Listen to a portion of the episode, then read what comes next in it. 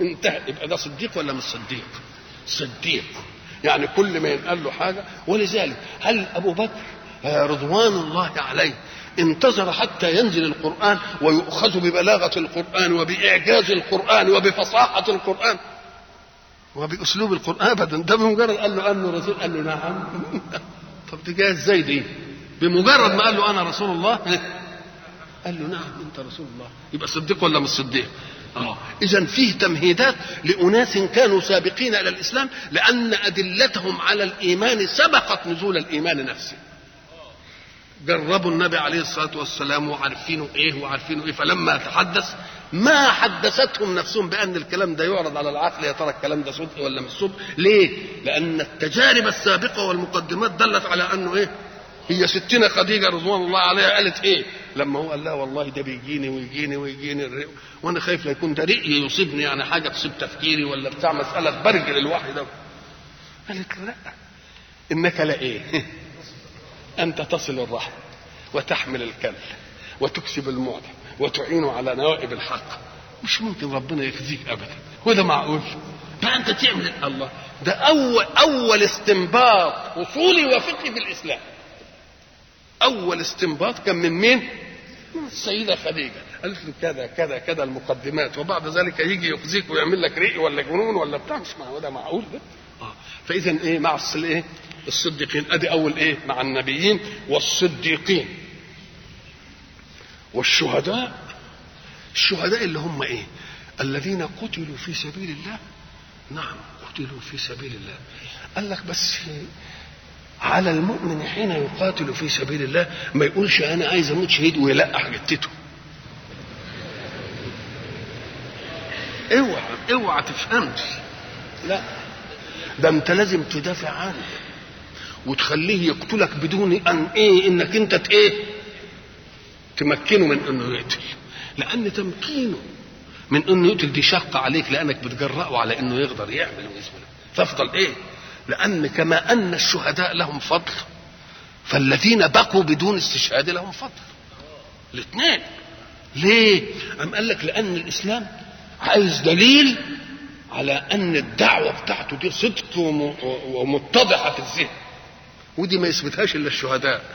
تقول يا سلام والله لو ما كانتش الدعوة دي ظاهرة في نفسه وأنه فاهم إنه بمجرد ما يتقتل في سبيل الله يروح الجنة ما كانش يقدم نفسه. يبقى دي ثبتت مين؟ ثبتت الغير. طب افرض بقى ان كلنا بقينا شهداء بقى. طب ومن يحمل منهج الله إلى الباقي؟ يبقى إحنا عايزين اللي يفضل وعايزين اللي يروح. يبقوا الاثنين عايزينهم. دي له مهمة وده له إيه؟ وده له مهمة. ولذلك كانت التقية يعني إنك أنت تتقي دي سببها هذا. أن الإسلام يريد امرين الأمر الأول من يؤكد صدق اليقين في أن الإنسان إذا قتل في سبيل الله ذهب إلى حياة أفضل وإلى عيش خير. ده يثبته مين؟ الشهيد. لأن الناس يقولوا يا سلام ده لو ما كانش إيه؟ متأكد ولذلك الحق سبحانه وتعالى في ساعة ما تيجي غرغرة الشهادة يريهم ما هم مقبلون عليه. ليه؟ ليتلفظوا بألفاظ يسمعها من لم يقبل على الشهادة. ابي يا رياح الجنة. الله يبقى يقول كلمة كده تبين له إنه إيه؟ إنه شايف الحكاية. عشان مين؟ عشان اللي وراه إيه؟ يسمع. والشهداء يبقى الشهداء هم الذين قتلوا في سبيل الإيه؟ في قتلوا في سبيل الله. أو هم الشهداء بقى اما جمع شاهد وإما جمع شهيد. شهيد تبقى هنا. أو شاهد وهم الذين يشهدون عند الله أنهم بلغوا من بعدهم كما شهد رسول الله أنه بلغهم. ومن يطع الله والرسول فأولئك مع الذين أنعم الله عليهم من النبيين والصديقين إلى آخر الآية. وقلنا إن سبب ذلك ما حدث من ثوبان بالنسبة إلى سيدنا رسول الله صلى الله عليه وسلم والقصة قد علمت. والمعية التي يقول الحق سبحانه وتعالى عنها مع الذين أنعم الله عليهم من النبيين جعلت حادثة ثوبان وحده بابا نفذ منه كل من يشغل باله بمسيره عند رسول الله يوم القيامة من الصديقين ومن الشهداء ومن الصالحين. فكأن حدث الثوبان وحدها فتحت المجال لمين؟ للصديقين وللشهداء والصالحين ووقفنا عن كلمة شهداء قلنا إما أن تكون بمعنى شهيد أو بمعنى شاهد وكلها تدور حول معنى أن يشهد شيئا يقول به. أمال الشهادة يعني إيه؟ أن تشهد شيئا تقول تقول به. قلنا إما أن يكون المراد المقتولين في سبيل الله وهم شهداء. شهداء ليه لأن معنى ذلك أنهم لم يقدموا نفوسهم للقتل إلا وقد علموا يقينا أنهم صائرون إلى خير مما تركوه من هذه الإيه؟ من هذه الدنيا فتلك شهادة منهم تؤكد صدق اليقين بالدين لمن إيه؟ لمن خلفهم وإما أن يكون شاهد بمعنى أنه يشهد يوم القيامة أنه بلغ طب إذا كان شهد يوم القيامة بأنه بلغ أهم دول اللي إحنا قلنا ما اتقتلوش وإذا كان شهد بواقع حاله في أن ما يذهب إليه خير مما يأتي به يبقى الاثنين موجودين ولا لأ؟ كأننا نعوز الإيه؟ الاثنين. من يقتل في سبيل الله ومن يبقى بدون قتل في سبيل الله لأن الأول يؤكد صدق اليقين بما يصير إليه الشهيد والثاني يعطينا إيه؟ بقاء تبليغ الدعوة. يبقى شاهد ولا مش شاهد؟ لتكونوا شهداء على الناس. والصالحين. وحسن أولئك. الصالح ما هو الصالح؟ رجل صالح يعني أهل لأن يتحمل مهمة الخلافة الإيمانية في الأرض. يبقى صالح يعني إيه؟ أهل لأن يتحمل مهمة الخلافة الإيمانية في الأرض. فيترك كل شيء مؤد نفعا على حاله. وإن أراد أن يزيد في النافع فليرقي النفع منه. فمثلا الماء ينزل من السماء وبعد ذلك ينعمل مثلا جداول ويمشي في الوديان ويروح تمتص الأرض فيطلع عيون. لما تشوف عين سيبها ما تردمهاش. يبقى تركت الصالحة على إيه؟ على صلاحه واحد تاني يرقي النفع منه. يقوم يعمل له بدل ما يترطم بالرمل والحصى والحجارة ويطم يقوم يعمل له إيه؟ مبنى كده حوالين البتاع علشان يحافظ عليه. يبقى ده عمل إيه؟ يبقى أصلح. زاد في إيه؟ زاد في صلاحه. واحد يقول طيب بدل أن يأتي الناس متعبين من أماكنهم بدوابهم ليحملوا الماء في القرب أو على رؤوس الحاملين. طب ليه ما نفكرش نودي لهم الماء لحدهم طب نودي لهم الماء لحدهم إزاي؟ يقعد بقى العقل البشري يفكر في الارتقاءات دي يعمل الاستطراد يعمل السهريج الإيه؟ العالي ويجيب مواسير ويخليها كل واحد يعوز مية يروح فاتح الحنفية دي. يبقى يسر على الناس ولا ما يسرش؟ آه. يبقى هؤلاء هم الذين إيه؟ يبقى مصلح. يبقى جاء إلى الصالح في ذاته فزاد الصالح يسيب الصالح في إيه؟ يبقى صالح لمهمة الخلافة في الإيه؟ في في الأرض. وحسن أولئك رفيقا. أولئك يعني مين؟ النبيين. والصديقين. والشهداء والصالحين. فيه رفقة أحسن من الحكاية دي بقى؟ آه. طب رفقة يعني إيه؟ رفيق يعني إيه؟ إحنا بنقول الرفيق هو المرافق لك في إيه؟ دائما يعني في الصحبة في السفرة ولذلك يقول لك خذ الرفيق قبل قبل الطريق. الطريق ده قد تتعرض فيه لمتاعب وإلى عراقيل ولأنك خرجت عن رتابة عادتك وإلى آخره فخذ واحد إيه؟ خذ واحد خذ الرفيق قبل. رفيق يعني تعمل إيه؟ الأصل في المسائل المعنوية كلها بتنقل من الحسيات كلها بتنقل من الحسيات. إزاي؟ أم قال لك في حاجة اسمها في الإنسان عند إيده دي اسمها إيه؟ مرفق. مش كده بنقول إيه؟ سلوا وجوهكم وأيديكم إلى إيه؟ إلى ده اسمه إيه؟ مرفق. طب مرفق يعني إيه؟ أم قال لك ساعة الواحد ما يكون تعبان ودايخ كده وراسه متعبة يقوم يعمل إيه؟ يتكي عليه كده آه ارتفق يعني كده إيه اتك ريحه. مفهوم ولا لا؟ آه. طيب وساعة ما يكون عايز ينام ولو مش لاقي حتة مخدة ولا بتاع يقوم يقعد كده ويجي إيده على الله يبقى المادة كلها رفق. كلها إيه؟ مأخوذة من الإيه؟ من الرفق. فالرفيق مأخوذ من الإيه؟ من الرفق. والمرافق مأخوذة من الرفق لأنها بترفق بالجسم كده وتريحه ومش عارف إيه. خلاص؟ طيب ومرافق البيت. مرفق البيت. دي اسمه مرفق ودك مرفق. البيت اسمه إيه؟ مرفق. جمعه إيه؟ المرافق بتاعه البيت. طب مرافق البيت بتاعه البيت. قام قال لك يا أخي لأن في ناس يبقى الأوضة اللي ساكن فيها فيها إيه؟ فيها الحتة اللي بينام فيها والحتة اللي بياكل فيها. مش كده؟ والحتة اللي بيطبخ فيها بابور الجاز برضه في ريح مش عارف الله. كل حاجة في الإيه؟ في الأوضة. ويمكن إن كان مزنوق أو في صفيحة يبقى يقضي فيها حاجته. مش كده ولا لأ؟ مش كده ولا لأ؟ ويمكن لما تضيق بيبقى الحمار مربوط في زاوية من الدار من الأوضة. إنما لما يبقى عنده مرافق في البيت يعني إيه؟ مطبخ لوحده حاجة لوحده. مش كده؟ زريبة للمواشي لوحدها حتة مخزن لوحده. اسمها إيه دي؟ اسمها مرافق. بتريح ولا ما تريحش؟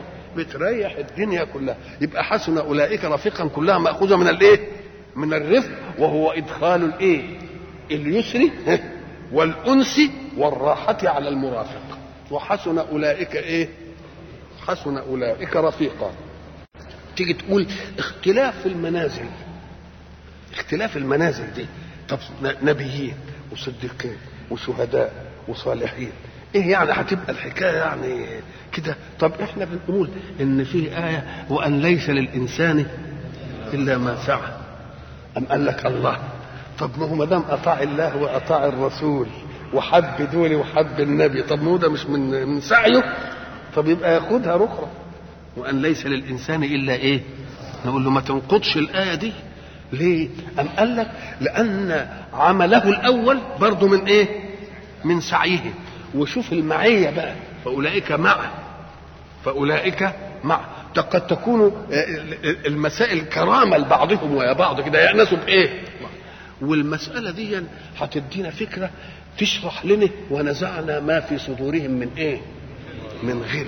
ساعة ما يشوف واحد في الآخرة منزلته أعلى من واحد اوعى تفتكر إن هو يقول إن منزلته أعلى من واحد. ليه؟ لأنه ما دام قد ترك الأسباب في الدنيا. وعاش مع مسبب الأسباب الذي كان يكلفه. مش كده؟ يقوم هو من من حبه لله. يقوم يحب كل اللي سمع كلام ربنا في الدنيا يقول له يا سلام ده انت تستاهل وانت تستاهل يقوم يفرح لمين؟ يفرح للي منزلته أعلى من مين؟ كذا افرض إن في فصل في تلامذة كتير وفي ناس يحبوا ينجحوا بس وفي ناس يحبوا العلم لذات العلم يحبوا العلم يقوم لما يلاقي تلميذ نجيب كده وعارف حاجة يقوم يكرهه ولا يحبه؟ يحبه تاني يروح يقول له طب ودي إيه؟ ودي إيه؟ وينبسط بيه ويجي يقول لك ده دي الأول عليا ده دي اللي مش عارف الله لأنه بيحب إيه؟ مش بيحب نفسه بقى بيحب مين؟ فكذلك الذي يكون في منزلة ويرى غيره في منزلة أعلى إياك أن تقول إن هو نفسه تتحرك عليه يقول لك لا لأنه من من من تكريمه لربه وتقديره له يحب اللي كان إيه؟ يحب اللي كان طائع لإيه؟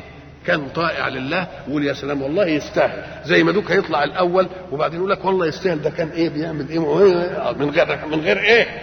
من غير حقد فإذا كانت هذه المنزلة ما, ما, ما تخدش الآية بتاعت وأن ليس للإنسان إلا إيه؟ إلا ما سعى. نيجي نقول له كمان بحث ثاني وأن ليس للإنسان إلا ما سعى. اللام دي تفيد الملك والحق. مالكش عندي إلا كذا، مالكش عندي، مالكش ليس لك عندي إلا كذا. ده حقك. يبقى وأن ليس للإنسان إلا ما سعى حق له. إنما دي حددت العدل في الحق ولم تحدد الفضل يبقى لو ادان ربنا ولذلك قال بعدها إيه عشان ما تجيش الشبه دي قل ذلك الفضل من الله ده زائد على عمله زائد على إيه زائد على عمله حيثيتها إيه بقى؟ ما تقوليش بقى وان ليس للإنسان إلا ما سعى. لأنه أن ليس للإنسان إلا ما سعى حددت الإيه؟ اللي حق اللي ليك اللي يوجبه عدالة التكليف. لكن ربنا ما قالش دي من الحق ده من الإيه؟ من الفضل. فالآية حين تقول وأن ليس للإنسان إلا ما سعى حددت العدل ولم تحدد الإيه؟ ولم تحدد الفضل. كما سبق وقلنا أنت ليك مية عندي ودي إيه؟ ودي من عندي. نعم. ذلك الفضل من الله. والفضل من الله هو مناط فرح المؤمن. لأنك مهما عملت في التكليف فلن تؤديه كما يجب بالنسبة لله. ولذلك قال لنا تنبههم أنا كلفتكم وقد تعملون وتجتهدون وتعملوا كل حاجة. إنما ما تفرحوش بالحكاية دي اللي هتجمعوها من العمل دي. قل بفضل الله. وبرحمته فبذلك فليفرحوا. هو خير مما إيه؟ مما يجمعون. ذلك الفضل يبقى الآية بتاع ذلك الفضل دي ترد على مين؟ تقول كيف يجيء ثوبان أو من دون ثوبان ويبقى مع النبيين ومع الصديقين ومع الشهداء ومع الصالحين ومنزلته. لو لم تكن منزلته أدنى لما كان في ذلك تفضل. يبقى إزاي ياخد دي يقول له لا. إما أن يكون طاعته لله ولرسوله ومسألة الحب اياها ديا من من سعيه وعمله أو أن الآية دائما تحدد العدل ولا تحدد الإيه؟ ولا تحدد الفضل. والفضل هو مناط فرح المؤمن بالنسبة لربه. قل بفضل الله وبإيه؟ رحمته فليفرحوا هو خير مما يجمعون. ذلك الفضل من الله وكفى بالله عليما. لأنه رتب أحكامه على علم.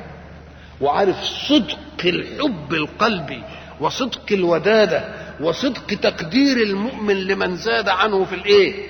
لمن زاد عنه في في المنزلة.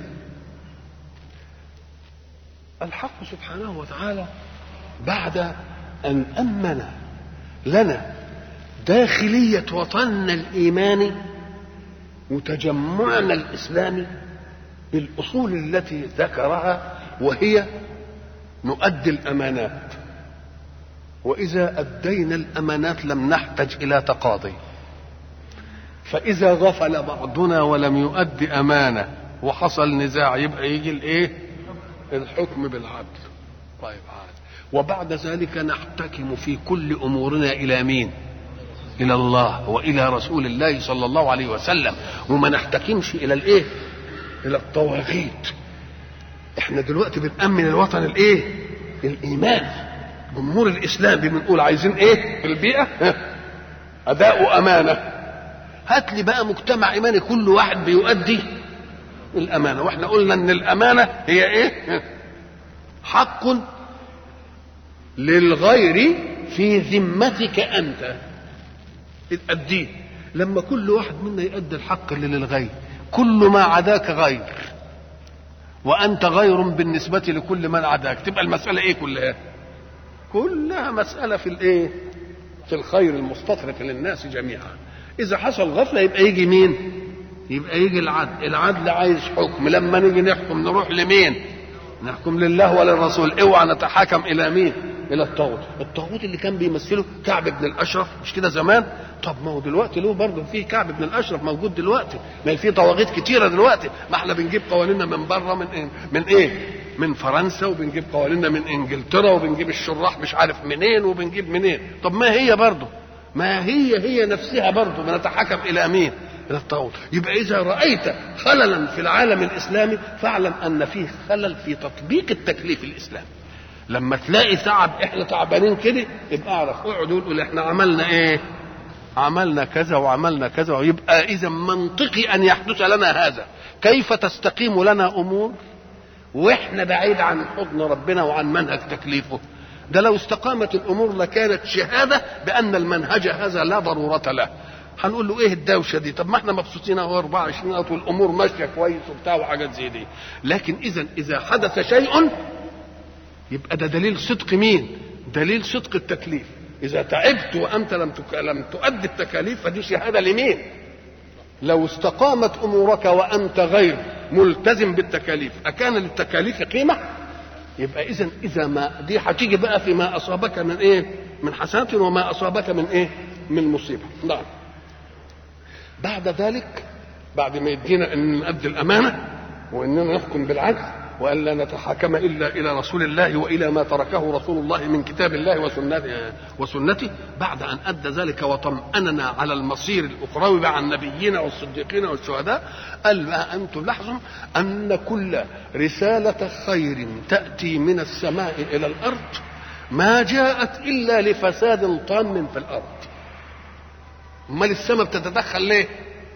قال لك ليه؟ قال لك لأن النفس البشرية إما أن يكون وازعها من نفسها بحيث إنها تهم مره بمعصية وبعدين توبخ نفسها وتعود إلى الإيه؟ إلى المنهج يبقى مناعتها إيه؟ ذاتية. أو المناعة مش ذاتية في النفس المناعة ذاتية في في البيئة. واحد مش قادر على نفسه يلاقي برضه واحد تاني قادر على نفسه يقول له لا عيب. لا إيه؟ يبقى لسه في خير ولا لا؟ يبقى المناعة ذاتية بالفرد هو اللي يرد نفسه. يا المناعة موجودة في مين؟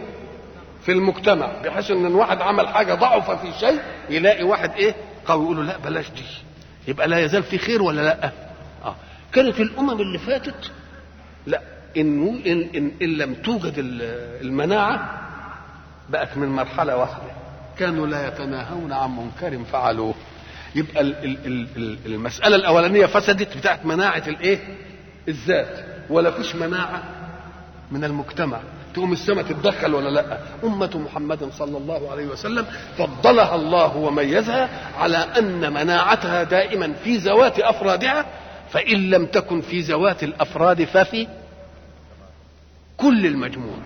يبقى مش ممكن يخلو من إن في واحد يقول لك لأ يعني ما تجيش طمه كده. ولذلك مش هيجي رسول بعد كده. لو كانت هتيجي طمه كده والمجتمع رقر يفسد ولا نلاقيش فيه كان لازم يجي إيه؟ رسول. لكن بقى خاتم النبيين ليه؟ لأن الله سبحانه وتعالى فضل أمة محمد بأن نوازعها دائما. إما هي من ذاتها بحيث كل فرد يرد نفسه وتبقى نفسه لوامة أو الايه المجتمع. ومش المجتمع يعني ناس يقعدوا كده علشان يوعظهم وينصحهم ويوصهم لا. ده كل واحد يوصي وكل واحد يوصى. شوف كل واحد يوصي وكل واحد يوصى. إزاي؟ اقرأ قول الحق سبحانه وتعالى. أعوذ بالله من الشيطان الرجيم. بسم الله الرحمن الرحيم. والعصر إن الإنسان إلا الذين آمنوا وعملوا الصالحات شوف بقى وتواصوا.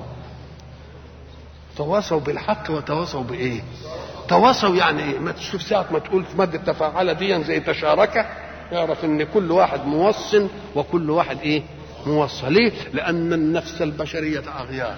فقد تهيج نفسي على المنهج مرة. الشرة تيجي ويهيج على واحد تاني يكون إيه؟ يجي يقول لي أنا بعد كده أردها له برضه.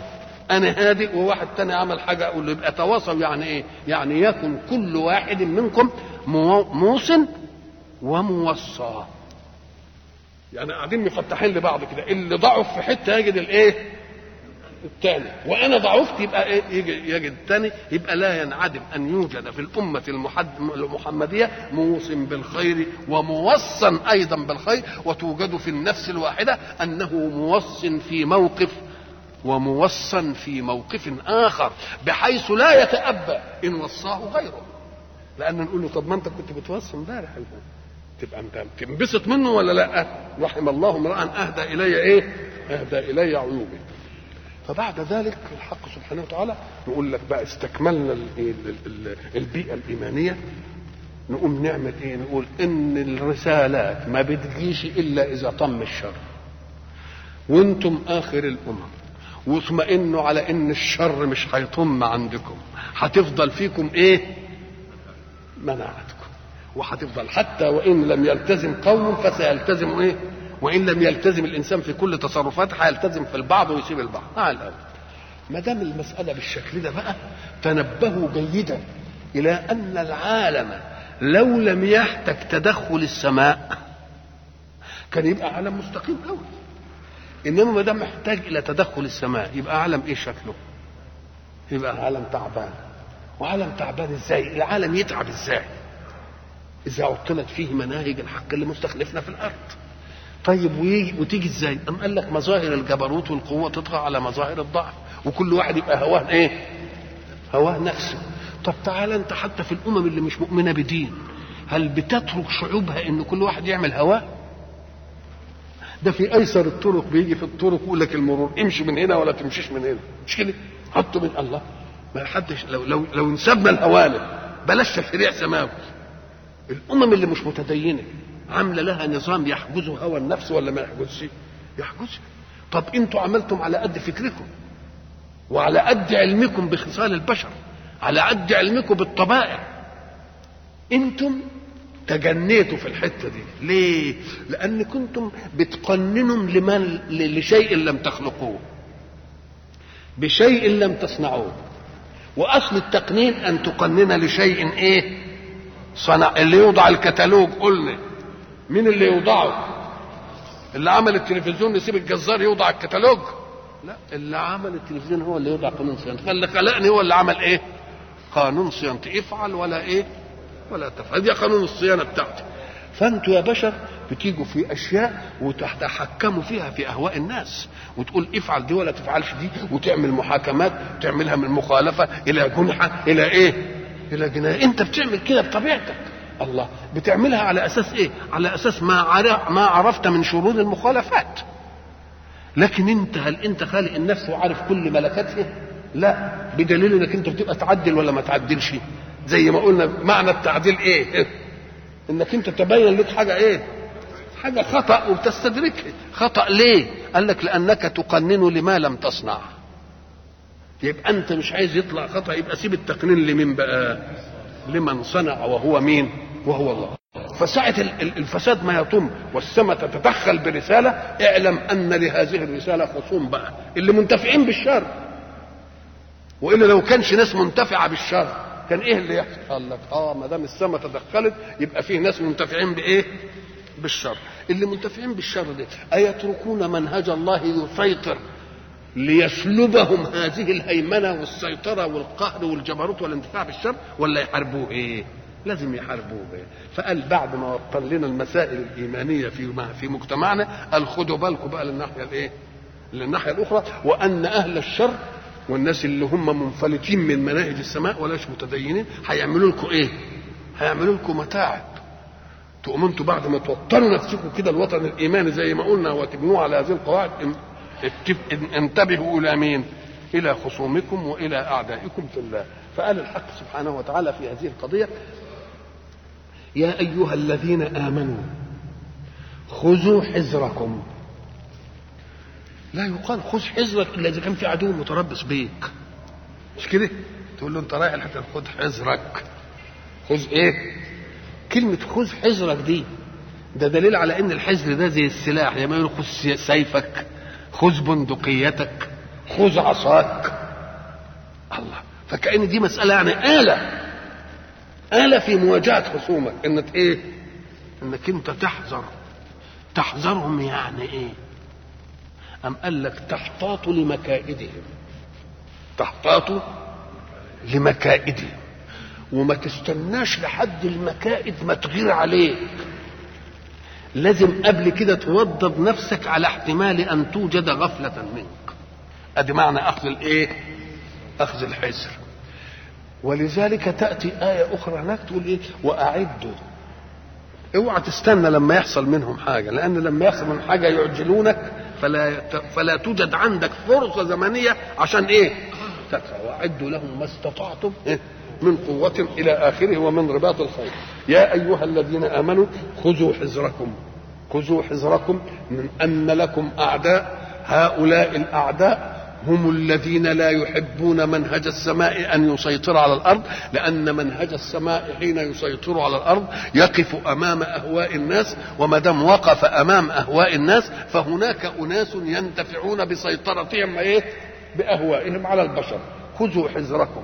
وما دام خذوا حذركم نعمل إيه؟ قال انفروا فانفروا إيه؟ ثبات أو انفروا جميعا. يعني ليكن أن لتكن النفرة منكم على مقدار ما تؤدون من الحزر مرة سبات يعني إيه؟ يعني طائفة كده فوق العشر أو جميعا كلكم بقى تطلعوا الله إذا معناها أننا سنكون على إيه؟ على مستوى ما يهيج من الشر. إن كانت مثلا فصيلة أو سرية تنفع زي ما حصل عند الرسول صلى الله عليه وسلم يبعت إيه؟ سرية. على قد الإيه؟ المسألة اللي بتهددني. وإن كانت المسألة بقى عايزة تعبئة عن إيه ننفر إيه؟ انفروا جميعا. ولاحظوا أيضا أنني أخاطب المؤمنين وأعلم أن لهم أغيار قد تأتي في نفوسهم مع كونهم مؤمنين ليه؟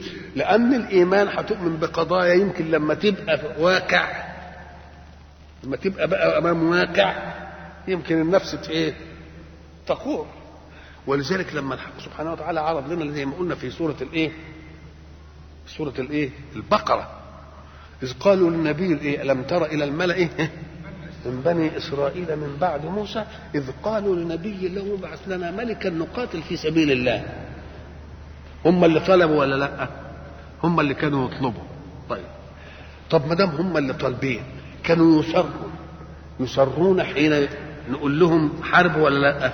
طب أنت اللي طالب يا أخي. ابعث لنا ملكا إيه؟ نقاتل في سبيل الله. قال هل عسيتم إن كتب عليكم القتال ألا تقاتلوا؟ طب ما يمكن نكتب عليكم القتال زي ما طلبتوه لكن ما إيه؟ ما تؤدوش. في أكتر من كده بقى قال لهم افتكروا كويس. أنتوا اللي طالبين مين؟ القتال. طيب. اوعوا لما نكتب القتال تعملوا إيه؟ ما تقتلوش. لأنني مش اللي فرضته ابتداء ده أنتوا اللي إيه؟ أنتوا اللي طلبتوه. ده كلام على إن كتب عليكم القتال ألا تقاتلوا؟ لسه كلام نظري. قالوا وما لنا ألا نقاتل في سبيل الله. طب وده معقول إننا ما نقاتلش في سبيل الله؟ شوف برضه وقد أخرجنا من ديارنا وأبنائنا. عللوها بعلة. اهي فلما كتب عليهم القتال ده لسه انكتب بس ما حصلش ما قلنا لهمش قتلوا انكتب عليهم. عملوا إيه؟ تولوا. يبقى كم مرحلة دلوقتي؟ هم الذين طلبوا إيه؟ القتال. ادي واحدة. ونبههم إلى أنكم لا تكونوا كده مندفعين وتطلبوا حاجة. لو كتبناها عليكم وفرضناها آه ما تنفذوهاش. قالوا لا وما لنا ألا نقاتل في سبيل الله. وجابوا التعليل اللي العاطفي. وما لنا ألا نقاتل في سبيل الله. وقد أخرجنا من إيه؟ من ديارنا وابنائنا. فلما كتب عليهم القتال تولوا إلا قليل. برضه فيه إيه؟ آه.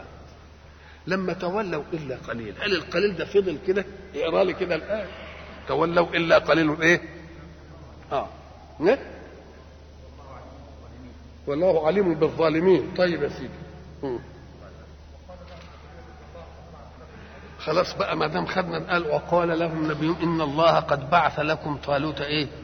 ملك. اول منكفه بقى. قالوا أن يكون له الملك. عم المسألة دخلت في أن يكون له الملك. ونحن أحق بالملك منه. ولم يؤت ساعة من الله أول أول ذبذبة أول أرجحة في استقبال الحكم. قال له إن الله اصطفاه عليكم وزاده بسطة في الإيه؟ في العلم والجسم. أنتوا عايزين تقاتلوا؟ ودي عايزة إيه؟ قوة. طبعه وجسم وعايز علم عشان يخطط وبتاع يبقى الناقص فيه إيه؟ المهم لما جم علشان يقاتلوا إيه اللي حصل؟ مبتليكم بنهر برضه بعد الأوائل الحاجات اللي حصلت دي قال قبل ما تخوضوا المعركة هنبتليكم بنهر فمن شرب منه فليس مني ومن لم يطعمه فإنه مني إلا من اغترف يعني بس نخليك تبل ريقك مش تقبع ما هي فتنة. هم بقى بحتة وبعدين عايزين نختبر. نقول له أنت مش مسموح لك إلا تبل إيه؟ ريقك. ما تقعدش إيه؟ فشربوا شربوا منه إلا قليل. ساعة ما حطوا بدون قعدوا إيه؟ يشربوا. يأربعوا إلا مين؟ قليل. يبقى فيه قليل الأول وقليل من الإيه؟ من القليل. طب وبعدين؟ لما جاوزه بهذا القليل وشافوا عدوهم قالوا لا طاقة لنا اليوم بجالوت وجنوده ده الحكاية صعبة علينا قوي مش كده ولا لا؟ الله كم حكاية كم عتبة. أم قال لك والضرورة في دي إيه؟ أم قال لك من إيه؟ من صفين. والذين ظنوا أنه ملاقوا الله قال لهم ما تخافوش منهم. كم من فئة قليلة ده قليل القليل ولا لا؟ كم من فئة قليلة غلبت فئة فهزموهم بإذن الله. ربنا مدينا الصورة دي ليه؟ علشان نفهم. إن النفس البشرية حين تواجه بالحكم نظريا لها موقف وحين تواجه به تطبيقيا له موقف ولو كلاميا وحين تطابق به فعليا يبقى لها موقف. وعلى كل حال قليل من قليل من قليل نصرهم الله ولا لا؟ آه يبقى بده يربي في نفوسنا أن الله هو الذي يهزم والله هو الذي يغلب. قاتلوهم يعذبهم الله بإيه؟ بأيدي. كمل يبقى شوف بعد كده. يبقى اذا الحق سبحانه وتعالى يقول إيه؟ أنا قلت لكم انفروا ثبات أو انفروا جميعا. واعلموا أن النفس البشرية هي بعينها النفس البشرية. وستتعرض للذبذبة حين وجود الحكم للتطبيق. وإن منكم لمن ليبطئن يبطئن. يعني يبطئ. ساعة ما ندعوه إيه؟ للحرب يتخاذل. زي ما قال إيه؟ هناك. إذ ثاقلتم إلى الأرض إذا قيل لكم انفروا في سبيل الله إيه؟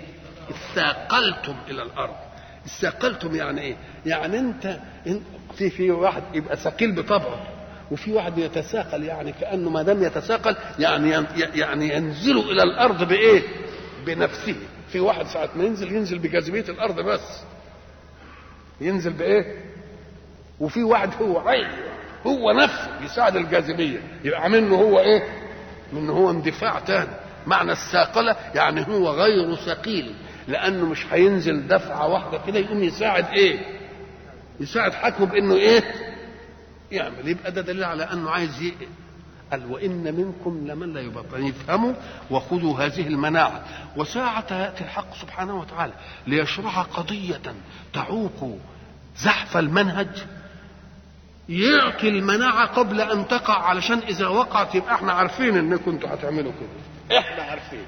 ومعدين نفسنا على انكم أنتوا هتبطئوا وتستقلوا ولا تجوش وإن منكم لمن إيه؟ لا يبطئن. يبطئ ويبطئ قد بعضها. فإن أصابتكم مصيبة قال قد أنعم الله علي إذ لم أكن معهم شهيدا. ما هو تراخى بقى وقعد يقوم لما تجيلهم مصيبة. مصيبة من إيه يعني؟ إما من قتل إما من هزيمة. يقول يا سلام ها الحمد لله أنا مش وياهم. الله. يبقى إذا البطء بتاعه أو التأخر أو التساهل كان له صدى في نفسه ولا لأ؟ بدليل إن لما أصابتكم مصيبة من القهر أو الموت أو الهزيمة قال إيه؟ قد أنعم الله علي. شوف البواخر. قال هو يبقى مخالف ربنا وينسب يقول أنعم الله علي. زي اللي بيروح يسرق وبعدين يقول اسكت ربنا ستر علي. أما شيء إيه والله ربنا ستر علي ولا عسكري جه ولا أي حد ولا شوف سخافة التعبير. آه. مما يدل على أن دي مسألة ما بتمرش على ما بتمرش على العقل دي مثلا. دي لهجة تفصي من المنهج بس. آه. قد أنعم الله علي إذ لم أكن معهم شهيدا. شوف انظروا بقى إلى السخافة. في كونه يجعل إنه ما كانش معهم وما كانش شهيد دي من النعمة. قد أنعم الله علي إذ لم أكن إيه معهم إيه شهيد. ولذلك قال بعض العارفين أن من قال ذلك دخل في الشرك. قد أنعم الله علي إذ لم أكن معهم إيه شهيدا ولئن أصابكم فضل من الله ليقولن كأن لم تكن بينكم وبينه مودة يا ليتني كنت معهم فأفوز فوزا عظيما. الله بقى ان جت مصيبه يقول الحمد أنا أنعم الله علي إذ لم أكن معهم إيه؟ طب ولما يجي لهم غنيمة ولا يجي لهم نصر ولا أي حاجة تقول إيه؟ يا ريتني كنت معاهم.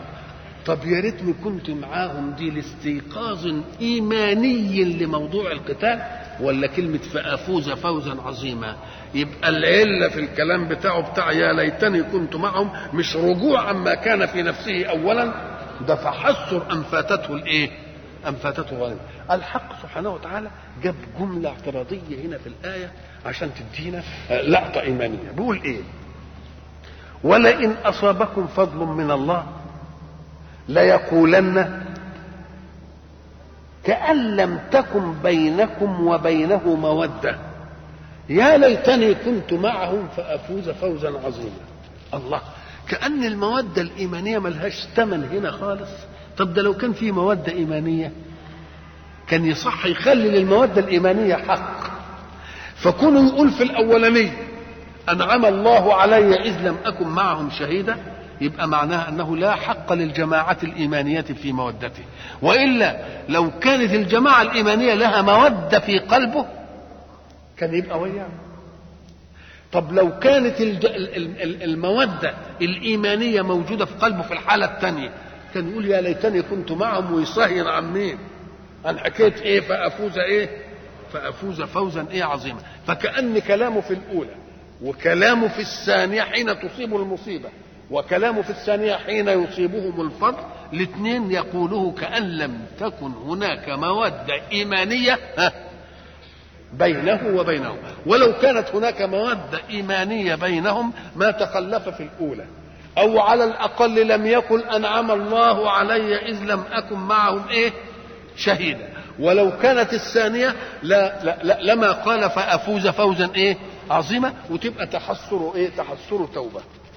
ولئن أصابكم فضل من الله ليقولن قولا كأن لم تكن بينكم وبينه مودة يعني تستحق أن أن إيه؟ أن المودة أن تجعلكم إيه؟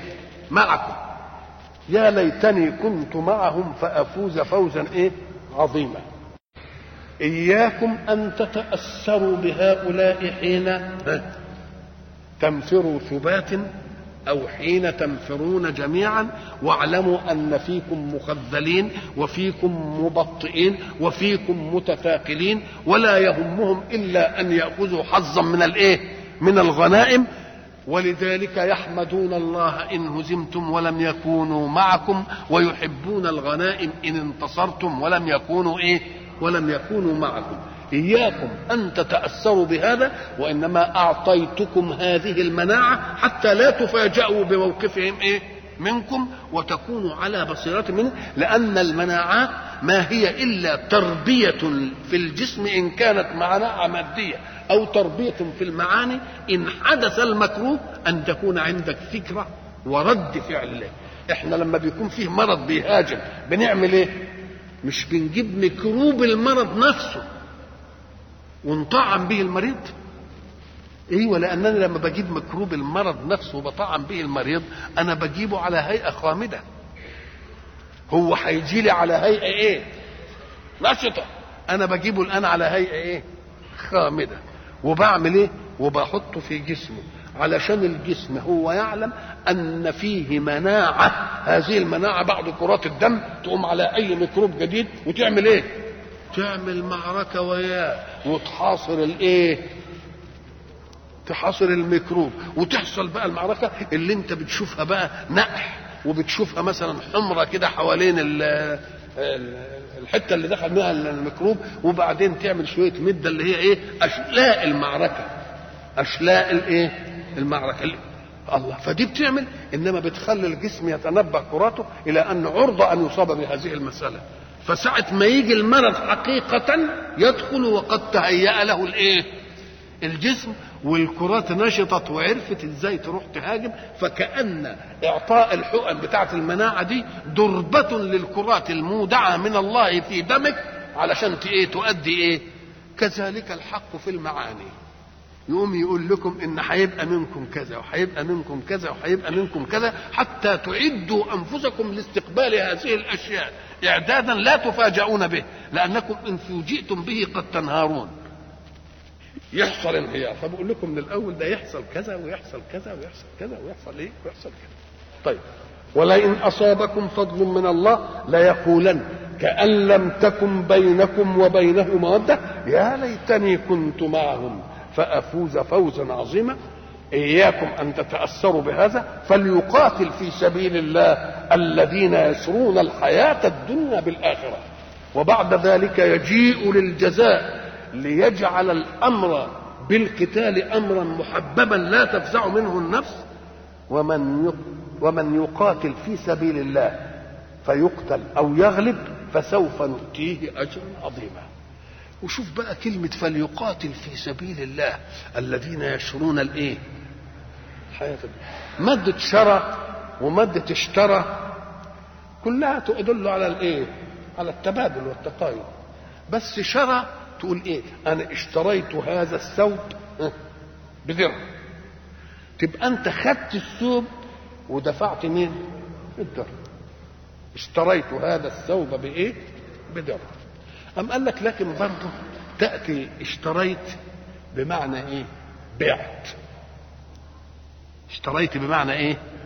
ولقد علموا لمن اشتراه ما له في الآخرة من إيه؟ من خلاق بتؤدي المعنى الأول. طيب طب وإيه؟ وشروه بثمن بخس دراهم معدودة. الله شروه بثمن بخس دراهم معدودة وكانوا فيه من الزاهدين. طب ده الجماعة اللي لقوا سيدنا يوسف في الجب صحيح كانوا فيه من الزاهدين وبعدين إيه شروه هم ولا هم باعوه بثمن بخس باعوه يبقى شرع من أسماء من الأفعال التي تأتي بمعنى البيع وبمعنى إيه؟ قال لك لأنها هي قد بعضها. هو أنت ساعة ما يكون واحد قاعد وبيبيع توب مش هو عايز يبيعه؟ آه. وأنا عايز أشتري وأنا عايز أشتري. ساعة ما اديله دي ساعة ما يديني دي وياخد ال يبقى هو إيه عمل إيه؟ لا أنا اشتريت التوب مش كده؟ وهو عمل إيه؟ وهو باع الدرهم. مش كده ولا هو باع الدرهم. تبقى هي مع عملية لأن التقايض كان زمان عشان تعرف إن شرى بمعنى باع وبمعنى اشترى. يعني مش غريبة. ليه؟ إن كان زمان التقايض بالسلع.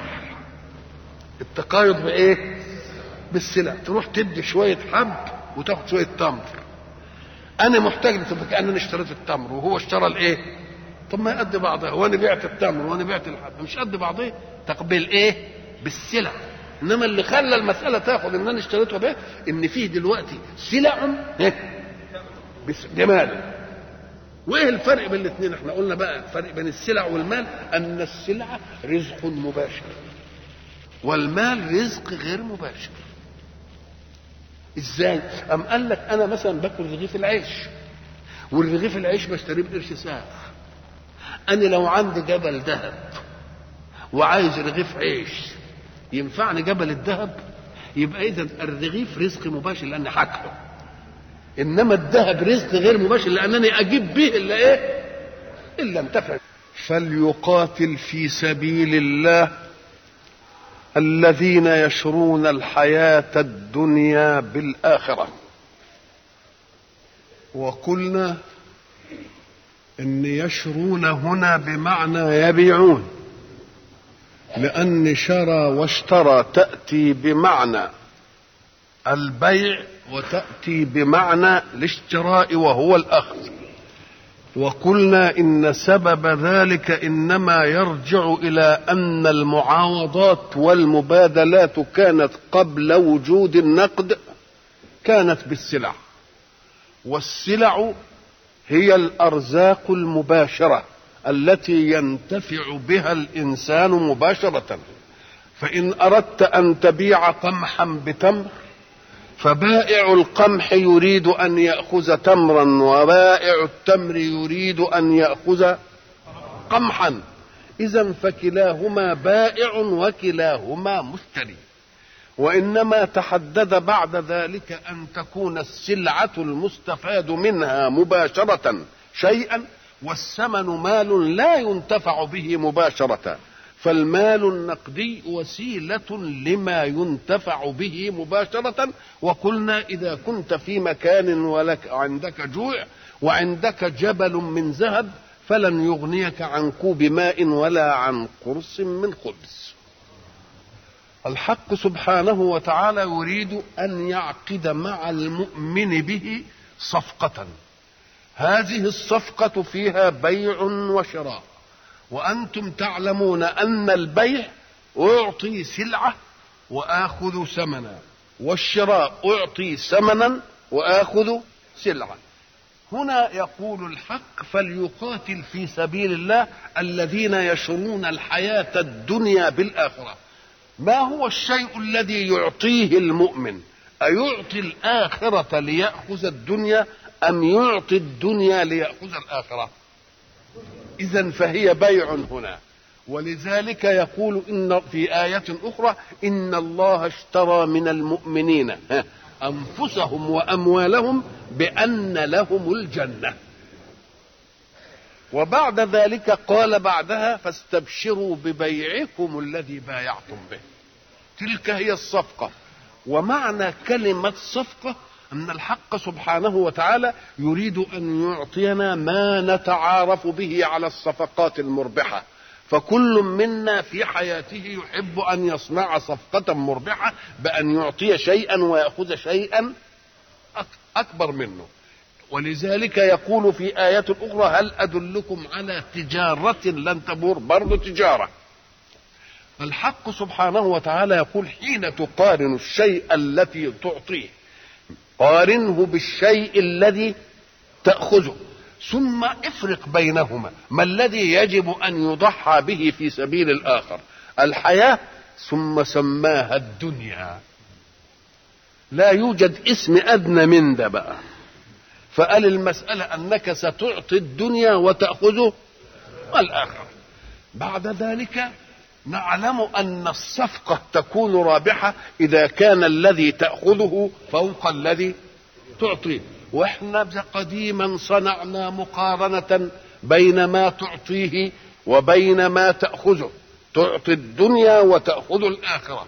قلنا الدنيا مهما طالت إلى نهاية لا تقل كم عمر الدنيا لأنه لا يعنيك أن يكون عمر الدنيا ألف قرن وإنما عمر الدنيا بالنسبة لكل فرد هي مقدار حياته فيها. ذلك هو عمر الدنيا كله إيه؟ مقدار حياة الفرد فيها. وإلا فإن دامت لغيري ما نفعي أنا إذا قيمة الدنيا هي مقدار عمرك فيها. ومقدار عمرك مظنون أم متيقن؟ مظنون. لأن من الجائز أنك ترى متوسط الأعمار سبعين أو خمسة وستين يؤخذ طفلا يؤخذ فتى يؤخذ رجلا يؤخذ شيخا. الله. إذا فعمر الدنيا بالنسبة لكل إنسان هي مقدار حياته فيها. إذا ما تقارنهاش بوجودها مع الآخرين إنما قارنها بوجودها إيه؟ معك أنت. وعمر الدنيا بالنسبة لك عمرك فيها وعمرك مظنون. وهب أنه متيقن ولكنه محدود. هنقول لحد سبعين. طيب تنعمك فيها. الإنسان منا حين يربى يظل يربى إلى أن يبلغ الحلم. فإذا ما بلغ الحلم وأصبحت له حياة ذاتية. معنى حياة ذاتية يعني أن إرادته لم تعد تبيعة لإرادة الغير. كان وهو صغير أبوه يأتي له بالملبس فيلبسه وبالمطعم فيأكله ويوجهه فيتوجه. حينما وجدت له ذاتية يقول له لا اللون ده مش عاجبني الأكل ده مش عاجبني الكلية دي مانيش رايحها متى يقول هذا؟ حينما توجد له ذاتية. ولا توجد للإنسان ذاتية إلا إذا وصل إلى مرحلة من العمر يستطيع أن ينجب مثله. يبقى نضج. نضج يعني يستطيع لما يتجوز يخلف. يبقى ده بلغ الإيه؟ بقت له إيه؟ بقت له ذاتية. والتبعية بتاعته انتهت. يبقى نضجه أن يصبح قادرا على إنجاب إيه؟ مثله لتستمر الحياة ويحفظ النوع فإذا ما اصبح كذلك نقول له هذا هو النضج. النضج ده يخلي لك إيه؟ ذاتية. أنت إذا جئت لشجرة وفيها برتقال أو شجيرة وفيها بطيخ تقعد تعمل إيه؟ تقعد ترعى شجرة البطيخ. سقيا وتنظيما وتسميدا ومش عارف إيه وهي لسه صغيرة البطيخة دي تقعد تعدل لها الحصى تحتها عشان ما تطلعش يعني مشوهة لحد ما تلاقيها إيه؟ استوى ساعة ما تستوي يبقى الشغل الشاغل الآن انتقل من الشجرة أو من الشجيرة إلى مين؟ إلى الثمر وبقت هي اللي إيه؟ هي اللي يقال بقت لها ذاتية. بقت لها إيه؟ ذاتية كانت الأمر العناب مين؟ وبعدين بقت لمين؟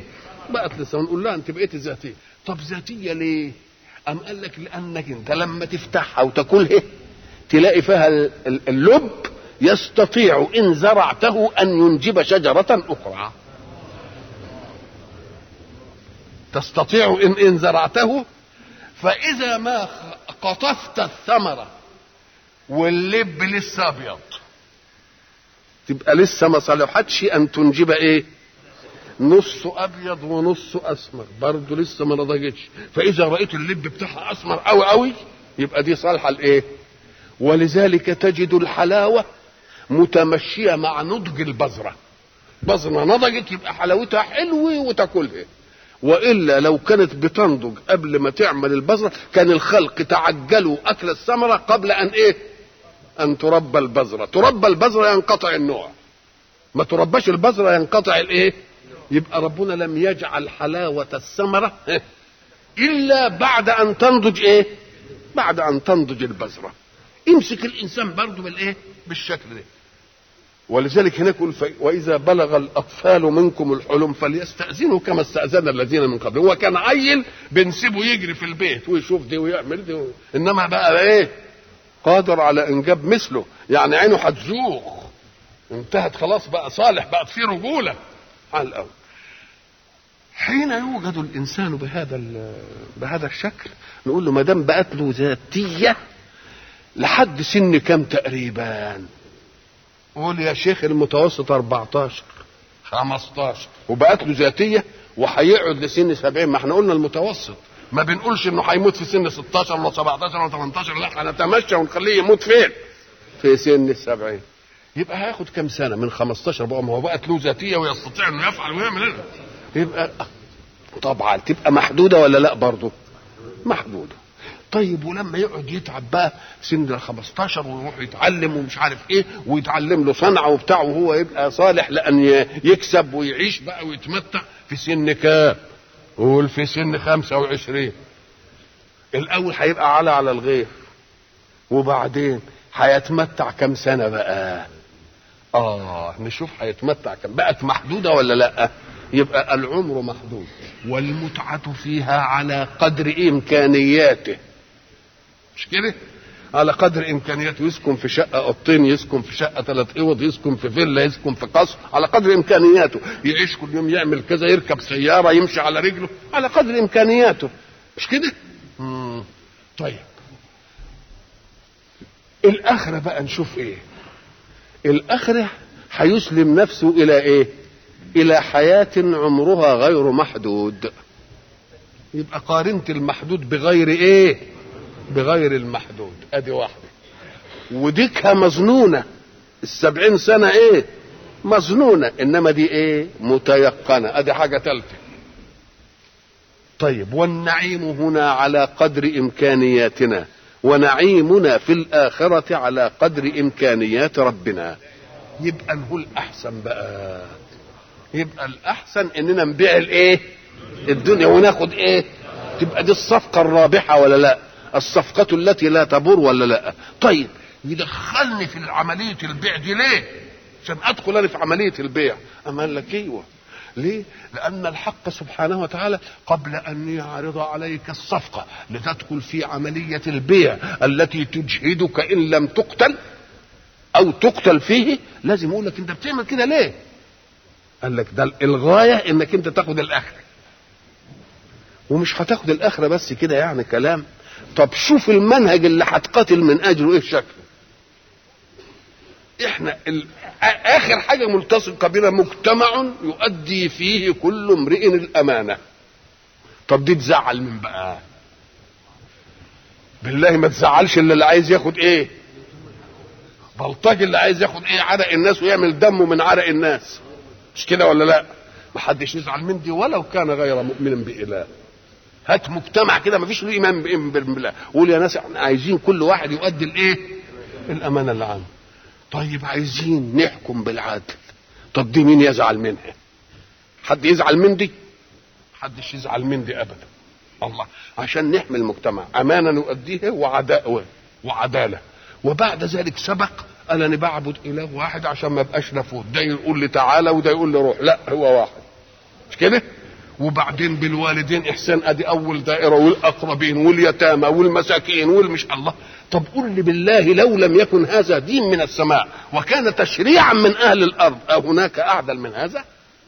مثل هذا المجتمع اللي هيعيش على دي يبقى يستحق إن الإنسان يدافع عن تطبيق هذا المنهج فيه أو لا.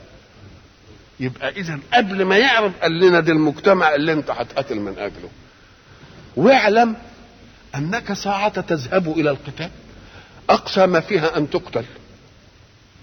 تقتل قلنا هتاخد صفقة الآخرة. وأسرة المسافة بتاعتك الغايات. ليه؟ لأن كل شيء إنما يقاس بزمن الغاية له. إحنا قلنا إحنا عايزين ننتقل من بورسعيد إلى مين؟ إلى القاهرة. دي الغاية القاهرة. نقوم نشوف. واحد قال لي هنروح ماشيين. واحد قال لي لا هنركب جواد واحد قال لي لا يا شيخ نركب سيارة. واحد قال لي هنركب طيارة. بعدين يطلع صاروخ. الله.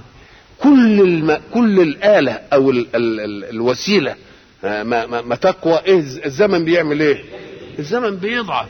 إذا بيكسر الغاية. تبقى أنت مع الذي أطال عليك الوصول إلى الغاية زمنا وما... ولا مع الذي يقصر لك الغاية زمنا. طيب افعل بقى. إحنا ما دام مش ضامنين هنموت إمتى وبتاع وبعدين قال لك إن قتلت تبقى أنت قصرت الإيه؟ المده فيك الوصول إلى الغاية ده تبقى حاجة حلوة قوي طب وافرض حتى ولذلك الناس الحمق اللي بيصيب الناس لما يموت لهم واحد عزيز ولا حبيب يزعل تقول له أنا بدي افهم إحنا كلنا صائرين إلى هذه الغاية ولا لأ؟ إلى هذه الغاية. طيب واحد ربنا حب ياخد الغاية في صاروخ. أنت اللي مزعلك إيه؟ تبقى أنت بتزعل على روحك بقى. يبقى لازم انت كنت تنبل على قفاه. تزعل على روحك انما ان كنت علشانه دي قصر مين؟ قصرت الغاية. يبقى إذا الحق سبحانه وتعالى حينما يعطي اللي بينقتل قال أنا هديله إيه؟ هديله حياة. ومش هديله حياة بس كده ده فيها رزق كمان عشان أنا فاهم إنه مات. ولذلك الناس يفتكروا إنك أنت لما تفتح القبر على الشهيد هتلاقيه صاحي وقاعد حاطط رجل على رجل. تقول له يا أخي هو قال أحياء عندكم ولا عنده؟ أحياء بقانونه. لو فتحت عليه هتلاقيه برضه متقطع و... هو قال أحياء عندك أنت؟ ثم إذا فتحت القبر عنده أهو في عالم الغيب أم أصبح في عالم الشهادة؟ بقت شايفه أهو يبقى في عالم الشهادة مقتول. إنما سك عليه عشان تخليه في عالم الغيب له حياه عند ربنا. له حياة عند مين؟ عند ربنا الحق سبحانه وتعالى يطلب من الذي اقتنع بمبدأ حق يحقق للإنسان الخلافة الصحيحة في الأرض. اللي اقتنع به يعمل على أنه ينشره يعمل على أنه يذيعه. لكن أصحاب الشر الذين لا يعلمون إلا ظاهرا من الحياة سيقفون أمامه. يبقى شرع الإيه هنا؟ القتال بقى. قال لك أنت هتصاب بمين بمجتمع فاسد. هذا المجتمع الفاسد قوي فقوي على الضلال مقيم وقطيع من الضعاف يجاري. فأنت لازم تعمل إيه؟ لازم بقى تقاتل. طب تقاتل دي مراحل. كان في القديم قبل سيدنا رسول الله صلى الله عليه وسلم الرسول يبلغ فإن آمنوا فبها وإن لم يؤمنوا تتدخل السماء بالعذاب. صرصر ريح صرصر رجف صيحة خسفنا به الأرض أغرقنا. الله إذا الرسول عليه إيه؟ يبلغ. والسماء هي اللي مين؟ هي اللي تتدخل بالعقاب. لكن فضل رسول الله صلى وما وجد قتال إلا إذا اقترحوا هم القتال زي بني إسرائيل. ألم تر إلى الملأ من بني إسرائيل من بعد موسى إذ قالوا لنبي له ابعث لنا ملكا نقاتل في سبيل الله. هم اللي اقترحوه.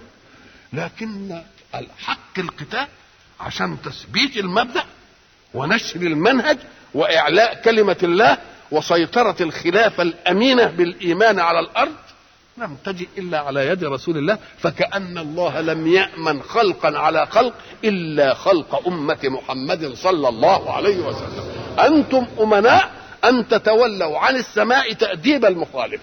إنما كان زمان مخالف مين اللي يؤدب؟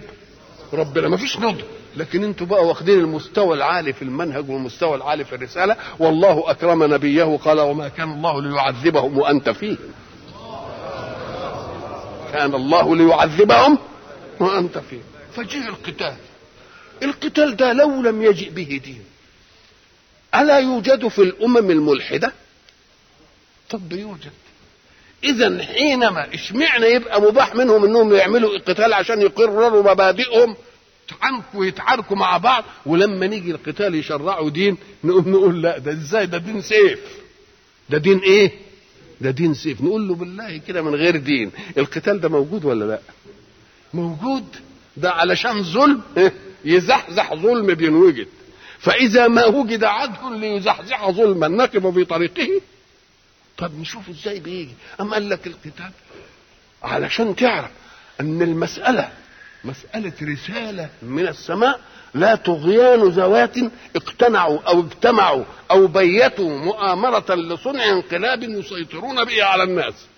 فجيه الأول من الأول بمجرد الإسلام ما جه جه من الضعاف. الذين لا يملكون أن يت... ما بعدوش لم يكونوا يستطيعون أن يحموا أنفسهم. مش شوية معاهم سلاح ومعاهم بنادق ومعاهم دبابات ومش عارف إيه هوب هوب لا يا أخوان ضعاف مش قادرين يحموا نفسهم. الله. ولذلك تعرف بقى الحق ساعة ما يجي يجي عادة من مين؟ مش من قوي يسيطر. لا ده من ضعيف تعب ونهج. علشان يثبت الإيمان. ولذلك الإسلام صاح به رسول الله صلى الله عليه وسلم في مكة. ولكنه لم ينتصر ولم يسطع من مكة. وجيه من المدينة من البعيد. الله ليه؟ قال لك لأن مكة دي إيه؟ بلده. فيها قبيلته وقبيلته ألفت السيادة. قبيلة قريش حد يقدر يتعرض ليه؟ ده واخد السيادة على الجزيرة كلها. ولذلك كانت قوافلها إلى الإيه؟ إلى الجنوب. وقوافلها إلى الشمال بالتجارة لا يتعرض لها أحد. ليه؟ لأن يخاف أي قبيلة في الطريق تتعرض ليه؟ هيجي موسم الحج ويجوا في قلبها. يقوموا ينتقموا منهم. فكانت مهابة ولا مش مهابة؟ فلو أن الإسلام الذي صاح به رسول الله صلى الله عليه وسلم في مكة انتصر في مكة ربما قال قبيلة عشقت السيادة ودانت لها أمة العرب فما المانع أنها تطمح ويدين لها العالم كله؟ ما هي شغلانة؟ أم قال لك لا ده هم اللي يضطهدوه وهم اللي يحاربوه ويجي الضعاف هم اللي يتبعوه وبعد ذلك يأتي له النصر من بعيد عن هذا. منين؟ من المدينة البعيدة عنها. ليه؟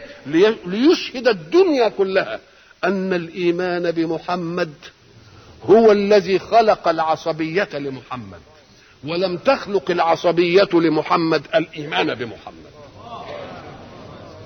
فجه بقوا مضطهدين وعلوم وما يقدروش يدافعوا عن نفسهم. ولذلك سيدنا عمر حينما كان يسمع قول الله سبحانه سيهزم الجمع ويولون الدبر. يوم يقعد كده يقول أي جمع هذا؟ إحنا مش قادرين نحمي نفسنا. سيهزم الجمع ويو إيه؟ ويولون الإيه؟ الدبر. وبعد ذلك إيه؟ ولا تطع كل حلاف مهين ولا ناكل سنسمه على الخرطوم. إحنا قادرين ندافع عن نفسنا. وبعد ذلك تأتي وقعة بدر فتثبت له صدق الإيه؟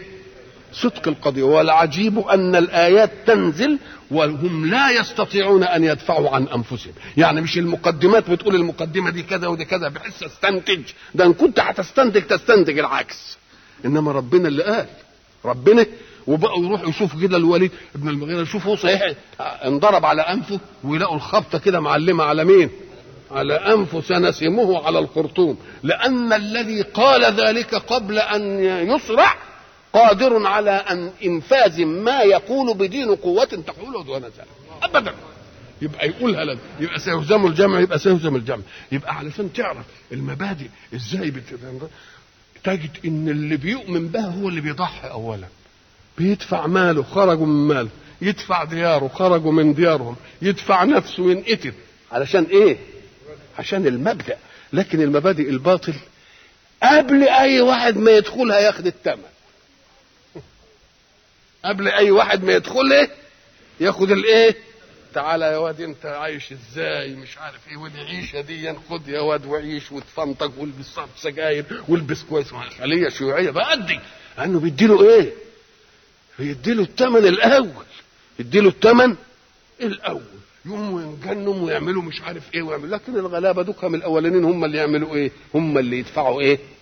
اللي يدفعوا الثمن. ولهم الحق إنهم يدفعوا الثمن لأن المسمن غالي قوي المسمن لكن في الثاني المسمى انهم يعرفوا طب ده اللي بيجي لمبدأ من المبادئ الهدامة اللي بتيجي في البلاد. شايف هم عايشين إزاي ورعيتهم عايشة إزاي. يقوم يقول الله طب إحنا هنيجي برضه هنبقى يعني الرعية هتبقى ماشية كده وهم عايشين في مش عارف إيه. لا ناخد الثمن إيه؟ مقدما ياخدوا ثمنهم إيه؟ مقدما إنما المؤمنين لا. يدفعوا هم الايه؟ فالحق سبحانه وتعالى حين يشرع القتال لأمة محمد صلى الله عليه وسلم يشرعه أولا دفاعا. كانوا يطلبون من رسول الله يقولوا يا رسول الله إذا لنا نقاتلهم على قد جهدنا. يقول لم, لم أمر بالقتال. وبعدين أمر بالقتال عشان يدفع عن الخلية الإيمانية لما راحوا المدينة. وبعدين أم قال لك مسألة القتال دي دي عملية ضرورية في الحياة. ليه ضرورية في الحياة؟ أم قال لك القضية ولولا دفع الله الناس بعضهم ببعض لا إيه؟ لفسدت السماوات والأرض. لفسدت الأرض. خلاص؟ ولولا دفع الله الناس بعضهم ببعض لهدمت صوامع وبيع وصلوات. إذا دفع الله بعض الخلق بالخلق أمر ضروري وارد ولا لا؟ أمر ضروري تعال بقى نشوف كده. أم قال لك حين يعاب على الدين القتال ومش القتال فليقاتل في سبيل الله؟ نقول له تعالى بقى نشوف كده. الحق سبحانه وتعالى حينما شرع هذا القتال لأنه بيدفع قوى البغي التي تحول دون تطبيق منهج من مناهج العدالة اللي معروض ولا يستطيع أحد أن يجادل فيه. منهج ما حدش يجادل. يعني لو لم يكن من السماء لكان منهج صالح أن يحكم الإيه؟ أن يحكم بدون إيمان بإله وبدون أي حاجة. منهج ما حدش يقدر يقول فيه حاجة ابدا. طيب إذا أراد الله أن يصنع هذا وهيجي ناس يقفوا في الطريق نقول له أنت جاي بقى علشان ترغم الناس علشان يؤمنوا بمنهجك قال لك لا أنا جاي علشان أثبت كرامة الإنسان إزاي تثبت كرامة الإنسان؟ إيه يعني تثبت كرامة الإنسان؟ قال لي لأن كرامة الإنسان عن الأجناس التي تحيط به وهو سيدها. إحنا قلنا زمان الجماد مسخر مش كده؟ شمس وقمر ونجوم وجبال وتراب ومش عارف مش كده؟ نبات مسخر حيوان مسخر. ليس له حرية في أن يقول أفعل ولا أفعل. الشمس لها مزاج النهارده تقول ما اطلعش النهارده. الهوى يقول والله الجماعة دول مش عاجبين أنا مش هابب عليهم. مسألة رتيبة ولا اي ما إذا ما فيش لا إرادة ولا اختيار اللي إحنا قلنا إيه؟ فأبين أن إيه؟ أن يحملنها إذا تميز الإنسان على هذه الأجناس بإيه؟ بالعقل. طب العقل ده مهمته إيه؟ يختار بين البديلات. إذا كان هناك أمر ليس له بديل قال العمل عقل فيه في. في حتة عايزين نروحها أقول لك ما فيش إلا الطريق ده هو هل الواحد يقعد يفكر يروح منين؟ مش ممكن ما فيش إلا ده. يبقى اذا العقل لا عمل له إلا الاختيار بين الإيه؟ بين البديلات فإن لم يكن هناك بديل يبقى ملوش عمل. يبقى عبث إن هو طيب عاد. إذا كان يريد أن يختار بين البديلات ألا تضمن له حرية الاختيار؟ ان تقيد حرية الاختيار؟ إن قيدت حرية الاختيار بالإكراه يبقى خدت النعمة اللي أنت اديتها له. هو يختار دي وبعدين واحد يقول له لا دي طب ما كان يبقى مقهور أحسن كان يبقى مسخر وتنتهي المسألة. تديني حرية الاختيار وبعد ذلك يجي واحد يقول لي لا يكرهني. ده تبقى تفسد. ولذلك المكره ما بيبقاش له حكم ولا لا؟ طب ما دام أنت بتقول العقل دي هو اللي بيختار بين البديلات. لازم يكون موجود. فإن كان في عطب مجنون يبقى مع مش مفيش حاجة. خلاص. طب وكان اللي موجود بس لسه ما نضجش؟ نقول له برضه ما فيش. يبقى عشان اختيار بين البدل لازم يكون العقل إيه؟ موجود وناضج. وموجود. ويكون لي حرية أن أختار. فإن لم يكن العقل موجودا فهو المجنون فلا تكليف له. مش كده؟ وقلنا زمان إن ربنا سلبه أعز ما أعطى للإنسان وهو العقل إنما اداله إيه؟ اداله صفة كده حلوة إن ما حد ما حدش يسأله عن حاجة يعمل اللي يعمله. يبقى يشتم الواحد ويزقله بالطوب ويضحك له كده طب هات لي واحد واخد السيطرة دي يعني يا اخويا هات لي عاقل ولا عقلاء واخدين السيطرة دي. يشتمك ويزقلك بالطوب ويعمل مش عارف إيه وتضحك له وتطبطب عليه ومش عارف. الله الله. بقى لا بينسال في الدنيا ولا في إيه العز اللي شافه ده؟ إيه العز ده؟ عز ده. لأنه سلب أعز ما شيء فيديله إيه؟ تعويضه. ده كلام على الأول يبقى إذا لازم يكون العقل موجود فلا تكليف لمجنون. طيب. ولازم يكون ناضج فلا تكليف فلا تكليف لمن كان في قبله البلوغ. ولازم يكون مختار ما فيش قوة تكرهه. يبقى ثلاث إيه؟ ثلاث حاجات. يبقى الإسلام جه علشان يحمي كرامة الإنسان في حريات الاختيار. لأن إن كان لي عقل وبيختار وبعدين جه واحد ضربني كده على قفاه ولا لا يعمل دي. تبقى يا ريته ما كان العقل ده موجود. يبقى جه نكبه ليا يبقى موجود عنده ونزلت كده الذل دي يبقى الإسلام جاي عشان يعمل إيه؟ بيحمي الكرامه العليا للإنسان وهي حرية الإيه؟ حرية الاختيار. ما بيجيش علشان يفرض شيئا تختاره إنما يعرض عليك الشيء. وبعدين يقول لك أنت لك حرية الاختيار ولك كرامتها. فاختر ما شئت. الذي حمل السيف ليضرب به. من الذي حمل له السيف ليؤمن؟ ما حدش لأنهم كانوا ضعاف كلهم. كلام على الأول. ثم إذا قيل هذا إنت نفسك لما تيجي تاخد حاجة على الإسلام تقول ده الإسلام بيفرض الجزية. تقول له بيفرض الجزية على مين؟ قال لك على غير المؤمن. قال فما دام له قوة يفرض جزية يبقى مسيطر على البلد ولا مش مسيطر؟ مسيطر وبيفرض جزية. يبقى معناها بقاء شيء إنسان على دينه. بقاء إنسان على مين؟ على دينه يبقى دي شهادة إلى إيه؟ لأن الإسلام لم يجئ ليفرض إيه؟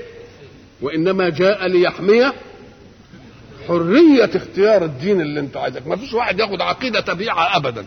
إنما كل واحد حر في أن يختار. يبقى الجماعة اللي بيقولوا الإسلام والسيف نقول لهم يا ناس افهموا كويس. أول من أول من آمن. أكان حد فيه واحد يحمل السيف عشان يقنعه بأن يؤمن؟ ده كانوا كلهم إيه؟ ضعاف وظلوا ضعافا مدة طويلة.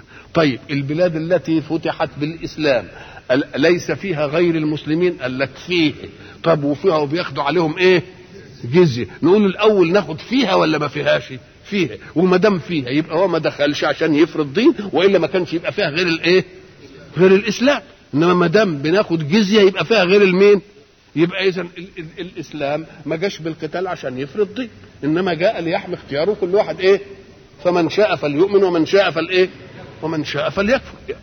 ثم بتلوم بقى حتة تانية. ناخده إحنا كده نقول له بياخد بتقول بياخدوا جزية؟ آه جزية. طب هو في المجتمع اللي هينتفع بإيه؟ بكل خيرات يصنعها ولاة الإسلام. تقول له طب والمؤمن اللي بيدفع مثلا زكاة وبيدفع خراج وبيدفع كذا وكذا دوك هينتفع كده ويحط رجل على رجل؟ ولا ناخد منه ما يقابل ما يدفعه المؤمن لأنه بينتفع بهذه المسائل؟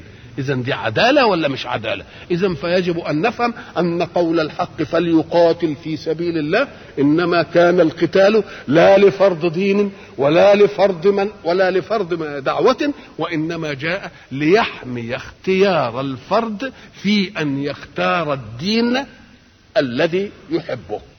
وبعد ذلك تسيطر مناهج الإيه؟ مناهج السماء. الحق سبحانه وتعالى حينما يقول فليقاتل في سبيل الله فكأن هناك قتال في غير سبيل الله. أم قال لك أيوه يقاتل الرجل حمية يقاتل الرجل كذا يقاتل الرجل ليعلم مكانه في الشجاعة. ودي تبقى عند من بقى عنده هو بقى نيته إيه؟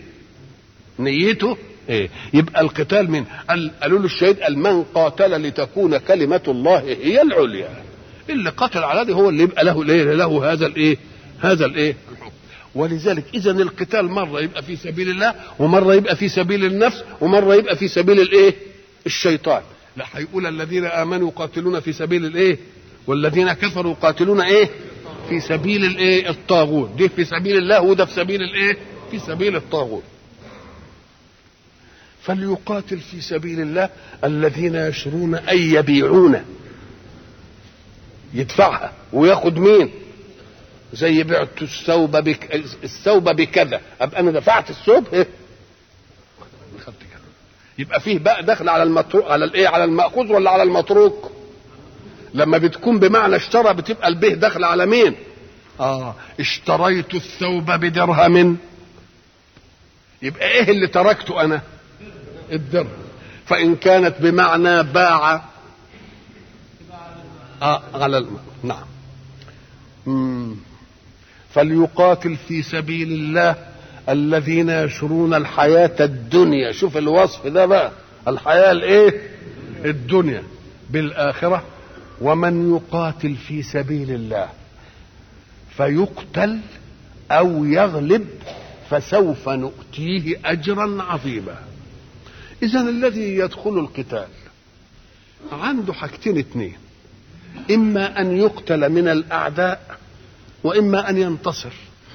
اللي هي دي القضية الجدلية التي تنشأ بين معسكر الإيمان ومعسكر الكفر. تيجي المعسكر الكفر تقول له والله أنا بقاتل لإحدى الحسنيين يا أقتل فأصبح شهيد أخذ دنيا حياة خير من هذه الحياة يا أنتصر عليك. مش هي كده؟ هل تربصوا؟ أنتم بتتربصوا بنا إيه أيها الكفار؟ يعني المؤمن يقول للكفار إيه؟ تتربصوا بنا إيه؟ أنتم فاهمين إيه؟ ده إحنا إحنا كسبانين على كل حال. ليه؟ أم قال لك لأنني يا أقتل فأذهب إلى إيه؟ إلى جنة وإلى حياة أحسن من الحياة بتاعتكم. وإما أنني إيه؟ أغلب. الاثنين سواء يقتل قلنا علشان الاستدلال بأن هذا المنهج يراق فيه الدم. مش كده؟ يبقى شهادة للدين ده إنه صح وإلا ما فيش واحد ابدا يروح إيه؟ ان كل واحد بيعمل المسائل اللي بيعملها عشان يراقب حياته ولا نفسه ولا لا. كل حاجة بالنسبة للإنسان نفعية بالنسبة له. حتى الدين. حتى الدين. ولذلك ما يقول لك الواحد ما يكونش أناني. الواحد ما يكونش أناني رخيص. إنما يكون أناني إيه؟ لأن الدين نفسه أنانية بس عليا. أنانية إيه؟ إحنا قلنا اللي ما معاش إلا جنيه. وبعدين هو عايزه وشاف واحد عايزه يقول لك يا أخويا يمكن ده. أنا والله اتغديت يمكن هو ما اتغداش. اديه له. بالله هو بيحب اللي خد الجنيه ده عن نفسه. أبدا. ده بيحب مين؟ بس إيه أنانية عليا؟ أنانية معلاه مش كده ولا لا؟ وزي ما قلنا اللي قاعد وشاف واحدة حلوة كده وراح مغمض عينيه كده. وواحد تاني بحلق. إن هو اللي بيحب الجمال أكتر. اللي غمض ولا اللي بحلق. اللي غمض أهو ده برضه تقول له ده أنت أناني أو ده أنت عايزها إيه؟ عايزها مش لحظة كده. لا ده أنت عايزها طوالي. الله الله الله الله. يبقى اذا كل المسألة أنت هتبيع الدنيا وتتقتل ده أنت هتاخد الآخرة اللي ما فيهاش لا قتل ولا فيها أي حاجة. الله تبقى أنانية ولا لأ؟ يبقى الحق سبحانه وتعالى يعاملنا بقانون النفعية. بس نفعية إيه؟ نفعية عليا مش نفعية سخيفة مش نفعية هايفة مش نفعية مداها قصير لا. نفعية إيه؟ بيخلينا نبيع إيه؟ غالي. نبيع غالي. وبعد ذلك يقول اللي بيقاتل في سبيل الله ساعة رآهم رسول الله صلى الله عليه وسلم وعرض عليه منظرهم وهو في المعراج وفي الإسراء ساعة ما عرض أم لا ناس جماعة يزرعوا كده ويحصدوا بعد ما يبذروا على طول. الله يبذر ويحصد يبذر ويحصد. الزمن ضايع. قال لك إيوه لأن اللي قتل في سبيل الله ده قتل في سبيل إعلاء كلمة الله فعلا له على كل واحد بيعمل خير زهرة وقطف يبقى القطف بتاعه ما ينتهيش ابدا. القطف بتاعه ما ينتهيش ابدا تبقى حياته مستمرة في حياة كم مليون؟ حياة ملايين. يبقى علاها ولا ما علاهاش؟ يبقى علاها. مم. آه طيب. ومن يقاتل في سبيل الله فيقتل أو يغلب فسوف نؤتيه أجرا عظيما. إحنا قلنا بقى هنقول للكفار إيه؟ أنتوا بتتربصوا بنا إيه؟ يعني بتترقبوا وبتنتظروا لنا إيه؟ وقاعدين لنا كده يعني فاهمين إن اللي هيحصل لنا إيه؟ إحنا اللي هيحصل لنا حاجة من اتنين. يا نقتل ونبقى شهداء يا نغلبكم. انما شوفوا إحنا بقى ونحن نتربص بكم أن يصيبكم الله بعذاب من عنده أو بأيدينا. تبقى إحنا ربحانين على كل حال وأنتم البعد خسرانين على كل حال. أنتوا إيه؟ ولذلك هو الدليل اللي يرغم الخصم على انه يسلم لك. تقول له والله أنا منتفع على كل حال. وانت خسران. ولذلك المعاني لما ربنا هدى له فكره وهدى له نفسه قال إيه؟ بعد ما قعد يشكك يقول تحطمنا الأيام حتى كأننا زجاج. ولكن لا يعاد لنا سبكه. فقالوا ده بينكر البعث. بينكر إيه؟ لأنك أنت لما تجيب حتة زجاجة كده وتحطمها ما تقدرش إيه؟ تلمها تاني. تحطمنا الأيام حتى كأننا إيه؟ زجاج ولكن لا يعاد لنا إيه؟ سبكه. بعدين لما ربنا هدى فكره وعادة أنزحت الفكر دي بتيجي في أيام الإيه؟ الغرور بقى اللي مش عارف وبعدين تلويه الأحداث وكل يوم يصفى على أفى فكره وينتهي إلى ما ينتهي إليه الإيه؟ العامة ينتهي إلى ما ينتهي إليه الإيه؟ العامة وتلاقيه ضيع بس تقول له يا أخي بالله أنت كنت ضامن إنك تعيش لحد ما تعقل انت كنت ضامن انك تعيش لحد ما تعقل. ما تاخدها من قصيرها كده وتاخد التجربة وخلاص. ده الناس طوفوا ما طوفوا من ومش عارف إيه. وبعدين بيقول إيه؟ قال إيه؟ أم قال لك وها أنا ذا أموت على عقيدة عجائز أهل نيسابور. ربنا الأحق وربنا سميع وربنا بصير زي ما قال عن نفسه ما دخلش هو السمع عين مش عارف اسمه مسموع ولا مش عارف إيه والكلام الفاضي ده اللي هو لا أول النهار ولا إيه ولا آخره. وقال أنا موت الآن على عقيدة مين؟ عجائز أهل نيسابور. أموت على عقيدة مين؟ العجائز. فكذلك لما صاحبنا قعد يقول كاننا زجاج ولكن لا يعاد لنا سبكه جه في الآخر قال إيه؟ زعم المنجم والطبيب كلاهما. لا تحشر الأجساد يعني ما فيش بحث قلت قال هو اللي بيقول؟ قلت إيه؟ إليكما يعني على مهلكم. إن صح قولكما فلست بخاسر أو صح قولي فالخسار عليكما. إن صح قولكما بان ما فيش بعث وأنا عملت أعمال طيبة في الدنيا. أبقى أنا خسرت إيه؟ طب وإن صح قولي بقى وفوجئت بالآخرة. يبقى مين اللي حقيقي؟ يبقى اذا أنا إيماني إن لم ينفعني لا يضرني. وكلامكم إن لم يضركم فلا ينفعكم. يبقى نقول احسن بقى آه. فيقتل أو يغلب فسوف نؤتيه فسوف نؤتيه أجرا عظيما. الحق سبحانه وتعالى يطيل أمد الكلمة حتى لا يطالب بما يقوله وقتها. إزاي يعني؟ لما الحق سبحانه وتعالى جاء بالأنصار إلى رسول الله وجابهم من المدينة عشان يقابلوه في العقبة. جم إزاي ليه جم؟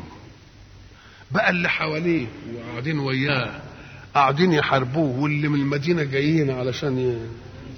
نقول له علشان تعرف إن غباء الكافرين بالله. أهم دول جم للنبي يبيعوه علشان اليهود اللي هيقفوا أمام النبي سمعوهم قبل أن يظهر سيد الخلق. إحنا سيبعث نبي من العرب ونتبعه ونقتلكم به قتل عاد وإرم. هددوهم بمن؟ بالرسول لأن ده مكتوب عندهم في الله ولذلك هيقول فلما جاءهم ما عرفوا كفر. إنما قالوا الكلمة ولا ما قالوهاش؟ قالوا فلما ناس سمعوا إن فيه نبي ظهر في الم... في مكة قالوا هذا هو الذي توعدتنا به يهود. هيا بنا نسبق إليه قبل أن يسبقونا. يبقى كلمة الاغبياء هي اللي خلتهم يروحوا إيه؟ فليقاتل في سبيل الله الذين يشرون الحياة الدنيا بالآخرة ومن يقاتل في سبيل الله فيقتل أو يغلب فسوف نؤتيه أجرا عظيما. وقلنا إن الحق سبحانه وتعالى فرع على القتال بالفعل. هنا أمر فليقاتل. فمن يستمع له ويقاتل بالفعل له حالتين. إما أن يقتل وهذا جزاؤه كما قلنا وإما أن يغلب. انظروا إلى الجزاء في قوله سبحانه فسوف نؤتيه اجرا عظيما. شوفوا دقة الأداء القرآني لأن الذي يتكلم هو الله. نحن نعلم أن ترتيب فعل على فعل. أقول لك إيه؟ احضر لي أكرمك. إن حضرت إلي أكرمتك. فبمجرد الحضور يحصل الإكرام. إن حضرت إلي سأكرمك. يبقى الزمن متمادي شوية. مش بمجرد ما تيجي تكرم يبقى فيه إيه؟ شوية زمن تاني. يعني انت تحضر عندي وبعدين قد تأخذ تحيتك إنما الإكرام يجي إيه؟ بعدين وإن أطلت الزمن أكثر تقول إن حضرت إلي فسوف أكرمك. يبقى كم مرحلة لترتب الجزاء على الفعل؟ ثلاثة جزاء يأتي وجزاء يأتي بعد زمن بسيط تؤديه ساعة. وجزاء يأتي بعد زمن اطول تؤديه سوف. كان المفروض إن اللي يقول إيه؟ إن اللي يقاتل في سبيل الله نؤتيه إيه؟ ولا سنؤتيه أجر؟ أم قال فسوف نؤتيه؟ مما يدل على أن من يقتل سيكون دليلا على أنه قتل في منهج حق. يستباح فيه الدم فيغري الغير بأن إيه؟ يعتنق والذي يغلب أيضا يعلي كلمة الله. وإذا علت كلمة الله دعوة أو استدلالا من قتيل يبقى زي ما قلنا كل ما يحصل خير من أحد يبقى هيروح لمين؟ لمن قتل أو من إيه؟ ودي هتفضل ليوم القيامة ولا لا؟ يبقى لازم سوف الطويله دي تيجي. كل مدة سوف دي هت إيه وأيضا فإنك ستقرأ الآية قبل أن تقوم الساعة. فسوف. مش هنقرأها كده برضه؟ يبقى دليل على أن في جزاء موصول لا مقطوع ولا إيه؟ ولا ممنوع. يبقى الأداء القرآني أداء إيه؟ محكم. أداء محكم. فسوف نؤتيه. الحق سبحانه وتعالى ساعة يتكلم عن نفسه وذاته. أساليب كتيرة يقولها. مرة يجيب أسلوب الإفراد. مرة يجيب أسلوب إيه؟ الإفراد. ومرة يجيب أسلوب الجمع. وإحنا بنقول بقى كما علمونا في النحو يقول لك ده بتبقى النون لإيه؟ للتعظيم. إنا نحن نزلنا ما قالش أنا نزلته قال إيه؟ إنا نحن نزلنا مش كده؟ وهو واحد أم قال لك شوف كل شيء يكون نتيجة فعل من أفعال الله تيجي له النون بتاعة التعظيم دي ليه لأن الفعل حين يصنع شيئا لخلقه من متعة أو من نعيم أو من عايز صفات كتير قدرة للإبراز. علم لترتيب الله تدبير حكمة بسط. الله عايز إيه؟ عايز متعلق صفات إيه؟ صفات كتيرة. يقول نؤتيه. إن الصفات هتتكاتف عشان تعمل إيه؟ تعمل الخير.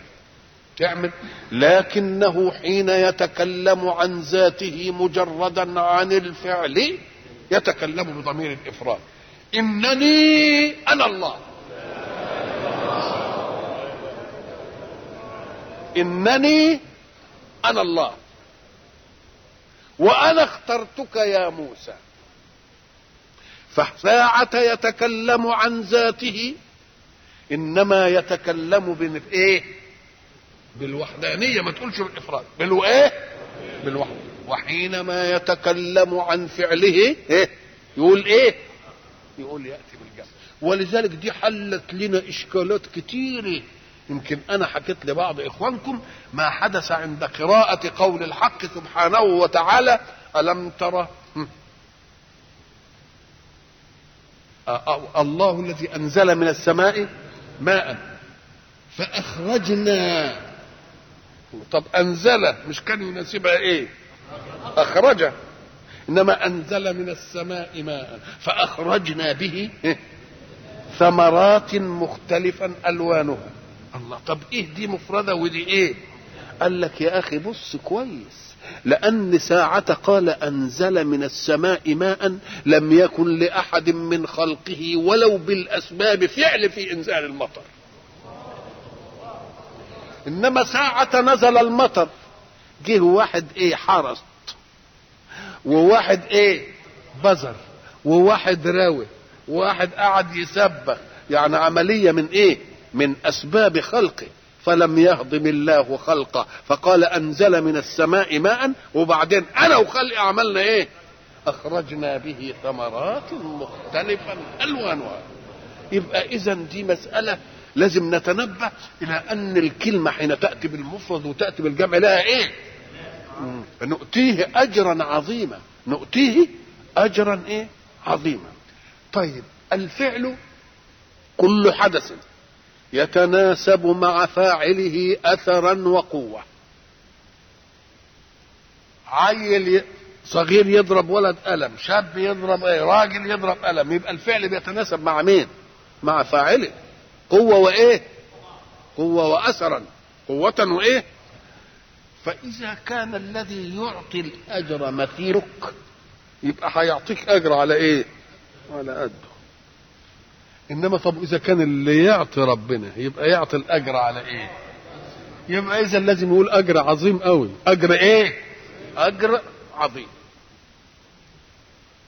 نيجي هنا نقول له ما هو الأجر اولا؟ قابل المنفعة. في فرق بين الأجر والثمن. الثمن مقابل الرقبة العين إنما الأجر مقابل الإيه؟ المنفعة. أنا اشتريت دي يبقى ثمن. إنما استأجرته يبقى هو بتاع صاحبه وأنا قد تنتفع بيه بس. طب الحكاية دي أجر ولا ثمن؟ أم قال لك لا أنا ما تمنتش اللي انقتل ده أنا شفت عمله إيه؟ فأنا خدت أثر العمل بتاعه. خدت إيه؟ أثر العمل بتاعه. يبقى إذا ال ال ال ال ال ال الحق سبحانه وتعالى بيسميه إيه؟ بيسميه إيه؟ أجر. اجرا عظيما. بعد أن يشرح هذه المسألة يقول إحنا يجب أن تتعجب معي لماذا لا نقاتل في سبيل الله؟ أنت تقول هذه الكلمة وما لك ألا تفعل كذا. ما لك؟ يعني ما بك. إيه اللي واقف عندك في إنك ما تفعلش؟ فكأن المسألة دي يوحي بها الطبع وتوحي بها الايه العقل ان ينفعل. فإذا ما فعلتهاش تبقى حاجة غريبة قوي يقول طب وأنتوا ليه ما تقتلوش؟ في سبيل الله. ده الحكاية دي حلوة قوي في سبيل الله ما دام هتديكوا الإيه النتائج الحلوة دي. يبقى اللي يمتنع عنها يبقى نتعجب منه ولا ما نتعجبش؟ وما لكم لا تقاتلون في سبيل الله. تقاتل في سبيل الله. إحنا قلنا إن ده لتعلي كلمته. ومرة يجي مع إعلاء الكلمة أن تقف بجانب المستضعف الذي أوذي بسبب دينه. يبقى في حاجتين اتنين.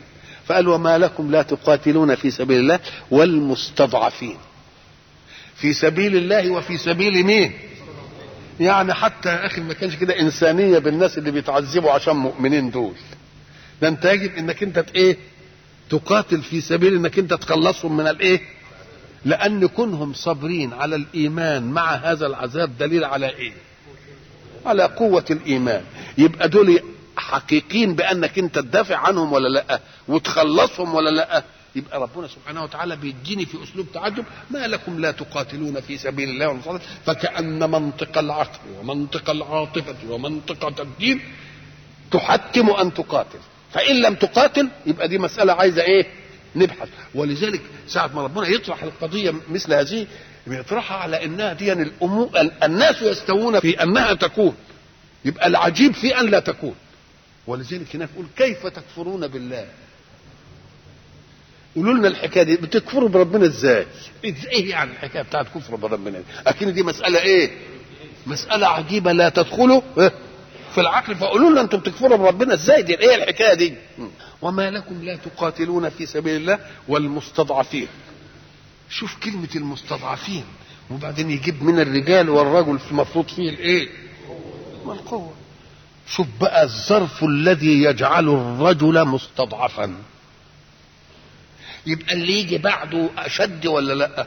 المستضعفين من الرجال والنساء والولدان الذين يقولون ربنا أخرجنا من هذه القرية الظالم أهلها واجعل لنا من لدنك وليا واجعل لنا من لدنك نصيرا. يعني بلغ من ظلمهم وبلغ من اضطهاد الكفار له. أن يدعو الله إنه يعمل لهم إيه؟ يخرجهم من هذه القرية الظالم اهلها اولا ما هي القرية؟ القرية مكة. طب وإيه قصة دول؟ قال لك بعد أن هاجر رسول الله صلى الله عليه وسلم فيه أناس من المؤمنين بمكة ليست لهم عصبية تحمي هجرتهم. فممنوعين من أن يهاجروا وظلوا على دينهم. فبقوا إيه؟ مستضعفين. مستضعفين دول رجال ونساء وولدان. كلمة ولدان يدل على أن الاضطهاد الذي أصابهم اضطهاد شرس. حتى ما رحمش الولدان. طب والولدان دول إيه ذنبهم؟ الولدان. طب أنت للرجال والنساء لأنهم اعتنقوا. إنما ده دول لسه ما يعرفوش. مما يدل على شراسة إيه؟ الاضطهاد. فبيقول لهم ما لكم إيه؟ لا تقاتلون في سبيل الله وفي سبيل المستضعفين من الايه من الرجال. والنساء والولدان. طيب لما استضعفوا دول قالوا إيه؟ قالوا ربنا أخرجنا من هذه القرية الظالم أهله واجعل لنا من لدنك وليا. العبارة حتى عبارة الدعاء. تدل مش على إنهم هيخرجوا على إنهم برضو اللي هيظل منهم هيجي لهم ولي يلي أمرهم من المسلمين. فكأنها أوحت لنا بأنه سيوجد فتح لمكة. هيبقى في فتح إيه؟ فتح في مكة. وقد كان. الجماعة المستضعفين دول مثلا واحد اسمه سلمة ابن هشام مش قادر يهاجر. واحد اسمه الوليد بن الوليد مثلا. واحد اسمه عياش بن أبي ربيعة مش قادر يهاجر واحد اسمه جند أبو جندل بن سهيل مش قادر يهاجر قال سيدنا ابن عباس رضي الله عنه لقد كنت أنا وأمي من هؤلاء المستضعفين. سيدنا العباس يقول أنا وأمي برضه من المستضعفين مضيعين علينا مش قادرين نخرج. عايزين نخرج؟ مش عارفين إيه؟ مش عارفين نخرج. ده كلام على مثل هؤلاء يبقى كان يجب على إيه؟ بي بي بي بيحنن عليهم قلب إخوانهم المؤمنين. بيهيج الحمية فيهم علشان إيه؟ يقاتلوا في سبيل الله وما لكم إيه؟ لا تقاتلون في سبيل الله والمستضعفين من الرجال والنساء والولدان الذين يقولون ربنا بالله لما يكون الثلاثة الرجال والنساء والولدان. ربنا ما يرحمش هؤلاء. علشان خاطر الولدان. عشان خاطر إيه؟ بقى الولدان بيدعوا الاخرين فدام الولدان يدعوا يبقى دليل على أن إيه؟ المسألة يعني مش لما يجوا يضطهدوا حد يقولوا للولاد مثلا تعالوا أنتوا الناحية دي وهنضطهد مثلا دول. لا بياخدوهم مع بعض كده. الذين يقولون ربنا أخرجنا من هذه القرية الظالم أهلها واجعل لنا من لدنك وليا واجعل لنا من لدنك نصر. وقد استجاب الله الدعاء. وحدث ما حدث. وفتحت مكة. وجعل الله لهم وليا هو عتاب بن أسيد. فكان وليا وكان رسول الله والمسلمين نصراء لهم. الذين آمنوا يقاتلون في سبيل الله. والذين كفروا معسكرين. يقاتلون في سبيل الطاغوت.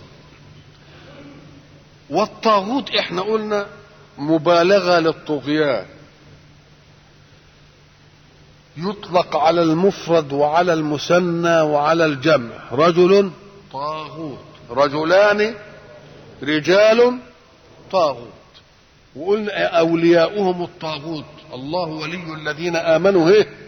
يخرجهم من الظلمات إلى النور. والذين كفروا أولياؤهم يبقى جماعة ولا لا؟ الطاغوت. يبقى بيطلق على المفرد وعلى الإيه؟ وعلى الجمع. وقلنا أهو الشيطان؟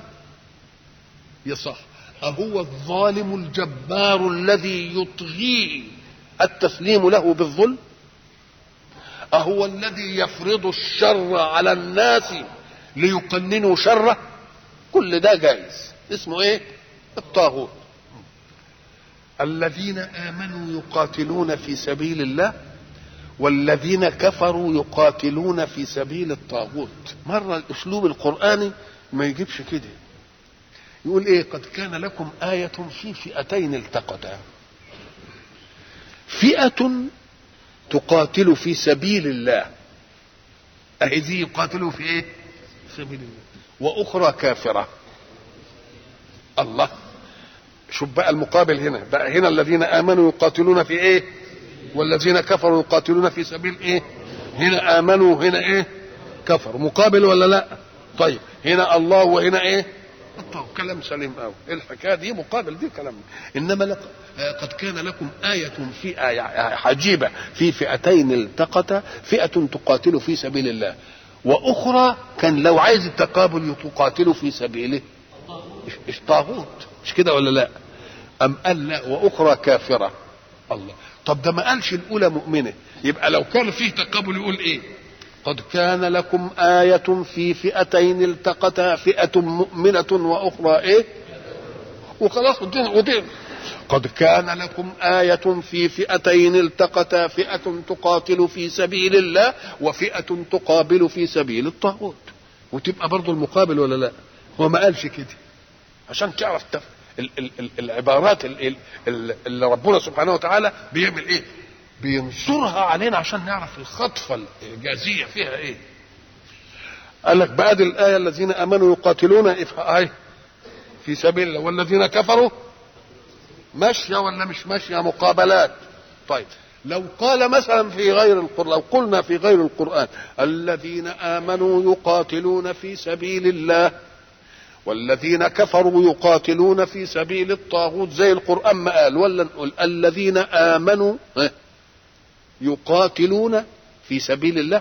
وما نجيبش في سبيل الطاغوت نجيب الكافرين. لأن الكافر مفهوم إنه إيه؟ آه قال لك إذا ذكرت في الثانية مقابل محذوف من الأولى أو حذفت من الأولى مقابل محذوف ثانية بيسموه في, في, في الأسلوب البياني احتباك. إزاي؟ أم قال لك لقد كان لكم آية في فئتين التقت فئة إيه؟ وأخرى كافرة يعني تقاتل في سبيل مين؟ طب واللي بتقاتل في سبيل الله تبقى شكلها إيه؟ الله هاتها بقى كده كلها تركيبي قد كان لكم آية في فئتين التقتا فئة مؤمنة تقاتل في سبيل الله وأخرى كافرة تقاتل في سبيل الطاغوت. يبقى الكلام ماشي كله ولا لأ؟ أم جه قال لقد كان لكم آية في فئتين التقتا فئة إيه؟ سب مؤمنة. وقال تقاتلوا في سبيل الله. هنعرف إنها المؤمنة ولا لأ؟ هنردها بالعقل عشان ربنا بيحرك عقولنا علشان إيه؟ ما يدلناش المسائل على طرف السمان بل عشان نشغل إيه؟ شغل فكرنا مش مسألة كده يعني كده صب لا. آه يقول إيه؟ قد كان لكم آية في فئتين التقتا فئة تقاتل في سبيل الله ما قالش مؤمنة لما جيت في المقابل ها وأخرى إيه كافرة ما قالش تقاتلوا في سبيل الطاغوت فكأن في سبيل الطاغوت المحذوفة دي أخذناها من مقابلها في الأولى في سبيل الله ومؤمنة الأولى دي خدناها من مين؟ من المقابل بتاع إيه؟ شوف الايه شوف الاسلوب بقى يبقى الآية بقى اهي. لو في غير القرآن قال قد كان لكم آية في فئتين التقتا فئة مؤمنة تقاتل في سبيل الله وأخرى كافرة تقاتل في سبيل الطاغوت. كلام مقابل ولا لأ؟ هو ساب مؤمنة في الآية الأولى. طب ويستدل عليها بإيه؟ بكافرة. تبقى الأولى هنعرف إنها مين؟ مؤمنة طب وفي الثاني قال في سبيل الله وقال دكها كافرة وقالش في سبيل الطاغوت. تبقى ناخد الثانية من في سبيل الطاغوت. فأخذنا في الأولى مؤمنة من مقابل في الثانية إيه؟ كافرة. وأخذنا في إيه؟ في الثانية في سبيل الطاغوت من مقابلها في الأولى في سبيل الله يسموه ده إيه؟ احتباك. احتباك انك انت تحذف من الأول ما يدل عليه الثاني وتحذف من الثاني ما يدل عليه الأول عشان ما تبقاش العملية فيها إيه تكرار. وعلشان تعرف انه اذا قيل في سبيل الله يبقى مؤمن. اذا قيل في سبيل الطاغوت يبقى إيه؟ يبقى كافر. قضية إيمانية. نعم. فقاتلوا أولياء الشيطان. أولياء الشيطان؟ آه. النصراء بتوعه اللي بينفخوا في مبادئه. مش كده؟ اللي بينصروا وسوسته في نفوسهم عشان يعملوه على الناس. دول أولياء مين؟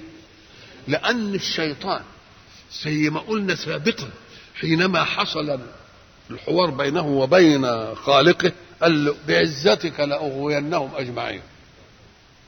مش كده قال له؟ قال له إيه؟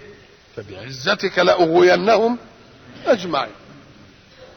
بس يعني قال له إلا عبادك اللي أنت عايزه ما أقدرش عليه. إلا عبادك منهم الايه اللي أنت عايزه أنت ما أقدرش عليه. دي علشان تدلنا على أن المعركة ليست بين إبليس وبين الله. فتعالى الله أن يدخل معه أحد في معركة. ده المعركة بين إبليس وبين مين؟ وبين الخايبين من الخلق. مش كده ولا لأ؟ يبقى لما قال بعزتك لأغوينهم أجمعين دل على أنه عرف كيف يقسم. عرف كيف يقسم. لأن لو ربنا عايز الناس مؤمنين الشيطان ما يقدرش يهاوم ناحية واحد. إنما يكون ربنا عزيز عن خلقه اللي يؤمن يؤمن واللي ما يؤمنش يؤمنش من هنا دخل الشيطان. يبقى دخل الشيطان من إيه؟ من عزتك عن خلقك. إنما أنت لو عايزهم بدليل إيه؟ إلا عبادك منهم المخلصين أنا ما أقدرش عليهم. يبقى دخل الشيطان على هذه من باب إيه؟ بعزتك. وبرضه دلوا على أن يعني واخد باله ودارس المسألة قال له إيه؟ لأقعدن لهم صراطك المستقيم. الله اذا الشيطان مش هيجي على الصراط المعوج لأن اللي ماشي على الصراط المعوج والطريق الغلط. يريد شيطانا ده ربنا يكفينا شره هو يبقى مريح مين؟ آه مريح الشيطان. يبقى ما دام مريح الشيطان يبقى بيعينه على مهمته ولا لأ؟ يبقى ولي ولا لأ؟ يبقى أولياء الشيطان كل مخالفين للمنهج. دول بيبقوا من نصراء مين؟ نصراء الشيطان. قاتلوا أولياء الشيطان. اللي بينهم وبين بعض موالاة ده ينصر ده وينصر ده قال ولا يهمنكم شيء لأن الشيطان ضعيف. وكيده ضعيف. ليه؟ قال له لأنه لما بيكيد الكيد بتاعه في مقابل كيد ربه. لما تقابل كيد الشيطان يقابل كيد ربه. يبقى إيه؟ يبقى ضعيف قوي عال قوي ولأنه ملوش سلطان يقهر قالبك على فعل. يعني يرغبك على أن تفعل. ولا لوش حجة يقنعك. الفرق بين من يكره القالب إنك أنت تفعل الفعل وأنت كاره. واحد يمسك لك مسدس يقول لك ابن اللي اثبت لي يبقى قهر إيه؟ قالبك. إنما هل يقدر أن يقهر قلبك ليقول حبني؟ اهي دي مش ممكن يبقى اذا المتجبر يستطيع أن يقهر إيه؟ يقهر القالب إنما ما يقدرش يقهر مين؟ القلب. امال اللي يقهر القلب مين؟ الحجة والبرهان. يقنعني. اذا فالاولاني يجعلني أفعل الفعل وأنا كاره. اللي بيديني حجة بفعل الفعل وأنا إيه؟ محب بيقنعني افعلني مش بيرغمني إن أنا أفعل. يبقى إذا الأول يبقى قوة. والثاني يبقى إيه؟ حجة. مفهوم؟ فالحق سبحانه وتعالى بيقول اعرفوا إن الشيطان ده ضعيف جدا. لأنه لا له قوة يرغمك. لما تحرم منه تقول لا مش عامل. مش هيجي لقلبك يقول لك لا لازم تعمل. ما عندوش دي ولا عندوش حجة يقنعك لتفعل. يبقى ضعيف ولا ما ضعيفش؟ امال إيه الحكاية؟ قال أنتم من الغفلة بتاعتكم وحبكم للشهوة زي ما قلنا زمان على تشويرة من الشيطان مش عايز لا يقهر قلبكم ولا يقهر قلبكم. الحكاية إيه؟ بيشور لكم.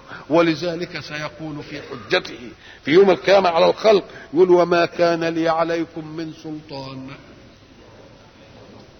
أنا ما كانش لي عليكم سلطان. لا سلطان قدرة أرغمكم على فعلكم بالقالب ولا سلطان حجة أرغمكم على أن تفعلوا بالقالب وما كان لي عليكم من إيه؟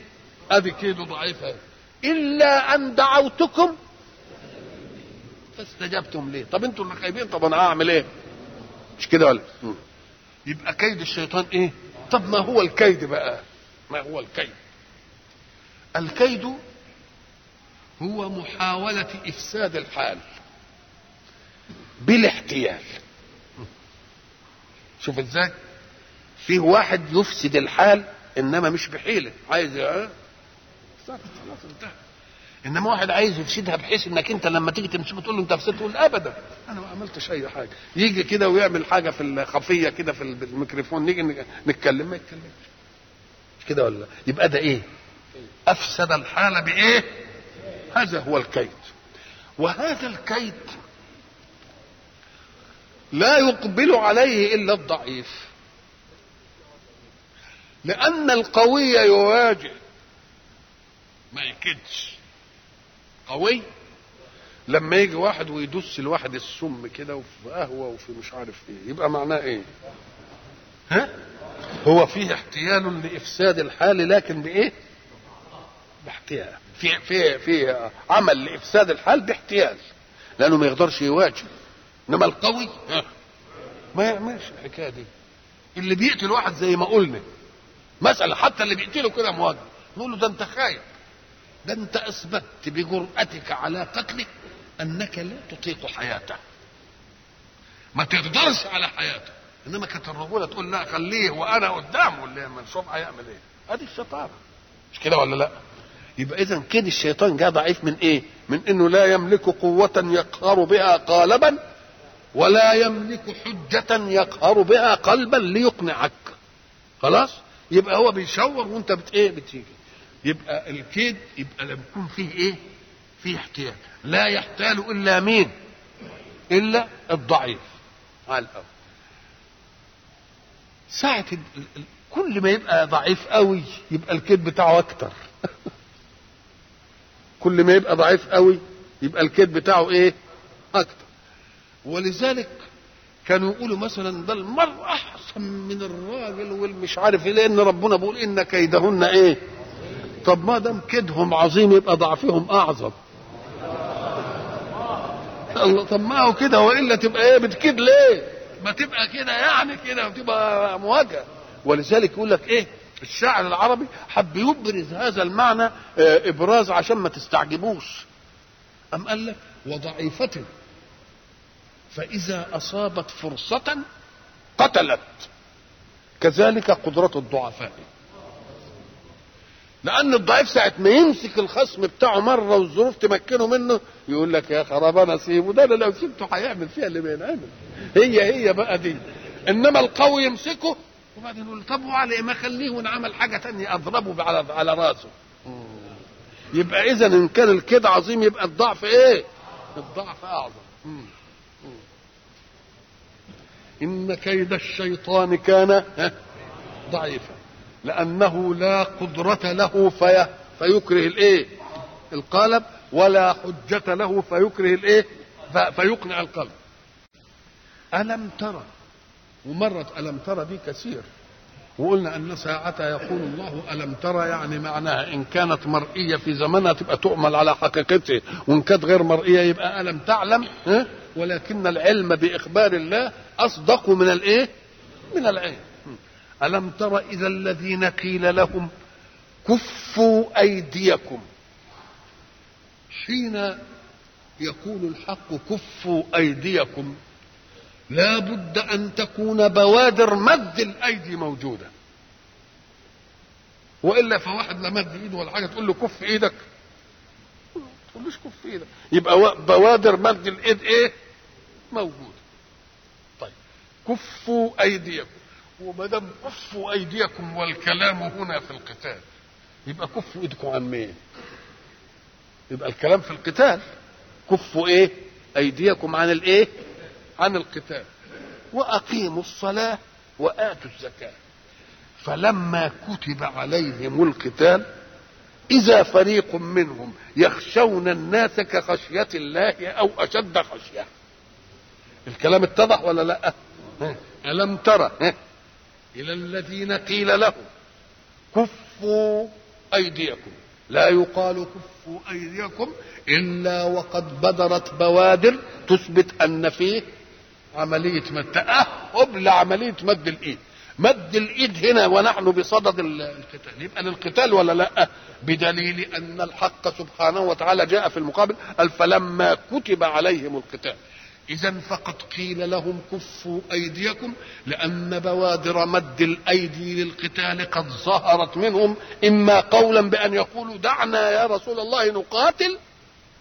وإما فعلا بأن تهيأوا لعملية. فالرسول يقول إيه؟ فلما كتب عليهم القتال دلت على أن زمنين بصدد هذه الآية. زمن قيل لهم كفوا أيديكم وزمن كتب عليهم القتال. يبقى نفهم من دي إيه؟ نفهم أنهم كانوا عندهم بوادر لمد الأيدي إلى القتال قبل أن يكتب عليهم القتال. قبل أن يكتب عليهم القتال. مفهوم الكلام ده؟ طيب. طب قال لك دول مثلا عبد الرحمن بن عوف. والزهري ومقداد بن الأسود ده من من قبيلة كندة. آه. وسعد بن أبي وقاص. ودول قالوا له يا رسول الله إحنا مضطهدين في مكة ولازم نقاتل الناس دول وزي ما تيجي. قال لهم أنا لم اومر بقتال. أنا لم اومر بقتال. لو كانت المسألة كده كان بمجرد انهم هم اللي بيقولوا. كان يقول لهم يلا. لا ده بدليل على أنه إيه؟ منتظر أمر السماء لسه ما أمرتش بالإيه؟ بالقتال. طيب وبعد ذلك كتب عليهم القتال.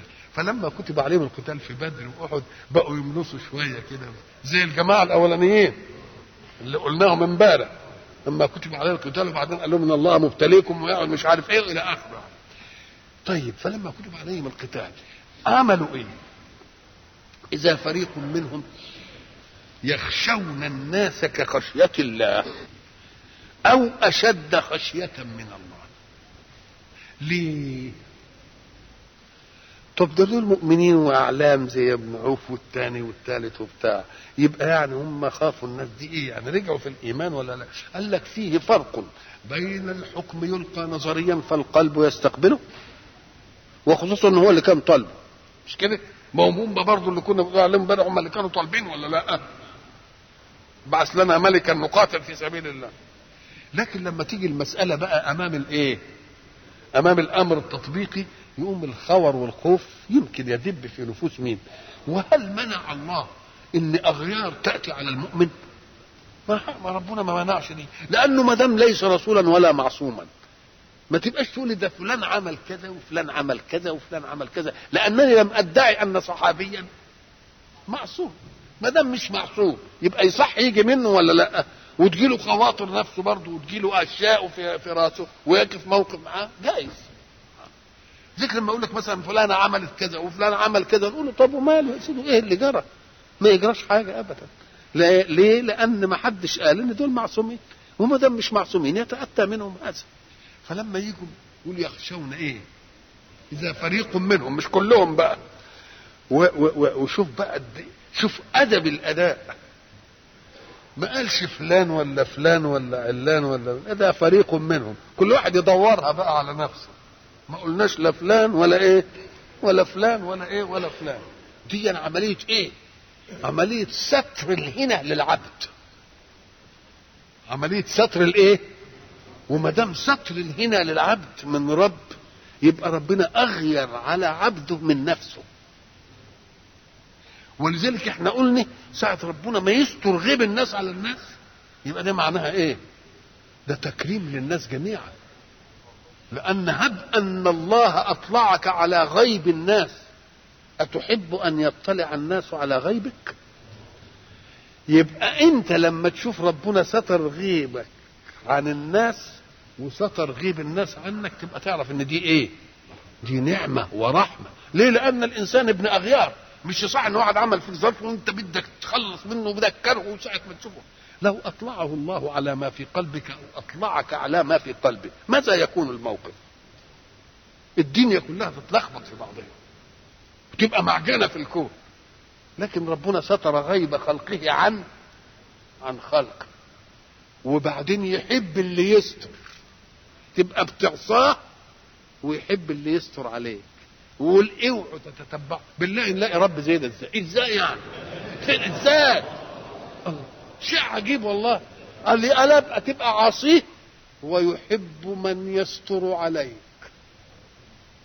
يقول لك إوعى تتتبع عورات الناس ما دام عندهم لسه شوية حياة ومستترون في أثنائهم خليهم مستترين. ليه؟ أحسن يفقدوا أنا مش كده ولا لا؟ يبقى بيرحم المجتمع ولا لا؟ بيرحم الايه بيرحم. ولكن من خيبة الناس تلح على أن تعلم الغيب. وتروح لده تقول له هي بكره شوف لي الطالع مش عارف إيه. واعمل لي إيه يا راجل ده نعمة ربنا إنه ستر الغيب. ما تخليه. خليه كده هو مستور لأن هي دي هي دي النعمة. نعم. فالحق سبحانه وتعالى يقول إذا فريق منهم اذا إيه كلمة إذا فريق منهم. آه. يخشون الناس. كخشية الله أو اشد طب الواحد بيخشى الله ليه؟ أم قال لك المسألة بقى في القتال والقتل والعملية دي الواحد يخاف من الموت. فيخشى الله من الموت يعني. على أنه حي... ياخده وبعدين يوديه لإيه؟ لعمل ويلاقي الحكاية يبقى الواحد خايف قوي دي. ولذلك قال إيه؟ ويكره الحق يعني الموت. فزعل منه. قال له إزاي وتكره الحق؟ قال له يكره الموت ومن منا يحبه. خلاص كده؟ طب اشمعنى بيخشى الناس؟ أم قال لك لأن الله حين يميت يميت بدون هدم بنية. ولكن دول لما يقابلوه هيقطعوه ويقعدوا يمثلوا بيه. يبقى الخوف من انه أكتر. يبقى الخوف من الناس. الخوف من مين؟ لكن بقى استحضر الجزاء على هذه. هم لما تستحضر الجزاء على هذه تهون العملية إيه؟ تهون العملية معك إذا فريق منهم يخشون الناس كخشية الله أو أشد خشية وقالوا ربنا لما كتبت علينا القتال؟ طب ده أنتوا كنتوا عايزين تقاتلوا قبل ما ينكتب. عشان تعرف النفس الإيه؟ البشرية. حين تكون بمنأ عن الشيء تتمنى ولما يبقى إيه؟ تبقى تعبان. قالوا ربنا لما كتبت علينا القتال يا ترى هذا الكلام منهم؟ على سبيل الاستفهام ليقول اللهم أنا كتبت عليكم القتال لكذا ولكذا ولكذا ولا يعني معناه ان هم بيقولوا يا رب ليه ابتليتنا الابتلاء ده ويمكن ما نقدرش عليه و إلى آخره في ساعة الخوف من الإيه؟ من لقاء المعارك، لما كتبت علينا القتال؟ لولا أخرتنا إلى أجل قريب يعني تخلينا إيه؟ نموت حتف أنفنا، يعني نموت بإيدك ما نموتش بإيد مين؟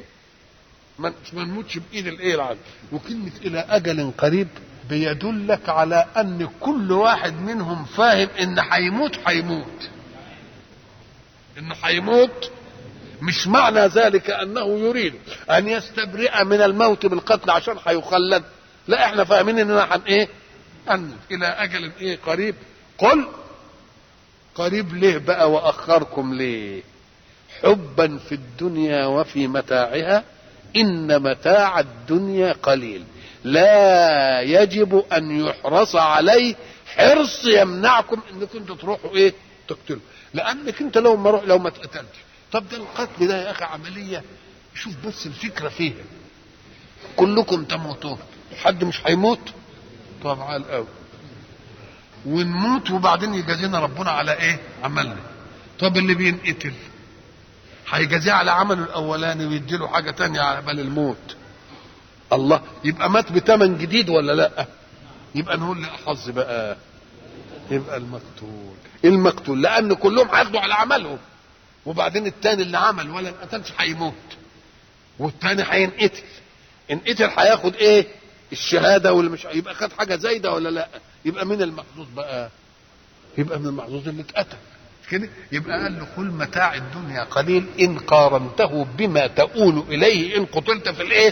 في الحرب. ليه؟ ولذلك الراجل قال أذا كنا لما ما نروحش ننقتل هنخلد. كان يبقى كويس إنما طب إحنا هنموت. طب لما ما نموت بتمن زائد. نموت بإيه؟ بتمن زائد عن عملنا. يبقى حاجة جديدة ولا لأ؟ يبقى تربيب للإيه؟ لل- للفايدة. ولذلك إيه؟ ولو أن الحياة تبقى لحي لعددنا أضلنا الشجعان. لو كانت الحياة ها، تبقى لواحد يعني حي كان يبقى أضل ناس فينا الشجعان اللي بيروحوا يقتلوا نفسهم كده في الحرب. لكن المسألة مش كده ولو أن الحياة تبقى لإيه؟ لحي لوجدنا أضلنا من هم ده؟ يبقوا خايبين قوي طب وراحوا موتوا نفسهم ليه؟ ما دام هنفضل. يبقى أرى كلنا يبغي الحياة إيه؟ لنفسه حريصا عليها مستهاما بها صبا. فحب الجبان النفس أورثه التقى وحب الشجاع النفس أورده الحرب. يبقى الاثنين بي إيه؟ بيحبوا نفسهم. إحنا الواحد عنده ولدين. ولد يصبح الصبحيه ساعة ما يسمع الفجر كان ربنا هديه يقوم ويتوضى ويصلي وياخد له كوباية شاي ومش عارف إيه ويحضر كتبه ويلبس ومش عارف إيه اللي يقرا ويتنه خارج على مين؟ على المدرسة. والولد التاني نصحيه ينام ننبذ فيه ينام نعمل فيه اللي ما ينامش الله. وبعدين يطلعوه من البيت بالعافية يروح يتسكع يقعد في ريحة يشوف ناس بيلعبوا يلعب ومش عارف ويقعد على قهوة ولا؟ ده بيحب نفسه وده بيحب نفسه. بس ده بيحب نفسه حب إيه؟ واقع. نازل. أمده قليل. هيحب نفسه شوية وبعدين يطلع صعلوك من صعاليك الحياة. ودوكا بيحب نفسه التحب الإيه؟ العالي بعد مدة يبقى سيد في المجتمع. وله إيه؟ وكلهم بيحبوا إيه؟ بيحبوا نفسه. ألم تر إلى الذين قيل لهم كفوا أيديكم وأقيموا الصلاة وآتوا الزكاة فلما كتب عليهم القتال إذا فريق منهم يخشون الناس كخشية الله أو أشد خشية. وقالوا ربنا لم كتبت علينا القتال؟ لولا أخرتنا إلى أجل قريب وقلنا إن الحق سبحانه وتعالى يربي في صدر الإسلام الفئة المؤمنة تربية إيمانية لا تخضع لعصبية الجاهلية ولا لحمية النفس. فكان فريق من المؤمنين بمكة يضطهدون فأحبوا أن يقاتلوا. فقال الرسول لهم لم أومر بالقتال بعد.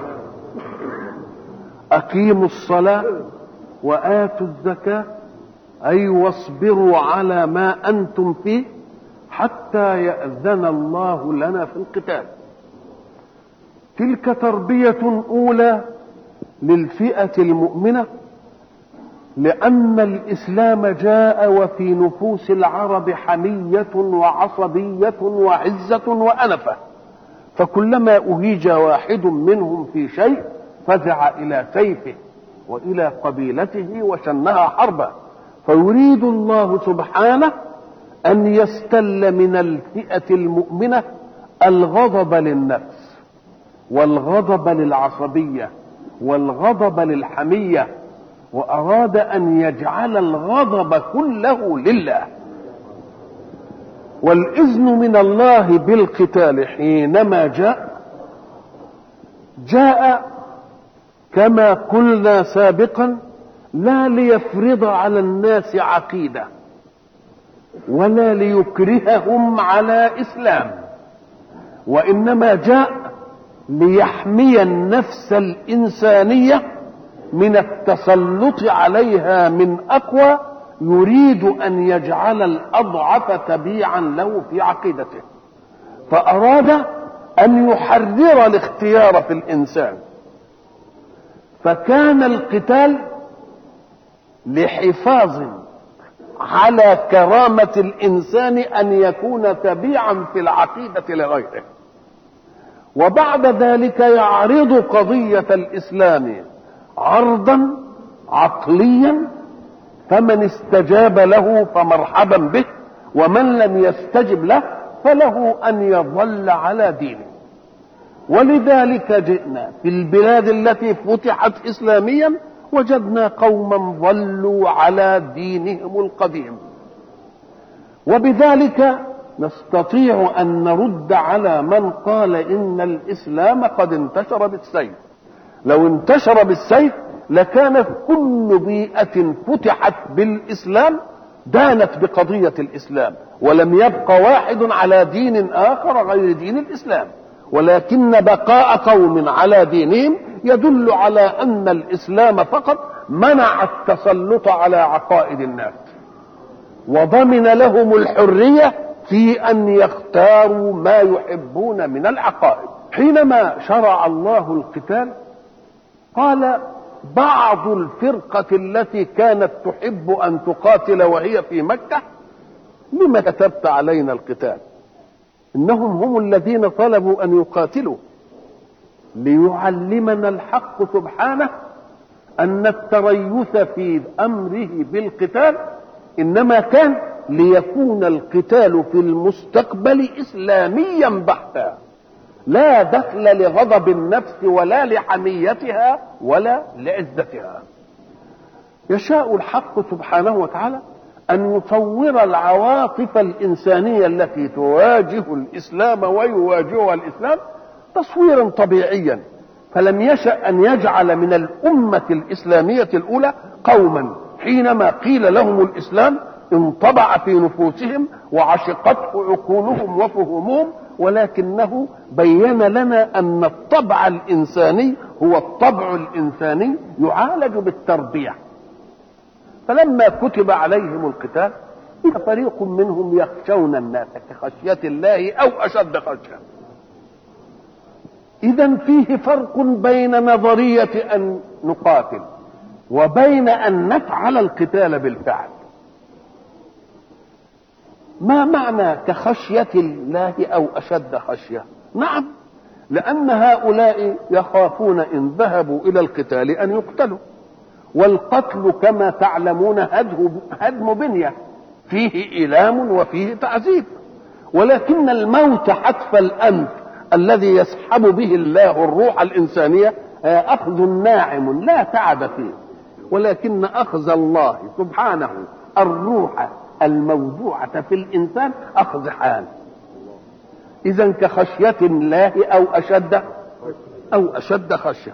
وأيضا فالقتال يبقى مظنة القتل. ولكن عدمة القتال مظنة التراخي في الأجل. يبقى إذا ده موت مقرب أمامك وموت مرجأ عند الله. فقال يخشون الناس كخشية الله أو أشد خشية. وقالوا ربنا لما كتبت علينا القتال؟ لما كتبت علينا القتال؟ أنتم الذين طلبتموه. إذا كان طلبكم إنما لقصد الحمية. والله يريد أن يبرئ المؤمن أن يكون قتاله للحمية. فهو يريد أن يكون قتالا إيمانيا إسلاميا بدليل أن الواحد منهم كان يواجه أخاه أو أباه أو ابنه فالعصبية والحمية وإلى اخره تنتهي. وبعد ذلك إن شاء أن يفتك به فتك به. مما يدل على أن المسألة لم تعد حمية ولا وعصبية وإنما هو القتال لتكون كلمة الله هي العليا ولو كان المخالف له صلة نسب وصلة رحم وصلة عواطف. لما كتبت علينا القتال؟ لولا أخرتنا إلى أجل قريب لولا أخرتنا إلى أجل قريب. يعني لنموت حتى أنفنا ولو كان الأجل قريبا. يعني نحن لا نريد أن نستطيل الحياة ولكننا نستبشع أن يأخذنا هؤلاء فيقتلونا. ليه بقى؟ لأن دي كانت صعبة على نفوسهم أن يكون فيهم ضعف أمام عدوهم فيقتلون. لكن إذا ماتوا حتف أنوفهم بعمل الله في سلب الروح من من الجسد ولو كان قريبا ولو كان الأجل قريبا من موقعة الإيه؟ القتال. الحق سبحانه وتعالى يريد أن يعلمنا لأن الأمة الإسلامية ستواجه عنفا شرسا في تثبيت قاعدة الاختيار الإيماني في البشر فقال الحق لرسوله صلى الله عليه وسلم إن قالوا لك ذلك قل متاع الدنيا قليل. لأن ما هو الحرص على أن نستبقى من القتل لنموت بعد أجل قريب؟ معنى ذلك أن الحياة نريد أن نأخذ منها فرصة. فقال لهم لا ضعوا مقياسا كما قلنا في مقاييس الجدوى البشرية. الجدوى البشرية كما قلنا في أي قضية من قضايا الكون نأخذ منها قضية تعيننا على فهم ديننا. ولذلك قلنا سابقا إن الله سبحانه وتعالى حينما شاء أن يعقد صفقة الإيمان مع المؤمنين به قال إن الله اشترى من المؤمنين أنفسهم وأموالهم. شراء وبيع. كلام على الأول. وأيضا قال في الصفقة الإيمانية هل أدلكم على تجارة لن تبور؟ اذا فملحظ النفعية الإنسانية يعاملنا الله به. ولكن اللبق الفطن الذكي هو الذي يتاجر في الصفقة الرابحة أو المضمونة الربح أو التي جدواها الفائد أكثر من سواها. فقلنا لو أننا قارنا الدنيا لعلمنا أنها مهما طالت لا تؤثر في عمر الواحد. هي تطول كزمن ولكنها بالنسبة للأفراد الدنيا مقدار عمرك أنت فيها. لا مقدار أعمار الآخرين. ما لك وما للآخرين إن عاشوا بعدك آلاف القرون. إذا ما ما عمر الدنيا؟ هي مقدار عمرك أنت فيها. تلك هي الدنيا. إن دامت لغيرك طويلا أو قرونا ما دخلك أنت؟ اذا فهذا الزمن محدود كما قلنا ولكنك تبشر أو تأخذ من الصفقة زمنا غير محدود. هذه اول حكاية. وأيضا فإن البقاء في الدنيا بدون حتى قتل هنفضل كده لحد ما نموت حتى أنوفنا بقاء مظنون. مش متيقن إن أقعد لستين ولا لسبعين ولا ما. قد نقتدر. نقتدر يعني نستفد في شبابنا وطفولتنا ونقعد وإحنا جنين. الله. اذا برضه مظنون. يبقى آخرة غير محدودة ودنيا محدودة. وهذه متيقنة اللي هي في الآخرة ونحن في الدنيا أعمارنا مظنونة. وأيضا النعيم في دنياك كما قلنا على مقدار تصورك للنعيم وإمكانياتك في تحقيق النعيم. ولكنه في الآخرة على مقدار تصور الله في النعيم وعلى مقدار إمكانيات الله في النعيم. تبقى الصفقة لو قارنتها بالآخرة تبقى إيه هي؟ تبقى متاع الدنيا على فرض إنه متاع مش آلام حتى؟ هنيقن إنها متاع. نقول له برضه قليل بالنسبة بالنسبة للآخرة. إذا بيجيب لنا علشان ينمي فينا قيمة الصفقة الإيمانية. أنت تحب الخير لنفسك. ولا ولا تظن أن الدين إنما جاء ليسلبك الحرية. أو ليستذلك. وإنما جاء ليربب لك النفعية. إحنا قلنا إذا الدين منعك منع واحدا أن يسرق من الآخرين هو واحد لكن منع الآخرين جميعا أن يسرقوا منه. يبقى أينا أكذب؟ منعك وأنت واحد ثم منع عنك الملايين. يبقى مين اللي كسبان؟ إذا قال لك لا تمدن عينيك إلى محارم غيرك. ألم يقل لكل غير في الدنيا لا تمدوا عيونكم إلى محارم فلان؟ الله. إذا فأنت اللي كسبان إذا كل متاع الدنيا كل متاع الدنيا قليل والآخرة خير لمين؟ لمن اتقى. وبعد ذلك يؤكد لنا العدل في قوله ولا تظلمون إيه. قلنا الفتيل هو ما يفتل من الأكذاب كده. ساعة ما تدعك في إيدك كده تقوم يطلع حاجة زي الفتلة كده. أو هو. الفتلة اللي في إيه؟ في بطن النواة. يعني لا تظلمون شيئا إيه تافها. طب معنى كلمة لا تظلمون دي؟ تدلنا على إن في عدالة. في إيه؟ آه تقول لك العدالة هنا بمشروطها. يعني إيه بمشروطها؟ العدالة هنا بإيه؟ لأن الله قال اللي هيعمل سيئة يجازى بواحده برضه واللي هيعمل حسنة فكر دي ولكن لا تظلمون فتيلا. يبقى في عدالة. العدالة تتعبنا ولا ما تتعبناش؟ ما تتعبناش أم قال لك لا خذ العدالة بإيه؟ بفضلها اللي قال لك إن أنا حد الحسنة بعشر مين فاحسب الحسنة عند الله في ميزان العدالة بما أخذ من الفضل. ما تقولش لا تظلمون بأن معنى دلوقتي السيئة بواحدة والحسنة بإيه بواحدة؟ قول لا ده هو قال لي الحسنة بعشر امثالها فإذا لا تظلمون فتيلة أي بضميمة الفضل إلى العدل بضميمة الفضل إلى الإيه؟ ولذلك إحنا لما ندعي نعلم إخواننا ونقول اللهم عاملنا بالإيه؟ بالفضل لا بالعدل. لأن العدل يتعبنا ولا ما يتعبناش؟ يتعبنا. وبالإحسان لا بالميزان. برضه عملنا بالميزان. نتعب ولا ما نتعبش؟ وزي ما بيقولوا في العلوم بقى وبالجبر لا بالحساب. عارفين الجبر؟ الجبر كده نجبرها نمشيها كده. اذا لا تظلمون فتيلا. أي إيه؟ اوعى تفتكر إنك أنت لا تظلمون فتيلا. أي سنعدل معكم عدلا يجعل الحسنة بواحدة والسيئة بواحدة كالاصول العدل لا ولكن العدل بمشروطه عند الله. مشروطه عند الله إيه؟ إن الحسنة بعشر امثالها يبقى بقى لا تظلمون فتن أي فيما فضل الله به بالإيه؟ بالفضل مع مع العدل. ولذلك إحنا قلنا إن الحق سبحانه وتعالى يريد أن يطمئننا على أن قضايا الإيمان قضايا يجب أن يحرص عليها. ليه يحرص عليها؟ لأنك أنت اوعى تفتكر إن العمل بتاعك ده هو اللي هيديك الجزاء.